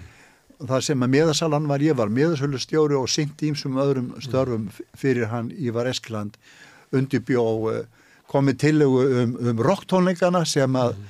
fóru nú ekki alveg eftir mínu höfu því að ég var ekki með Led Zeppelin efst á bladi, ég var bæðið John Lennon og Rolling Stones og og Jimi Hendrix fyrir ofan en, en, en allt í lagi allt í lagi, sko. allt í lagi Led Zeppelin. Og það voru meira í þessari, það var ekki Barenbaum og Jú, Daniel Barenbaum það er okkur að skrifa það er okkur að skrifa sko bókum Reykjavík sem árum þegar allt þetta fólk er í Reykjavík á sama tíma. Það er alveg það, já þetta var dásalegur hópur. Ég, ég hafði nú engan mikið, ekki, hafði ekki vita á því að, að sinna þessu fólki senlega verið og upptíkina sjálf mér og mínu störum ég nefndi ekki einu snið partí með Led Zeppelin ég var bara að telja peningan í höllinni. Og, og hérna og uh, og þetta fólk, uh, hún Signi sen hún undisleg, hún tók á móti, hún var ráðinn svolítið eftir mér sem mótökustjóri og hún fórt á völl og tók á móti öllu þessu fína fólki. Mm en það er satt sem þú segir, þetta var alveg stórkostlegt lið sem þetta var stórkostlega hátti sko. Já, já. þetta var hérna, ótrúlega hæfileikar sem að voru í Reykjavík á þessum uh, sumartögum þetta var náttúrulega Askenasi mm. sem átti stóran þáttu í þessu og náttúrulega indislegur hann og kraftmikið hann yfir Eskeland og, og þegar þeir fóru að röfla í honum yfir þessari ráðningu ég frétta því sko af stjórnarfundi því að í stjórninu var ju bara mentamálaráðunitið og borgin mm Páll Líndal var raunar og hann reyndist mér mjög vel uh, þeir uh, sko allir að fara að rafleifir þess að ráðningu og þá bara var Ívar Eskland bara vittlös sem svo má segja mm. hann sagðist bara vera hættur ef hann þurfti að hlusta hér á eitthvað pólitíst þvaður um, um sína ráðningar á starfsfólki mm. En Hassið það hefði ekki góð áhrif á þig Er, ertu þá að meina ég, að það er ítt undir að, hérna, hvað? Þegar ég er búin í listaháttíðinni þá tek ég svolítið svona frí frá öllu hérna heima Já. og ég er komin í sambandi við sænska leikonu og, og hún beigði eftir mér, hún var í marionettleikursinu og, og uh, hafði kynst henni í háttíðinni farið með heklugós og, mm. og svona og Palli var líka að vinna með mér alltaf og fleira gott fólk og hann fór með mér þarna heklu með þeim og, og þetta leiti eitt af öðru og ég, hún fór ekki með hófnum sín leikursinu til Ídalíun eins og nátt að gera vildi býða þetta mér, ég væri búin að ganga frá og tók mér svo með sér til, til Stokkólms og, en ég var ekki mjög lengi þar mm. og kvatti hana og eh, fór til, sáttu sýstu mínu köpunum og fór til Berlínar mm. og þar hefst eh, afdreifar ykkur kapli og uh, ég fór alveg á nokkurs undirbúnings kem 5. ágúst sveit setn því að 15. júli hef ég þurfti að vera komin til að sækja um í háskólanum og fá skráningu, geta sótt um lán og allt þetta, geta unni þarna úti uh, allar uh, bjargir voru bannaðara því að ég hafði komið þessum þrem vikum og sent ég var endalust að heimsækja Áslandsamt útlendingar Kristofur og, mm. og, og, og sækjum undan þá og það var aldrei, gæt engu engu breytti því mm. og eh, og þetta, við fengum inni á, á mjög merkilegu, ég var bara nýri í bæ, sko, í mensu hjá Fræuniversitet staðar, og uh, hitti fólk og það, okkur er búið heim með þeim og það er þá svona kommuna í, í Vilmersdorf Mænserstrassi og, og það er, það er þetta tannlæknir, hún, hún vinnur, svo er læknanemi þarna, svo er starfræðingur sem að fer ekkit úr húsi, bara allir reykja mikið hass og, og, og starfræðingur í vinnum minna, hann, hann fór bara út úr húsi til þess að, til þess að stela kláin. Það er að segja, hann, hans, hann dundaði sér alltaf við það að búa til hljónflutningstæki sem hann svo bara gaf einhverjum vinnum sinna og, en stál alltaf efnun í það í, í, en þurfti alltaf að fara í stærri og stærri uh, ring frá, uh, frá heimilinu mm. uh, ég, við fórum svo líka í krá og þar kynist ég manni sem setur upp á borði í svona fjólubláum í náttfötum mm. með hárið út í allar svona afró kvítur maður og þetta er amerikani það mátti ekki kalla hann nafninu hans því að, því að hann héttur Róbert og er Róbert því það er eins og er Róbert eða Sigurðadur, þú er búin að tapa. Tænir var millinafnið sem við höfum að kalla hann og White, hann vildi ekki heita White, hann heldur vilja heita Black. Mm. og, en hann var snarvittlurs eh, en opbóstlega klár uh, eh, í, í, í semantík og kendi mér óskaplega mikið í numerológi sem ég því miður set upp með þann dag í dag, það er erfitt að losna frá þannig hugsunum. Og uh, þetta var svona vissanhátt svona æsti presturinn í kommunu sem ég fór að sækja mm. út í Kreuzberg sem mm. var nútista kommuna en byggði fyrst og fremst á hassi og, og hasspípum. Og hann er þarna upp á borði því hann er að bjóða fólki að reykja og selja um leið eh, fyrir mjög ódýrt hasspípu sem er búin að til úr bambus og, og, og, og, og svo bara plasturöri og borað og svo net Þú ert að lýsa það sem þú segja núna. Það er eins og þú sért að fara inn í eitthvað svona geðrúf í Já. þessari frásögn. Já, það er það, ég er á leiðinni þá Já. Ég einu svona hérna, ég skal viðkjöna mannst það eftir honum eh, Leifi Jóelsinni. Já, já, hann er mikill vinnu minn Hann sagði mér eins og frá því þegar hann fer inn í geðrúfinn í París. Já, Stórkostlega saga. já, Og það er, það er svo margt líkt í þessu. Já, já, að það er nákvæmlega það sem er gera. að, að hérna, þú, þú hefur ekki stjórn ótrúlega á því glöggur. hvert þú ferð.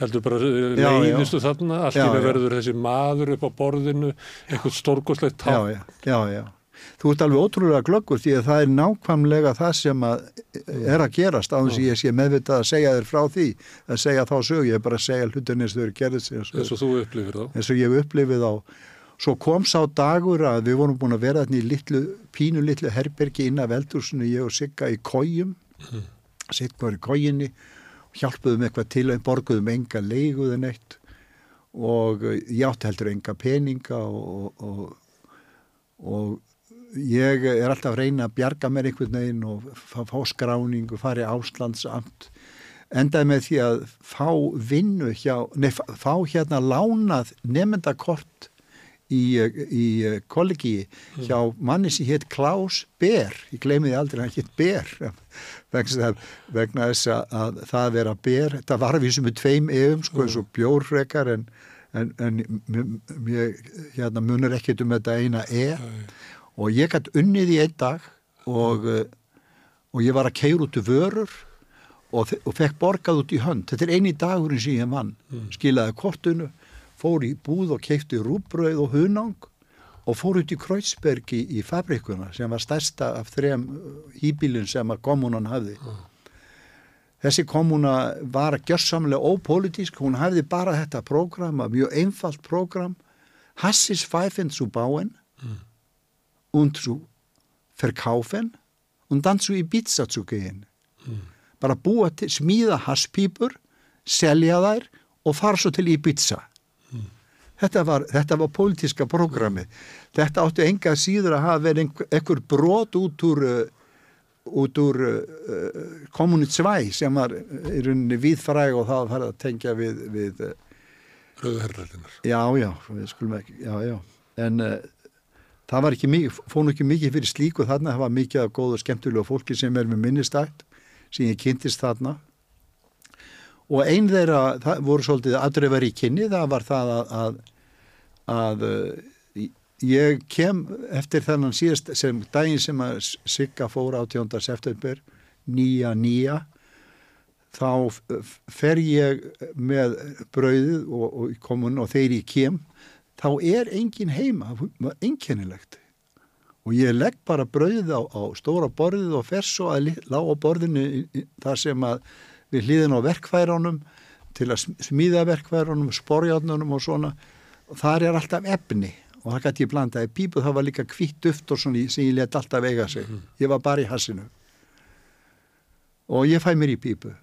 Svo allt í hennu verði ég var við það að það rís upp þannig einhver langt í burtu í, í, í, í, í versmiðinni í salum þar sem að, þar sem að uh, gólfið var þétt setið dýnum sveppdýnum, það var svona sveppsalur og kemur nær og nær og ég sé bara ekki betur þegar hún kom, er að nálgast að hér sé komin indjána stúlkan sem ég hef búin að vera að býða eftir allt mitt líf.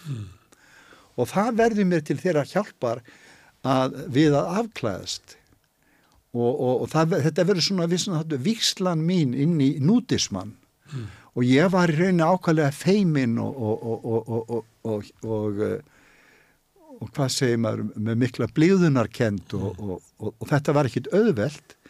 En bæði hassið og þessi indislega kona sem að rétti mér höndin og leiti mér svo aftur tilbaka þarna sem hún hafi leið hún uh, hjálpaði mér og, og, og þetta var svona stund frelsunarinnar fyrir mig. Og hér á þessum tímapunkti og frá þessum tímapunkti hefst svo trúbóð mitt uh, ekki lengur bara með hass heldur hass og nekt. Og uh, ég fór til vinna minna og, og ég man ég kom til eins góðs vinna minn hann, hann, hann áttur hann eftir að fyrirfæra sér og, og hann var giftur falleri konu og góðri konu og, á þessum tíma og uh, ég segi er í lagi, er í lagi bland í pípu? Já, já, já segir hann. Er já, já, gjör og svo var ég eitthvað að reyna að koma fá þau til þess að reykja með mér. Og eftir smástund segi er í lagi fari úr? Já, já. Ég gerir mér enga greið fyrir því hver hennar viðbröðu voru en hennar, sko, hen, hennar viðbröðu voru þegar þetta var sko kynferðislegt áreiti sem það var alls ekki af minni hálfu og, og ekkert, ekkert slíkt í því. En, en þessari sko þessari þetta að hátta sig og gera snútisti var fyrir mig svo stort skref að ég fann alveg kraftin sem fylgdi því þessu, þessu nýfengna frelsi. Og, og þessi kona sem kom svo hana líka sem, ég, uh, uh, sem var frá sem var frá Schwaben átti heima í Tübingen mm. hún fekk mig til að fara með sér þangað og við fórum í gegnum München og hittum Íslendinga þar og upplöðum bæði skemmtilega hluti og ræðilega og hættulega einmitt út af þessu öllu og, og hérna og síðan förum við til á heimil hennar í Tübingen og hún var svo við nám í Rautlingen og ég verð þegar hér er komið sögu alltaf geðveikari og geðveikari. Og átt eiginlega eftir að skjóta því inn að, að það má eiginlega segja að svo breyting, þegar svo breyting verður að það er ekki bara eitthvað skaf í Reykjavík eða einhver, eitthvað, einhver smá móli sem á að duga í heila viku heldur bara nóg af svörtum afgan. Mm. og ég er gætna sendur vegna félagsleira hæfileika til að eiga við kanana og, og vestla og fór inn á herstöðvar og, og var að kaupa svona plötur. Það var, það var alveg nóg af hassi. Og, og sérstaklega reykti, gegnum kanan herstöðvarnar í ekkit endilega frá mótið kvölds en, en, en, en þess vegna alveg reynd, fyrsta sem ég gerði og, og síðasta sem ég gerði. Og það var svo sem þetta sama sem átti eftir að verða svona uh, setna meir uh, svona sem ánéttjunin fælst sko í að maður einhvern veginn telur sér trú um það að maður get ekki notið neins nema, nema að fá sér í pípu mm. nema verðundur áhrifum. En þarna er þetta miklu alvarlega hérna er ég bara komin með er ég, er ég komin í geðróf eins og þú myndist á. Hvernig fattar þú það? Ég fatta það ekki neitt, Nei. alls ekki. Ég, því að þú ert bara að upplifa bara ég er bara að upplifa hlutina og ég er að fá tákn allstaðar að, ég er búin að læra mikið af tænir um, mm. um, um hérna, mér dettur í hugu að sína þér sko Coca-Cola flösku eða Coca-Cola merki, það, mér, það er svo minnistækt hvernig mm. þegar hann síndi mér það, ég hafði ekki tekið eftir þessu, en það er skona í, í kóla mm. sér, þá er svona likja mm. og, og, og gegnum likjuna er skauði mm. og þetta er kyn, kynlífstákn mm. sem að ég hef bara ekki tekið eftir og hann er alveg, alveg harður á því að það séu kvorki hérna það séu kvorki kókalöfin eða eitthvað slíkt leindamál við, við Coca-Cola heldur nákvæmlega kynlífs hérna auglýsingin sem mm. að, sem að sé að slá alltaf í gegn Það er munur að heyra þetta og segja já, aðrýðisvert eða finnast þetta að vera bara stórkosleg uppgötun. Já. Það er svolítið munur á því. Mér fannst þetta að vera stórkosleg uppgötun. Það var allt stórkosleg uppgötun hjá mér. Og ég, ég, það var líka annað sko, þegar maður er í gæfikinu og lifir í gæfikinu dagstælega, þá gengur svo margt upp. Mm þú, þú ferð að fylgja táknum, fylg, mm. fylgja uh, leiðbeiningum, ljósum, sé, þú er til dæmis með fallit gull ljós hérna, en vondu ljósin eru hér mm. sem að ég vil ekki sjá og, og líður ítla með og en þann dag í dæmistu óþægilegur, mm. en hafaðu ekki minni vinnu, en ég fóru alfarði sko eftir gululjósunum mm. en ekki flórsett bláu ljósunum og, og ég valdi þannig gönguleiður og, og líka í, í, í bara í uh, í ökuljósunum í, í, í, hvert hvert oh. gjáðum við merkjum að beigja eða ekki og, og, og, og Þú ég ert alltaf að fá hérna fullvissu fyrir öllu. Og en, en hvenar fattar allt í einu að byrja þetta er líklega bara eitthvað rugg? Ég fatta það ekki neitt, Nei. ég fatta það ekki neitt og, og, og ég er, ég var, var svona eins og þú, ég, ég vildi vera eins og þú, ég vildi vera blama sem settist niður og skrifaði grein og svona og, og uh, ég, ég dáðist að spíkel og, og ég myndi eftir því að Ólaði vinnu minn Miksa, heitinn Læknir, heimilslæknir, hann, uh, hann hafði skrifað svo fjarskalega langa og góða grein, bara unna úr spíkel hann, af því að hann var þýskumælandi og, og sem byrtist í læknanemunum ekki til hann eins greinum við þann stríðið eins og hann skrifaði og ég, ég dáðust að spíker, þetta verið gott blað ég þurfti að, þyrfti að bara skrifa í spíker og, en þá þyrfti ég að fá aðstöðu til þess og, og þá fór ég bara, fylgdi ég bara merkjónum inn í gamla bæin yfir, inn í inn í þetta og þarna inn og þarna og, og svo var ég bara komin inn í hús og inn í íbúð og inn í herbergi og þarna var rítvelin Mm. þarna var rítvelin gætt sest og stóll og, og þarna var líka útvarstæki þannig að ég gætt bæði hlustað og náttúrulega heyrðist allt sem ég sagði því það var alltaf bæði með sjónvarp útvarp það var alltaf tveggjarása sko Mm. þannig var geðveikin sko algjör og, og ég eh, tenglastarfið liti nú til þess að, að, að ég lokaðist inni óvart eiginlega Mm.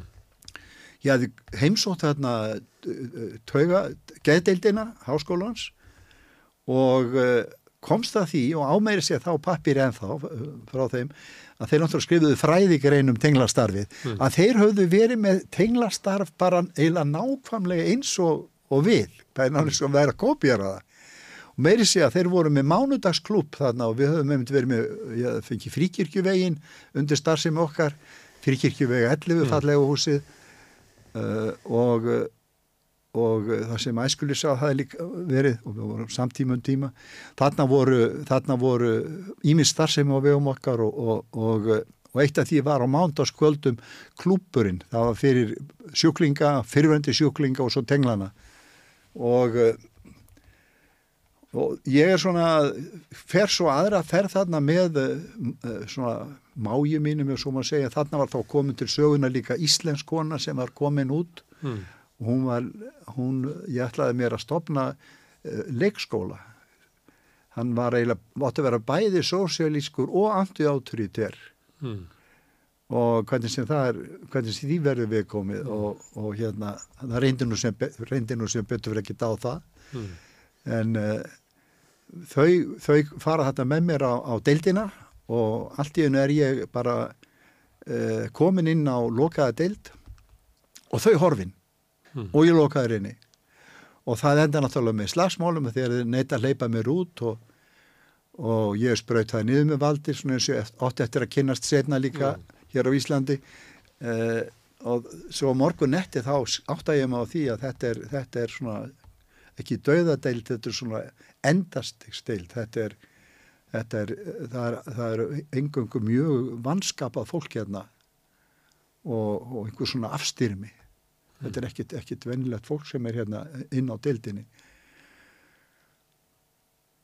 ég áttaði, tók mér svolítið tíma áttaði mig á því að að uh, það sem að það sem að varum að ræða var það í slagsmálunum hefði ég mist glerugum mín og, og, og hvort þau höfðu brotnað eða þannig að þau voru ekki notað og ég, ég er það nærsýtna þegar ég er að skoða svona í kringum mig án glerugna Mm. þá eru, eru útlínur mjög ógreinilegar og, og Og heilin fyllir upp í það sem ávantar. já, já. Þetta, þann, svona byrjaði mín svona fyrsta reynsla af því og ég var bara í tvær vikur og mér kom til góða hvað ég í raun og veru kunni á geðdeildir utanfrá, ekki sem sjúklingur en núna fekk ég að sína það. Og á tveim vikum eftir tvær vikur var mér lift út í fylld með því að ég færi beint út á flugvöll í fylld. Það færi heim. Og, og heim til Íslands og ég gekk laus í nokkra daga og uh, í ársbyrjun og ég man ég fór á poppopurinn og Óla og bauð afa með mér leikúsmanninum Mm. og ég vildi endilega taka þátt í þessu ágæta stykki það voru vinni minni leika leifur högsvararna, Þuri og fleiri Vildur þú fara upp á svið? ég já, ég vildi aðeins taka þátt í þessu og, og hérna afi gerði sig grein fyrir það væri, væri eitthvað mikið að og, Mm. og var mjög áhyggjufullur og ég var strax byrjaður komin í hass aftur og, og um, endaði með því að pappi uh, far, fyrst var farið með mig til gerlanglis og hann vísaði inn á klepp og ég baði hann að skila mig ekki eftir þar en hon, hans sá hon, honum fannst hann alltaf að hafa svikið mig af því að hann varð að skila mig eftir þar það var Mm. alveg hræðilegt Mm. Og, og þá byrjaði þetta, var ég fyrst á svona opinni deild og, og en síðan fluttur á, á lokaða deild í sellu og, með, með, með tilheyrandi ábeldi. Mm. Uh, ég var ekki með neitt innsægi, uh, ég uh, læknaðist eins og er þarna á örfáum vikum bara með í rauninni af eiturun. Þannig að þetta var hrein og tær haskeðveiki sem Mm. ég hafði verið að upplifa en ég get ekki einu sinni sagt eða svarað þér að ég hafi átt að með á því eftir á að svo væri ég, því að ég hlustaði á Tómas segja þetta við mig og, og ég vissi samþykti það en ég vissi mig sjálf mér þetta væri öruglega menningalegt sjokk sem ég hefði orðið fyrir þannig í kommununni og svona Mm. en þetta væri, þetta væri ekki, gæti ekki verið hassi sem gerði mér svona Hefur þið farið eftir þetta í geruf? Nei, ég tel það ekki vera. Það er náttúrulega þegar maður er í mjög hraðri manju. Mm. Ég átti eftir að, sko, semst, gerði ekki upp við hassi þarna. Mm. Þetta er, þetta er 70, nú leið alveg áratugur og þá gerist það, sko, að, að ég, ég fer fyrst bara mjög hljóðlega af stað og blanda mér inn í, inn í Vietnamálinn þarna 71 og stundapolítíkinni sambandi við fyrsta des og, og er þá komin í háskólan var tekið mjög vel á móti mér. Við höfðum svona hrundið uh, ítökum íhalsins í deildinu og það var komin þessi frjálslinda fórsta Jóhann Axelsson sem við höfðum kjörið rektor. Hann var núna orðin deildarfósetti og, og, og þarna voru Davíð Davíðsson og Margrét uh, Guðnádóttir komin í fórstu kannski hjálpaði það að það var allt látið eftir mér í sjálfu sér og ég gæti bara farið í, í læknisfræðina þó verið þessi lár, ár liðin síðan 68 uh, til hössin 71 og fekk uh, uh, viðkenda mína efnafræði. Þetta próf sem ég hafði þó Mm. staðið. Þannig að ég gæti byrjað að hafi nám aftur frá 71 og, og, og, og það stóðu senst að til 75 sem ég var þarna eitthvað að dingla þarna og Mm. tók Þá fórstu til Árósar og, þá fóru til, til, til árása allan þennan tíma alveg til uh, þannig til ég kem heim 1. nómur 79 þá er ég eh, sko ekkit laus við hassið ég, ég, er, ég er, er, er alltaf að selja mér það að þetta sé nú eitthvað jákvæmt við það og, og, ég, og, uh, og, og hefur hennu verið enga ánægjaði lengur. Þetta er, þetta er, leið, þetta er leiðinda og, og þegar ég er að fara heim 79 þá er ég bæði líka búin að sjá dílerinn minn, dílerinn minn sko deyja af því að hann var að nota sterkari efni og og, uh, og hérna og sjá, sjá annað leiðilegt og, og fannst bara tími til komin að hætta þessu. Bara, og mín ákvörðum var svo eh, bara fyrsta nómbur á leiðinni heim heyrðu nú ert þú bara hættur þessu þú ætlar ekki að fara að vera læknir á Ísland og einhverjum felum með hasspíp einhver starf undir borði eða, eða út í bílskur og uh, ég, gekk svo langt að ég hætti líka bara að reykja og smakkaði ekki áfengi og fór bara í algjör bindindi ákvað bara að færa klukkuna aftur á bakk og, Mm. og vera bara eins og ég hafði verið 20 student Mm. og reglusamur Já, á stúku heimilinu. á stúku heimilinu og uh, En það gekk ekki það. Það gekk kannski ég, það, því fylgdi alveg uh, og þrátt fyrir mína læknesi mentun þá hafði ég engan skilning á þessu ástandi og, og þessu manni sem ég kynntist Mm. í sjálfum mér því að ég var allt í orðin kvíðin þunglindur og allt ómögulegt sem ég gerði ég svaf ekki á nóttinni almenlega og það gekk svona í fimm mánuði því ég þróskaðist alltaf við leitaði mér engrar hjálpar Mm.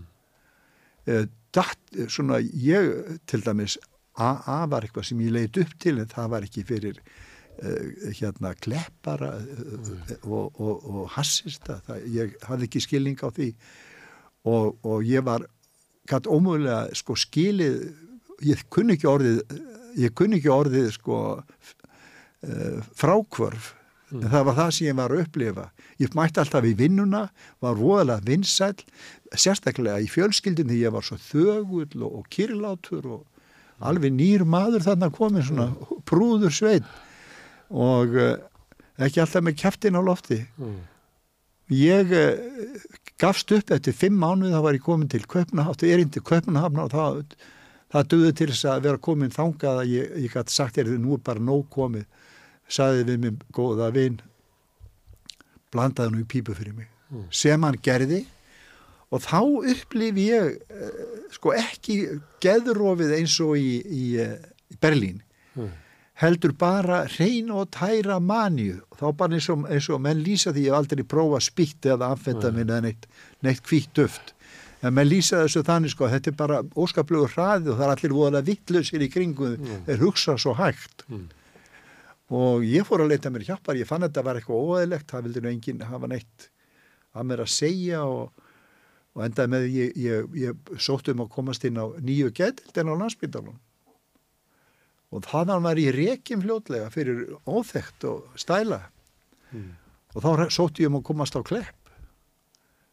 Og, og tveir vaktlækni bæði Reykjavík og hafna fyrir því reyndi að fá mig laðan inn og ég, ég væri alveg mjög fúst til þess. Og það var bara ákveði nei. En það kom í ljós það væri möguleiki að koma inn ef ég kæmi sviftur sjálfræði Mm. og þá var farið ég að vinna í því að, að svifta mig sjálfræði Mm. með aðstóð móðu minnar og, og sem að gæt aldrei fyrirgifir sjálfur sér og var alltaf svo fannst þetta svo ömulegt að hafa skrifað upp á það að ég væri hættulegur sjálfur mér og öðrum Mm. af því að hún vissi að það var ekki satt hún átti erfitt með að Vildu þá að, að þetta er gert til þess að þú færir ekki myndir ekki útskrifaði því sjálfar? Nei, þetta er bara til að hafa valdi yfir sjúklingnum Mm. þú getur bara gert við það sem að þú telur nöðsynlegt og það sé ekkit múður Mm. Og hvað var gert við hvorki þig? af halvur sjúklingsins eða annara Og hvað var gert við þig? á, á kleppiði Mm. það er náttúrulega fyrstulega bara að byrja á því að, að, eins og gerist alveg eins hefur gerst hjá mér í, í innlögnum á, geteldinni að eiginlega það fyrsta er bara að kalla til uh, strákunum alveg sama í hvernig ástandi maður og, og, og eins og ég kom í síðustu innlögnuna alveg eins Mm. sem var á, á því ég var fluttur að, frá Húsavík að þá er þetta þannig að það eru eiginlega ekkit við mann talað heldur bara kallað á, á, á stóru strákana af deildunum, Já. safnað svona 6-7 saman Já. sem ráðast á þig og þú ert sprautaður með valdi Mm. það er það sem gerist síðan er sagt við þig allar að taka lifin eða þurfum við að sækja eftir Mm. við að fá mannskap aftur og þetta er, er meðferðin sem að, sem að enn þann dag í dag er við líði Mm. og er náttúrulega í rauninni kól ólögleg og ólögmætt og engan veginn í samræmi við á alþjóðlegu sáttmála sem við erum átnir aðilar aðeins og eins og sáttmálunum um rétt fólks með fallanir. Mm. Þannig er bara verið að deyfa þann sem er í mannju. Þannig er verið að er- þetta er, er óskaplegur sko miskilningur sko þetta þetta er, ég man eftir því að, að eitt skipti sem ég kom inn svona þá, þá ég átti nú allstaðar dásamlegt fólk sko sem var, er á þessum geðdeildum og, og ég á, á einhvern veginn, eh, það er svo skrítið að ég var að hitta einmitt núna nýlega bara í, í hérna í, gulda og myrkri hérna við bensinstöðum, mér vantaði loft í dekk og uh, þá hitt ég sko lögumann hér í bæ sem að á sínum tíma var einn af gæslumönnunum við mér Já. og upp til hópa þá er þetta svo indislegt lið sko, sem, að, sem að ræður sig í þessi störf Mm. oft svona laganemar eða guðfræðinemar sem fari í þetta Mm. þetta þykir góð reynsla og þannig ég á, á eins hjúkurunar fólk og, og, og Mm. sjúkarreilega sem þetta að veri Ég ég á líka, ég á líka sem sagt eh, minningar um dásamlega mínu bestu vinir eins og gælagnir minn heitinn hann Sigmundur Sjöfússon Mm. það breytir því ekki að þetta ofbeldiskerfi er enn við líði Mm. og þeir vilja, þeir sem völdin hafa núna á landsbítanum, vilja ekki sleppa takinu. Vilja hafa þessi völd að vakthafandi læknir geti tekið ákvörðunum það að viðkomandi sé hættulegur eða, eða haldin sjúkdómi eða, eða ein, sé í ástandi sem líkist sjúkdómi og, mm. og svo framvegs að, að, að það er réttlæti uh, svona meðferð. Mm. Já, góðan vinn sem er, er, er hérna er uh, uh, geðlagnir og sem hefur verið starfum var formaða geðlagnarfélagsins og hann satt einum mörgum nefndarföndum sem ég hef verið á fyrir geðhjálp í sambandi við þessi mál og vinnuhópum og hafa lítið út úr því komið. En uh, hann satt aðna með mér eftir að einum fundunum lauk og, og hann segist að vera að hugsa um þetta sko. Hann búin að vera öll þessi ára og ára tugi á vaktinni á, á geðdildin og kleppi og það sé aðeins í tvö skipti sem hann hafi séð sér tilnettan til þess að kalla út teimið, nú heitir þetta teimið það var, satt mér ekki gleyma því það var orðið framfari frá því að, sem mm. ég var að lýsa þegar þetta voru sjö manns. Nú er þetta ekki nema fjórir því að þeir eru svo vel þjálfaðir. Mm. og, og þetta heitir öryggisteimi svo hlálegt sem það nú er uh, að kalla svona ábeldisteimi hérna öryggisteimi hann sæði bara í tvö skipti þurfti ég að kalla þetta teim út mm. svo fór ég að skoða með sjálfum mér hvað hefði valdið því að ég mér fannst ég þurfa að kalla á teimi mm.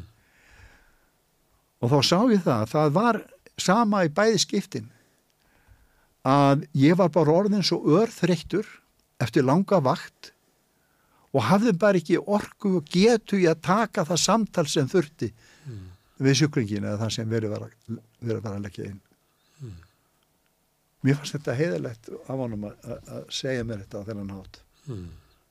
Ég var náttúrulega á Kleppi var teilt ellu Já, er, ég, varst þú geðlokka sem sagt? Já, ég var sérst ungur bara ég var ekki bara um tvítut sko.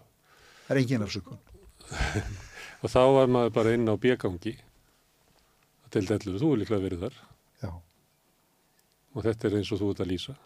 Ég var hann að þetta var náttúrulega stórmerkilegt eins og það segja. Þetta er bara svo stórkostlur fröðulur heimur. Og maður er maður sem maður átt að segja á því og það maður sé bara ungur að að þeir auðvitað er kannski mest, mest í vandi sko sjúklingarnir inni er að vera á deldinni sko. Sjúk, sjúkdómurinn er kannski ekki mest að vanda þetta er svo mikil kúun af það en svo voru náttúrulega við strákarnir vorum alltaf bara á bjöganginum það sem voru ykkurir í mannju og ég man ekki hvað ég vann hann kannski svona 8-9 mánuð þá gafst ég upp. Svo reyndi ég að koma hann aftur. Og þá gæti ég bara verið í svona þrjá mánuð þá hætti ég. Af því að þetta er náttúrulega reyndilegt og ég er hérna við heldum við mann eftir sko pínulítilli konu austan af landi sem við heldum sko og meðan að Jakob kom með eh, raff hérna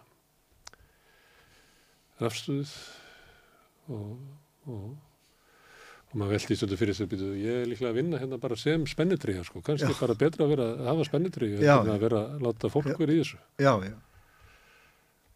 og þetta er hérna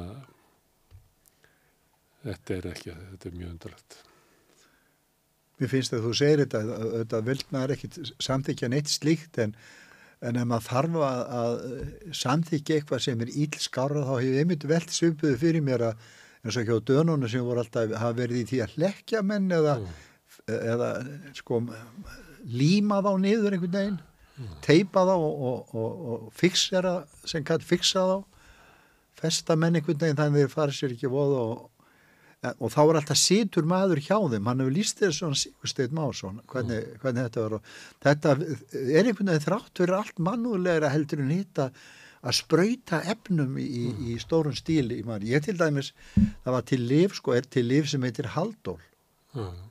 og, og það er það sem var enginn þólir sjúklingarnir sko þóldu það ekki. ég þóldi það nú satt að segja skömm frá að segja alveg ótrúlega vel því að, því að eh, ég var spröytar með þessu lífi fjóru sinnum á dag 16 milligram í hver skipti Það eru 64 milligram. Ef þú spyrð lækni, gæðalækni að þessu, notar þau eitthvað? Nei, helst ekki. En ef það kemur til álita og nota þá er það, sko, þá er það 5 milligram Mm. og, og sko allra mestalagi 10 sko. En ég var með 64 milligram af þessu efni sem var sprautað í mig. Ég heyrði eitthvað lýsaði að, að það að taka haldól væri, þú veist, eins og að lenda í, hvernig var það orðað, svona sálarangist. Já, það var, lýsingin var af sko áhrifunum af efninu, já, já. en ekki af, af veikinni, sko. Nei, nei, nákvæmlega, já, já. Það er líka annað sem er slemt við að það er, það er líka eins og frákvörf af því. Það er, Mm. og, uh, og það er margt, uh, maður fær nú líka sko lifið aukaverkununum, artan, Mm. en uh, því að þetta gerir þeim stífan, svona Parkinson líka enginni sem hún færði að þessu. Mm. Já, þetta var svolítið um geðveikina og hjá mér var það þannig að, að ég átti sko í þessari geðveiki að stríða í fimm ár. Mm. Þarna frá því að ég kem heim þá líða semst fimm mánuður fram á vor og þá fer ég í 1980 fyrstu manniuna og hún er nú ekki verið en svo að ég, mér nýtist, ég var einmitt að fara í gegnum það að mér nýtist mannian rosalega vel.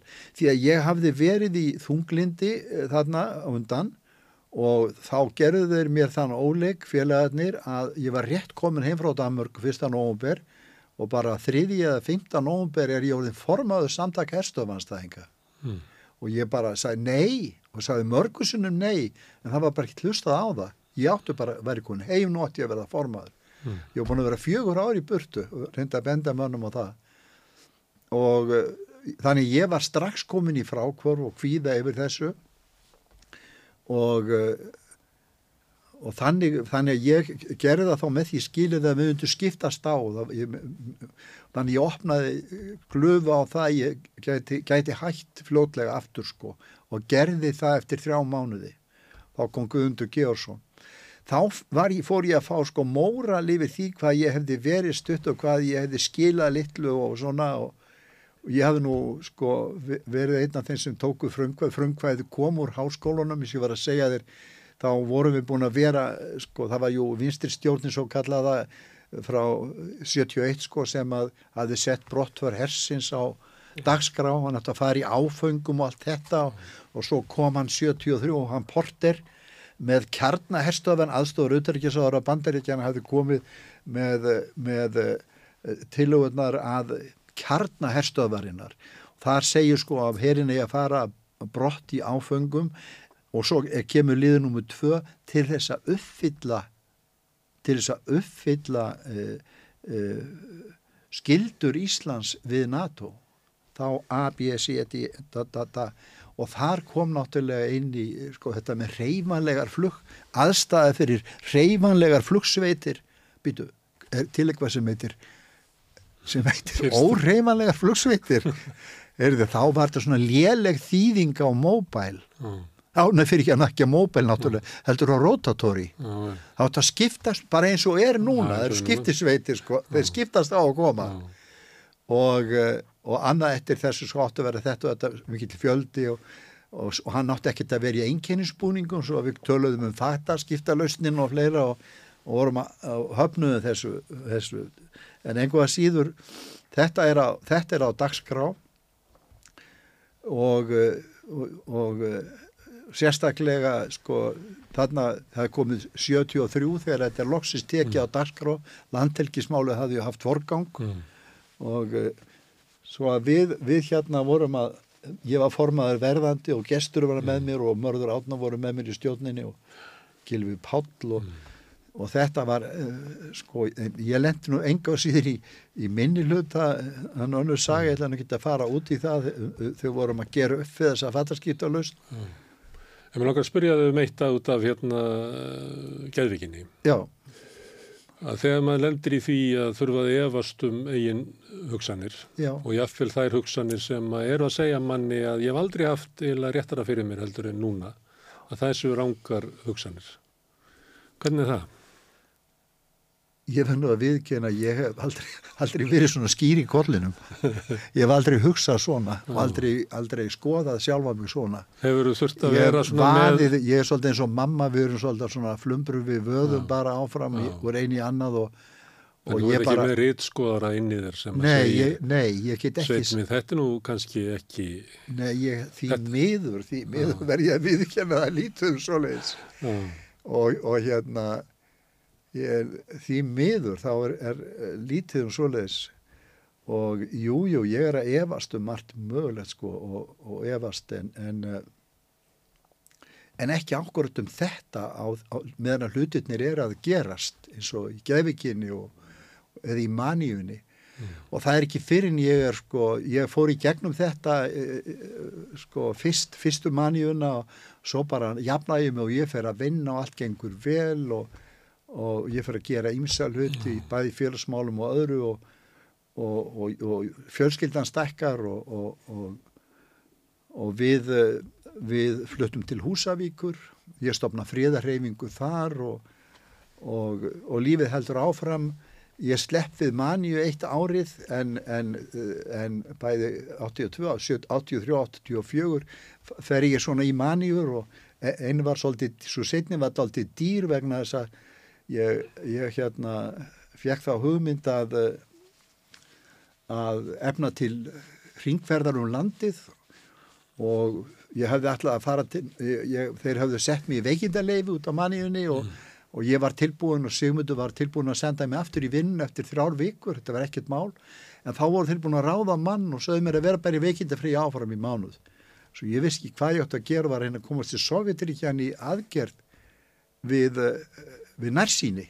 Það var, voru merkilegar aðgerð þeir voru frumkvæðlar í því.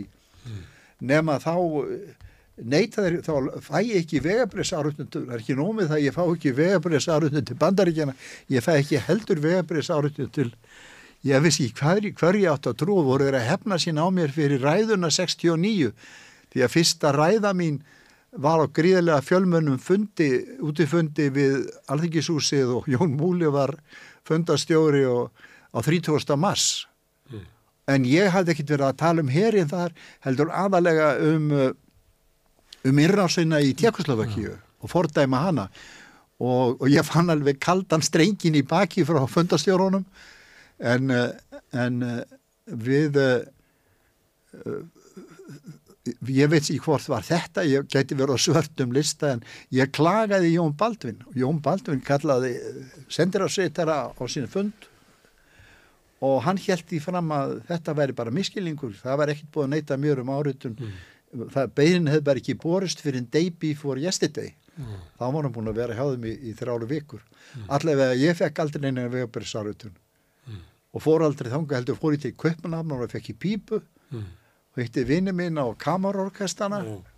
og réði kamarorkestana í vinnu um sumarið að fara með mér hringverðum landið. Með eh, sér að Gunnari og, Reynivöllum og, og, og Fríðarfóstru og, og, Palla, Skeljapalla Palla Einars jarf, hérna, jarðeldafræðingi dásamlegum manni og seljuleikara og þetta lið f- fóru með mér ringin í kringum landið á fámennar fundi, fámennar samkomur. Þetta kostaði mér svo mikið að, að ég sem hefði gefið konu minni svona í lettri mani morgungjöf, Mm. fyrsta skipti sem ég kifti nýja og eina skipti sem kifti nýjan bíl, þá tók ég hann aftur af henn um höstri, ég þurfti að borga reikningana. Herðu, Sveitrunar, það er, hérna, við getum e- setið enda endalust, kannski ef við bara breyta þessu í, í framanstátt. En Alveg sjálfsagt, ja, við verum að setja hérna allavega komu eða punkt. já, Ja. Takk fyrir að koma hérna og, gaman að koma til því. og auðsa úr seglabrunniði. Já. Ha, þetta er, við erum búin að fara að víða. Ha. Já. Þetta er ekki sáttur við lífið þitt, þú horfir aftur. Þú er nú orðin Ég- ég- há, háaldra maður, þetta er ekki orðin 70 og hvað, 5, 6? Hvað er gammal? Ég er 76 ára Já, það er svolítið mikill og aldur, mér finnst ég hafa verið fordegraður allar í þessu lífi allatíð og, og mér finnst það ennþá ég, ég á dásanlega fjölskyldu og, og konan sem að varða skila mér á sínum tíma hún er okkar besta vinkona við erum, er, og áttum nýjárið með, með þeim Jónum og, og uh, uh, það er bara hamingjan í, uh, í allar áttir. Já. Þetta er dásand líf. Já, að kannski þetta- einhverja sem að voru að hlusta á okkur hafi svona ekki alveg náð þræðinum að því að þetta er stundum skrítið að þá er þetta dásand líf. Að Það er það, það er það, það er, það er svona líf og, og ég hef kynst mörgu yndisluðu fólki og einmitt eins ég var að reyna að segja að, að á þessum stundum þegar að þegar erfiðast er þá, þá uh, kynst maður oft besta fólkinu sem, sem reynist manni best og manni þykir vænstum Já. og þannig er, eru vini mínir núna á, á, á Gaza og í Palstínu það er, það er voða gott að fá að gleyma sér hér í samtali við þig Já. uh, því, að, því annars er hugurinn og, og, og, og, hjartað allt í Palestínu eins og er Og svolítið kramið. ha, Og svolítið kramið hjarta. svolítið kramið já, það verður að segjast því eins og er það er svolítið kramið en ég er samt að minna mig á það að, og ég ætla að minna aðra á það líka að þó að sé allir þessi mikli fjöldi og hræðilegi fjöldi því að, því að hvert einasta barn sem þarna hefur verið myrt skiptir svo miklu máli fyrir svo marga. Og nú erum við að tala um 10.000 börn og börnin sem liggja ennþá í, í rústónum og, og allt annað fólk sem að þarna hefur óseki orði fyrir barðinu og ógeslu og ofbeldi og, og yfirveguð ofbeldi og ofbeldi sem að hefur sko, er ekki fyrir neina tilvílin og ekki fyrir neitt 7. oktober heldur eitthvað sem að stemt hefur verið að lengi að, að hreinlega að þjóðverðnis reynsa, að reynsa landið Mm. að, að, að reka palestínum en alfarið burt úr sínu landi. Þetta er ægilegur veruleiki en ég er samt að reyna að segja mér það að, að núna erum 80.000 mann sem eru sem eru fallnir, annarkot særðir, alvarlega særðir eða, eða dánir. Það var látið lífið. En þá eru á þessu litla svæði uh, ennþá 2 miljónir 220.000 sem ættu að vera á lífi og þó að sé búið að eyðileggja og, og, og rústa uh, meira en helmingja af, af, af íbúðarúsum og heimilum fólks þá eru það allt heimili sem hægt er að byggja upp á nýtt. Og það eru ennþá hús eftir. Og þetta verður bara að hætta. Já. þessu Og- verður að linna og við verðum að gera allt sem við getum til þess að, stöðva þetta þjóðarmorð Við gerum það. Við erum hérna setn í dag á þessum laugadegi að þá er mótmæli.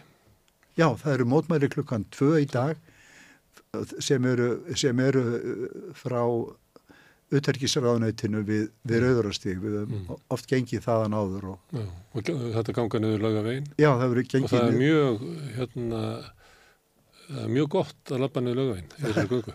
Það er bara það. það er það. Já. Já, það, það ég segi líka að ma- maður er oft svo þjakaður í sambandi við þetta að stríða því þetta er svo óhugnalegt en mann líður þó allt í hægt alltaf vel þegar maður er í, þessari göngu og Við öðrum erum að- mótmælum. Við verum að fara að drífa okkur. Já, það er til okkur. Kæri þakkir. Takk þér. Og við hvetjum alla bara til þess að hittast við uh, utangisrándið núna bara rétt og eftir klukkan tvö og ganga með okkur niður laugavegin. Uh, þakka hlustutum kjallaði fyrir sem að staldra hérna við og Sveinir Rúnari fyrir að koma engað og segi bara góða helgi. Góða helgi. Segðu það á samstöðinni.